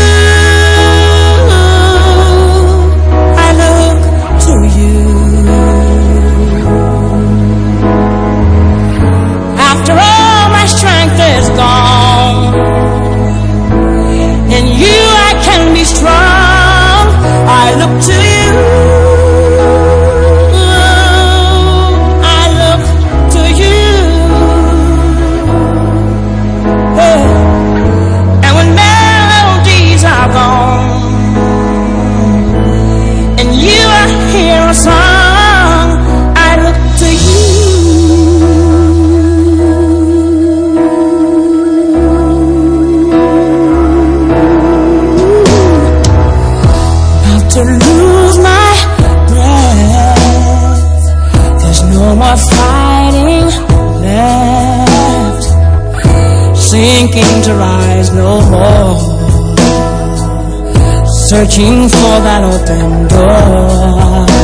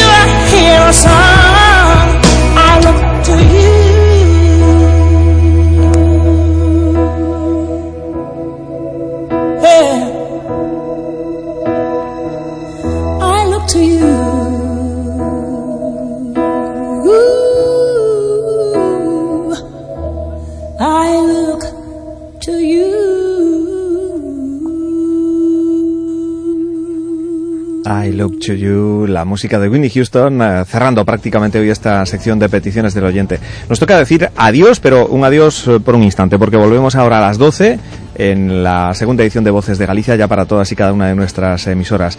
Nos vamos con esta canción de la Unión titulada Adiós.